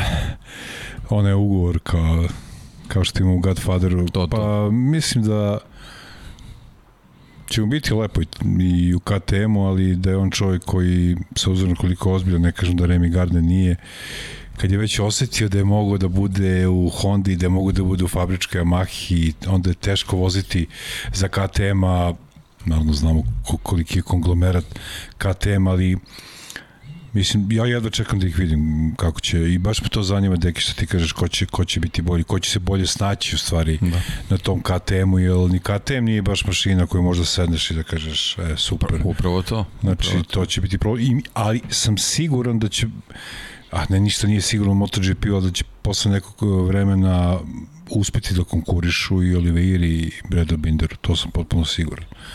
Ali kažem, opet ništa nije sigurno MotoGP-u, samo moje razmišljanje. Evo jedan odgovor da damo za PS, za PS petica. Evo odgovor. Pace Ludak. Nadam se da se tako to čita. Šaljemo. Dakle, Infinity Light HS. Pa ukoliko neko želi da se tu sukobi, srešće Vanju. Lab 76 edicija, Ver 46 majice, pita Daniel Devetak. Jel smem da se bavim tim sportom ili ne smem? Don Pablo? Kakav je odgovor? Da se bavimo time. Pa, Pa ajde kad... u procesu, ne znam. Da, jel smem da, da prezentujem, ne prezentujem? Šta da radimo? Pa ne znam, nemoj, Nema još. nemoj još. Ne, a možda je trenutak sada. Na smislu kameru možda samo. nije. A možda je trenutak. Ja ne znam o čemu se radi. Ok, ja, mislim da ste pogodili šta se dešava trenutno u studiju na kraju univerzuma. Pratite pažljivo društvene mreže ovih dana. Može tako. Izvini, kad stiže ona? Ne zna se. Oh, sve s nešto čekanjem. Ali, da znate da stiže uskoro. Da, pogodili ste da, da stiže i hoće biti Rossi majice. Teodora Milinović pita, hoće. Sve da pošaljem, pokažem zadnji kraj majice. Kao teaser, Kao teaser. pa ne znam da li imaš. E, Pa evo, pa što? Ma dajte da pokažemo, ajte ljudi. Pa ko je izdržao posle ponoći, zar nije zaslužio? Zar nije zaslužio makar zadnju, zadnji kraj majice da vidi? A šta kažete? Evo, Ivan Toškov, naš pokrovitelj, da, daje to, thumbs up. Ajmo, Vanja, samo on. Evo, šaljemo vam, pokazujem vam zadnji kraj majice, pa ćemo vam po- predstaviti e, prednji kraj, ćete videti ovih dana kada budu spremne majice. Don Pablo nije very happy bunny, ali Don Pablo, sve je u redu, ljudi su sa nama, tu su, izdržali su, pitaju, sve je otkriveno, tako da bilo je jasno da će se to desiti, zar ne? Imaš onaj, ovu najnoviju verziju. Pa sad, vidjet ćete, ne, ovo je top model iz Milana. Vanja je obukao ma majicu, pa vidim, Vanja, ovaj isto momak trenira. Ne znam gde je Bogdan to našao kao mock-up, ali evo, pripremite se. Kada će dukserice? Ne znamo. Zadnji kraj majice takozvana leđa. Kristijan Šestak kaže, jeste takozvana leđa. I evo, jel može ova majica pozadi? Šta vi kažete? Evo, vaše mišljenje. Mislim da to sad, dok se to Dobro, stigne... ja, ovo si mi već pokazao, mislim, bar meni. Pa, pa naravno da sam tebi pokazao, ti imaš inside, inside track na, na dizajn. Kako? Inače, ova je žuta majica. Ova žuta boja, evo možemo da vam otkrijemo, uvezli smo pamuk iz Turske da bismo dobili ovu žutu boju. Eto, tako da znate. Pa eto, dajte vaše mišljenje u, u četu, da, eto, možemo da promenimo, evo, možemo da promenimo i glasački listiće da ubacimo za ovo. Dakle, Nemoj da mi kvariš podcast sa glasačkim listićima. Pa dobro, šalim, nije, se, šalim ovo se, je- šalim se. Inače, sledeći podcast ćemo Deki i ja prvah dva, dva i po sata, a onda ti dođeš, pošto ti imaš najviše snage, očigledno ti se razmrdaš tek posle dve čuke, otprilike. misliš, S- Pa, siguran sam. Vidim tvoju poletnost. e, Ne, super majica. Majica je, majica je fenomenalna. Prednji deo je isto lep, ali to nećemo da pokažemo. Ali imao sam prilike da vidim, tako da neobičan je, neobičan je, a ima sve. E, da, izvinjam se, ovde sam, ubacio sam da, da i da kao odgovor. Ja se nadam da je to sasvim u redu. Ali ne, e, evo, pitamo našu zajednicu, tako da se nadam da majice top, nemojte propastiti prednji deo, nećemo. Takozvane grudi, Pa čekaj sad, da prezentujemo i grudi, da stavimo ovde na glasanje. Šta kažete? Ne. Evo, to ipak moramo da sačekamo. Tako da se nadam da ćete uživati. Ima 25 tačkica, ako bacite pogled. Ja ne znam da li ste videli sve detalje, da li je bilo dovoljno vremena, ali eto, mala nagrada za sve one koji su sa nama. Marina pita teško pitanje. Hoće li, hoće li Džanki redovnije dolaziti od sada? Marina, Teške teme. Čujte, uko, ukoliko se budemo nalazili ovde ispred studija, ja sam rado dolazim i na 99 yardi i na što god treba. O, 99. Ja, Vanja, da li imamo prva dva gosta? Jao, Vanja, znaš šta smo uradili? Pa znaš ko je trebalo da dođe sada kada si Miksa bio u karantinu, ja u Italiji? Ja sam rekao deke dođe, niste... Deki, pa moraš. Cincinnati, pa čekaj, šta je ovo bilo sa Cincinnati? Bojkotujete celu sezonu i sad ja da vam dolazim. Da, Ma nemoj. neću da pričam. Tek koga bo... Niste ih spomenuli. Cincinnati? Ma, beži. Ko je birao Cincinnati Ma, da će daj. pobediti? Ko je birao Cincinnati još u... Ne samo ove nedelje, dobro, pusti sad to. Ko, je li birao Iko Cincinnati? Vi, sinti, vi Čekaj, ali synthesizer ko je niste birao u pomenuli. drugom kolu? Okej. To su, to i jesu jedini odgovori, da i da. Sad, Okej. naš, ubacujemo u trendove sad. Da, da, sad kao. Sad je Cincinnati, wow, i sad, ne, ne. Znaš od kada ovaj tigrić stoji ovde? Eto, veliki pozdrav, veliki, veliki pozdrav za, za kako biše, Marinu, jel? Jeste, I Marija. hvala je, hvala je. Da. Kad god mogu, rado ću doći, naravno. E, koliko Sigurno do kraja majica? sezone ili posle sezone. Isto kao i do sada, sve majice imaće istu cenu. Mada ovde komercijalni direktor mi maše glavom, ne. Ne, ne. I majica košta isto. Ne, pa, čekajte. Oproštena sezona. Zar ne? Ne, a? Skuplje. Dobro. 4600. Zato što je 46. E, da li... Deki Andrić Pa, evo i da kažem- da uporan kažem je s jednim neverovatnim pitanjem. Da. Reci, reci ti prvo. Samo da, da ne zaboravim, i u Mizanu su digli cene za penziju Valentina Rosija. Ozbiljno. Za majice. Pa Sve je, ne da su digli cene, nego su, šta imate kod njega u zvaničnoj prodavnici za 75 evra, 110 evra je na stazi, da. Da. a karte koje je kupovao, pa dobro su i 35.000 ljudi skupili, preko 300 evra su bile karte za Da, 3 dana. Da. Baš su Dux nadoknadili. najobičniji je 120 evra. Branislav Dević, jel imate licencu za tu majicu?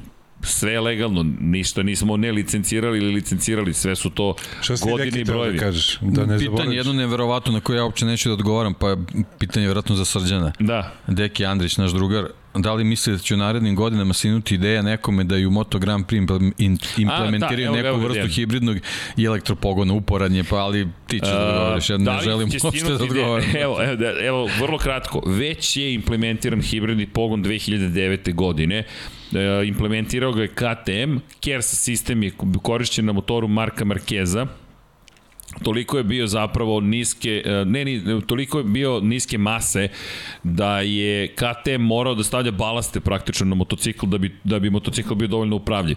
Samim tim se otvorila mogućnost da ubace KERS sistem od nekako 3 kg i ubacili su ga na prednji točak i Dorna je u, odmah uvela bukvalno IRTA, Dorna, MSMA i FIM, svi su uveli praktično pravilo koje je zabranilo korišćenje KERS sistema, uplašili su se da će krenuti putem Formule 1 i da će doći do toga da zapravo bude toliko kompleksna tehnologija čak i u nižim kategorijama. Pazite, to je na motoru od 125 kubika. Mi govorimo o dvotaktašima, KTM je već tada eksperimentisao. Ako je Ducati taj koji je eksperimentalan u, vise, u, u većim klasama, u nižim kategorijama KTM je bio taj koji uvek nekako gurao granice i tako da smo Kers mi već tada videli i brzo su odustali od tog rešenja, kažem, zabranili su im prosto da ga dalje razvijaju. Tako da ideja nije nova, nije, ne bi bila prvi put, prosto je bukvalno pravilnikom to zabranjeno.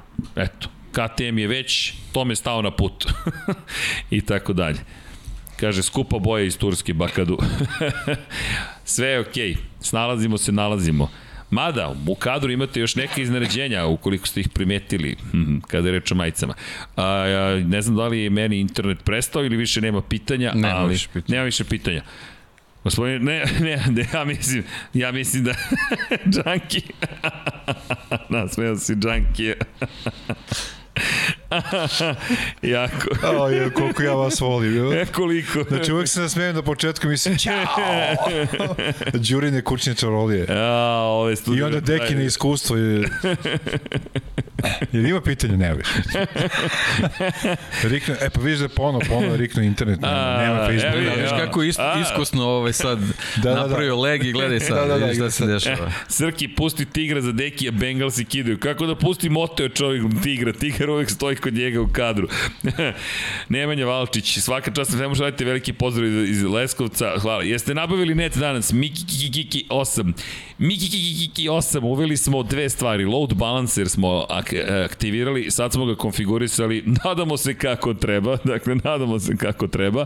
Zatim, imamo dva internet servis provajdera ista za optički kabel. Imamo jednog sa SIM karticom. Dolazi nam sutra još jedan sa SIM karticom. Sve ide u load balancer pa ćemo da vidi, za sada se drži, ali čujte kako to izgovorim, svi se zabrinemo ovde i preko zgrade bi trebalo da nam dođe još jedan internet servis provider, pa kroz prozor komšija, to je jedini način da nam uvedu još jednu optiku Jest. i sutra stiže još jedan SIM kartica. Tako Da, da, tako je hvalio i Banjaju. Ali ljudi su rekli da veruju da sam ja to učinio, dakle da sam ga ja oborio, tako da publika je rekla svoje. E, samo da kratko, e, pozdrav inače za Nemanju i za Leskovac. E, imamo pitanje, ček, šta se desilo sa Oliverom u trci? Da li je pao ili motoci- motocikl otkazao? Samo ga je nestalo sa radara i niste, niste rekli niti ga je prikazano. Stefane, i mi se izvinjavamo, Oliveira je prošao kao i sa Dorninim snimateljima i režijom, nismo ga spomenuli, oni ga nisu snimili. Nažalost, pao je, imao je šansu da se popne na pobjedičko postoje, napravio grešku u krivini broj 14, izgubio prosto kontrolu nad KTM-om i to je, to je bilo to. Ali za Kanea znamo da je ostao bez goriva.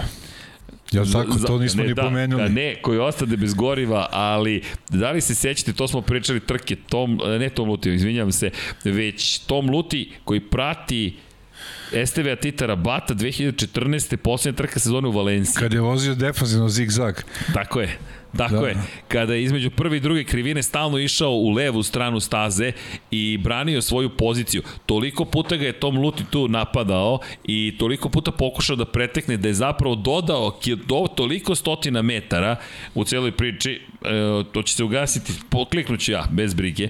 Dakle, kada govorimo o, o, o tome koliko su precizni u, u, u podešavanju toga da se iskoristi svaki gram goriva, samo time što je vozio cik-cak, kao što kaže Junkie, došao je od toga da ostane bez goriva na izlasku iz poslednje krivine, poslednjeg kruga i Tom Luti koji zbunjeno pretiče šta bi, hvala, pobeda, tako da Tito je imao zapravo još jednu pobedu u karijeri.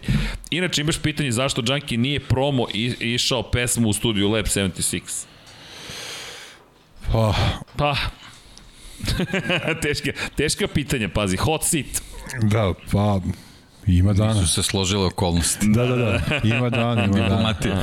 Uh, dama, jedna predivna dama koja je pevala u toj pesmi ima dvoje male dece, tako da teško da može u to vreme da dođe da otpeva refrene, tako da, a ja da pevam refren, Imam ja zaista, ideju. toliko vas ne mrzim. Ništa ne Sredit ćemo nešto. Imamo, imamo ideju. Evo, taman za 37 časova podcasta se lepo, lepo pripremaju stvari.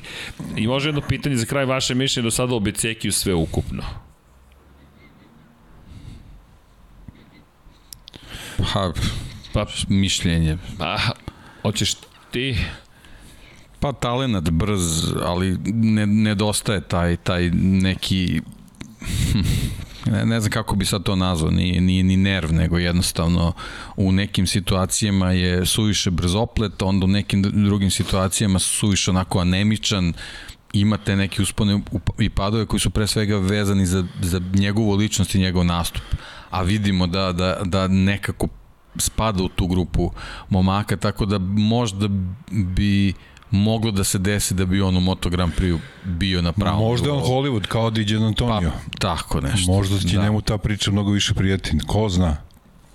Saznaćemo. Ljudi, vrlo brzo ćemo saznati, ali da, to, tu smo negde. Već za treći rođendan. Na to, to, tu, tu smo na, na, na, na ivici toga, ali opet, kao sa Raulom Fernandezom, kao sa Remijem Gardnerom, Marko Beceki, veliki, veliki, veliki test. I neki ljudi prosto, seti se se Casey Stonera. Casey je uvijek bio tu negde, mnogo je padao, pravio greške, nije osvojio titulu moto, u, u 250 kubika, nije u 125. Došao u Moto Grand Prix i postao jedan od najboljih svih vremena. Tako da, da sačekamo. Jel se vidimo u Valenciji uzivo Marko Mitić, radimo na tome. Radimo, postaćete kao Letterman show sa muzikom live. ne, ne, ne, drugačije ćemo mi to. Mi ćemo, ili mi pevamo ili nema ničega. Srkić je refren, može, ja ću refren, ali neku drugu ideju mi imamo za, za muziku u studiju. Da li je Luti najveći vozač u povijesti Moto2 klase čovjek godina u vrhu, iako nikad nije svoj naslov, moglo bi se reći da je zaštitno lice te kategorije. Pa, Pričali smo o Jeste. zaštitnim licima kategorije koje prolaze samo. jeste, ali Luti najveći broj pobednič plasmana na pobedničko postolje, Samim tim postaneš legenda. Tako je, postoje legenda. I pričali smo s njim, Jelena je vodila intervju, ali ceo razgovor se, mnogo je, mnogo je lepo videti. Pitali smo ga 2015. kaže, uf, kad to beše ljudi, 2005. kad to beše ta titula. I dalje raspoložen, kaže, ne osjeća se starim. I komentar je bio, dobro, sad ćeš moći najzad da uživaš, ne nas, već jedne dame koja je bila tu u domaćinstvu. I mi gledamo kako misliš, trkač će sada moći da uživa. Ne, da, i onda smo ga pitali, da li sada počinješ ili prestaješ da uživaš? Vidjet ćemo. Vidjet ćemo ceo bio odgovor, ali nije loš komentar. Pa kad vidimo Johna Hopkins, Hopkinsa koliko se nervira u garaži, to očekuje i Lutija, tako da nema Možda odmora. će mu biti teže, da. Nema odmora, da. Da li je Pol dobio plazmu i krem bananice djeci, da li je zbog toga bio drugi, Nemanja Živković nije dobio ovoga puta ništa, ovoga puta... Nije zaslužio. Ne, nije zaslu... Pa je morao da se potvrdi da bi sledeći put bilo bolje. tako je, tako je. Tako je. Možda u Valenciji. Dva pitanja, kako će Fabio savladati kišu, deluje tanak baš tu. Kako? Vozite po kiši kao Jorge Lorenzo dok nije Mnogo naučio trka će kako. biti u kalendaru, velika je. vratnoća će biti kiše, tako da, Da, mora da radi se na vodi- tome. Ne može se vozi je, svaka da. dva dana. Mora da prođe neko vreme, tako da... Da. I, i, i do, ići ćemo i ponovo na neka... Pa i generalno ne- što više vreme- trka prolazi ko on vozi po, po kiši. Mislim, Pritom ići ćemo neke vremenske zone gde je jednostavno kiša da. dobar dan. A mislim da je kapacitet da može to da A, savlada. Nije, naravno. nije to sad toliki bauk. Jeste. E, za Džankija, da li može da prokomentarišeš F1 do sada šta se desilo? F1. Da. Uh, gledao sam trku ovo sad u Teksasu.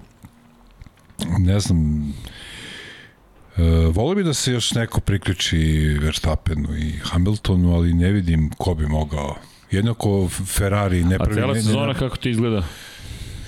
Pa, gore, dole, gore, dole, nešto mi, ono, mislim da će na iskustvo to Hamilton da da osvoji, ali mm, volio bi da se Ferrari vrati nekako znaš, kao Ducati u MotoGP. Evo, crvena ono. majica, crvena majica. Pa ne, da, da, da, da i oni dobiju svog vozača koji će se boriti za titulu. Dosta je vremena prošlo i A Hamilton svaka čast, mislim, on je inteligentan vozač i on, kako smo pričali za Sema Lowsa, on i njegov menadžer su genijalci. Kad je McLaren bio najbolji, on je bio u McLarenu.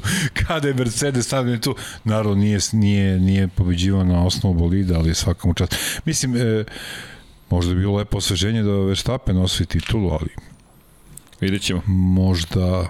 Koliko ima tu trka do kraja? Ima još pet. Oh, pa to ima pet podcasta minimum. Ima ih i više. Više, Ima ne. ih i više. Mislim samo što se Pet Formula 1 podcasta tiče. 10 dana. Da, da, da. Pet podcasta To, to. po dva dana. Da. Inače, za koga Džanki navio F1?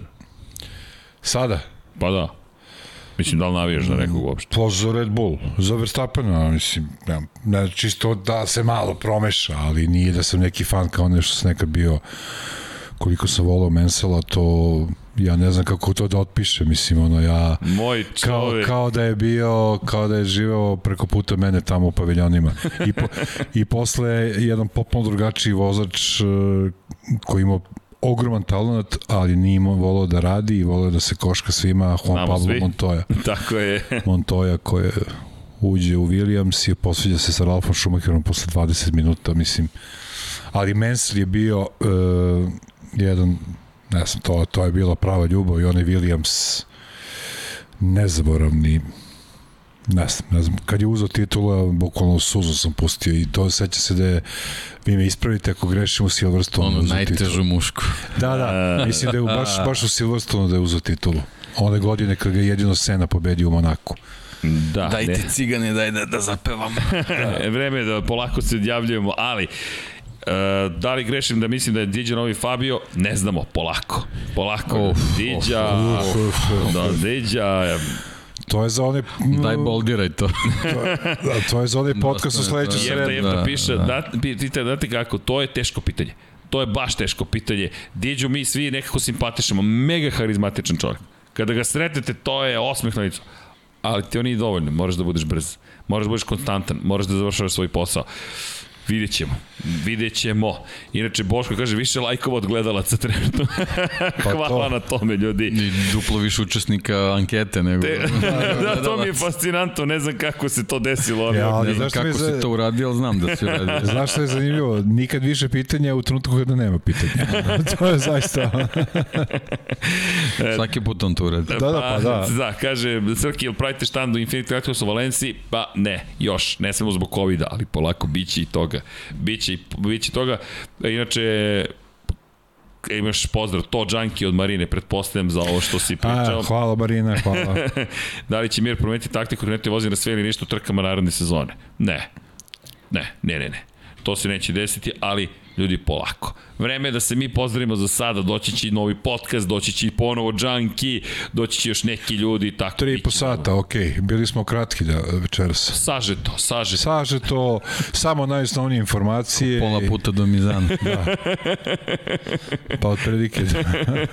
Do Brna bi već ne bi stigli, ali bi bili blizu. Mi smo kod Budimpešta u svakom slučaju. Da. Ali sve okej. Hvala vam. Šta da vam kažem, kao i uvek pisto pitanje, zaključak nada. Nadamo se da ste uživali, da ste se lepo zabavili, da vam je bilo lepo za nama. Da vam je stream funkcionisao kako treba, kao i Tako nama. je, deki, deluje da, da večeras radi o Vanja. Držimo palčeve. Držimo palčeve. Je li nešto bilo crveno? Dru... Nije, nije. To, Vanja, polako.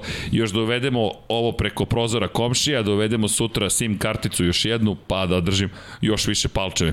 Hvala ljudi, zaista za sve. Hvala za podršku, rođendansko izdanje, čekaju nas torte pre svega. Paja, Paja mi još nije odgovorio na pitanje da li ćeš da se vratiš. Tako da, da Odgovor je jasan, neću. Ali snima pod kapicom sutra ujutro, tako da bit će tu u studiju sa Vanjom i ekipom. U svakom slučaju, mazite se i pazite se, vodite i vozite računa jedni u drugima. Posetite naš shop, shop.infinitylighthouse.com.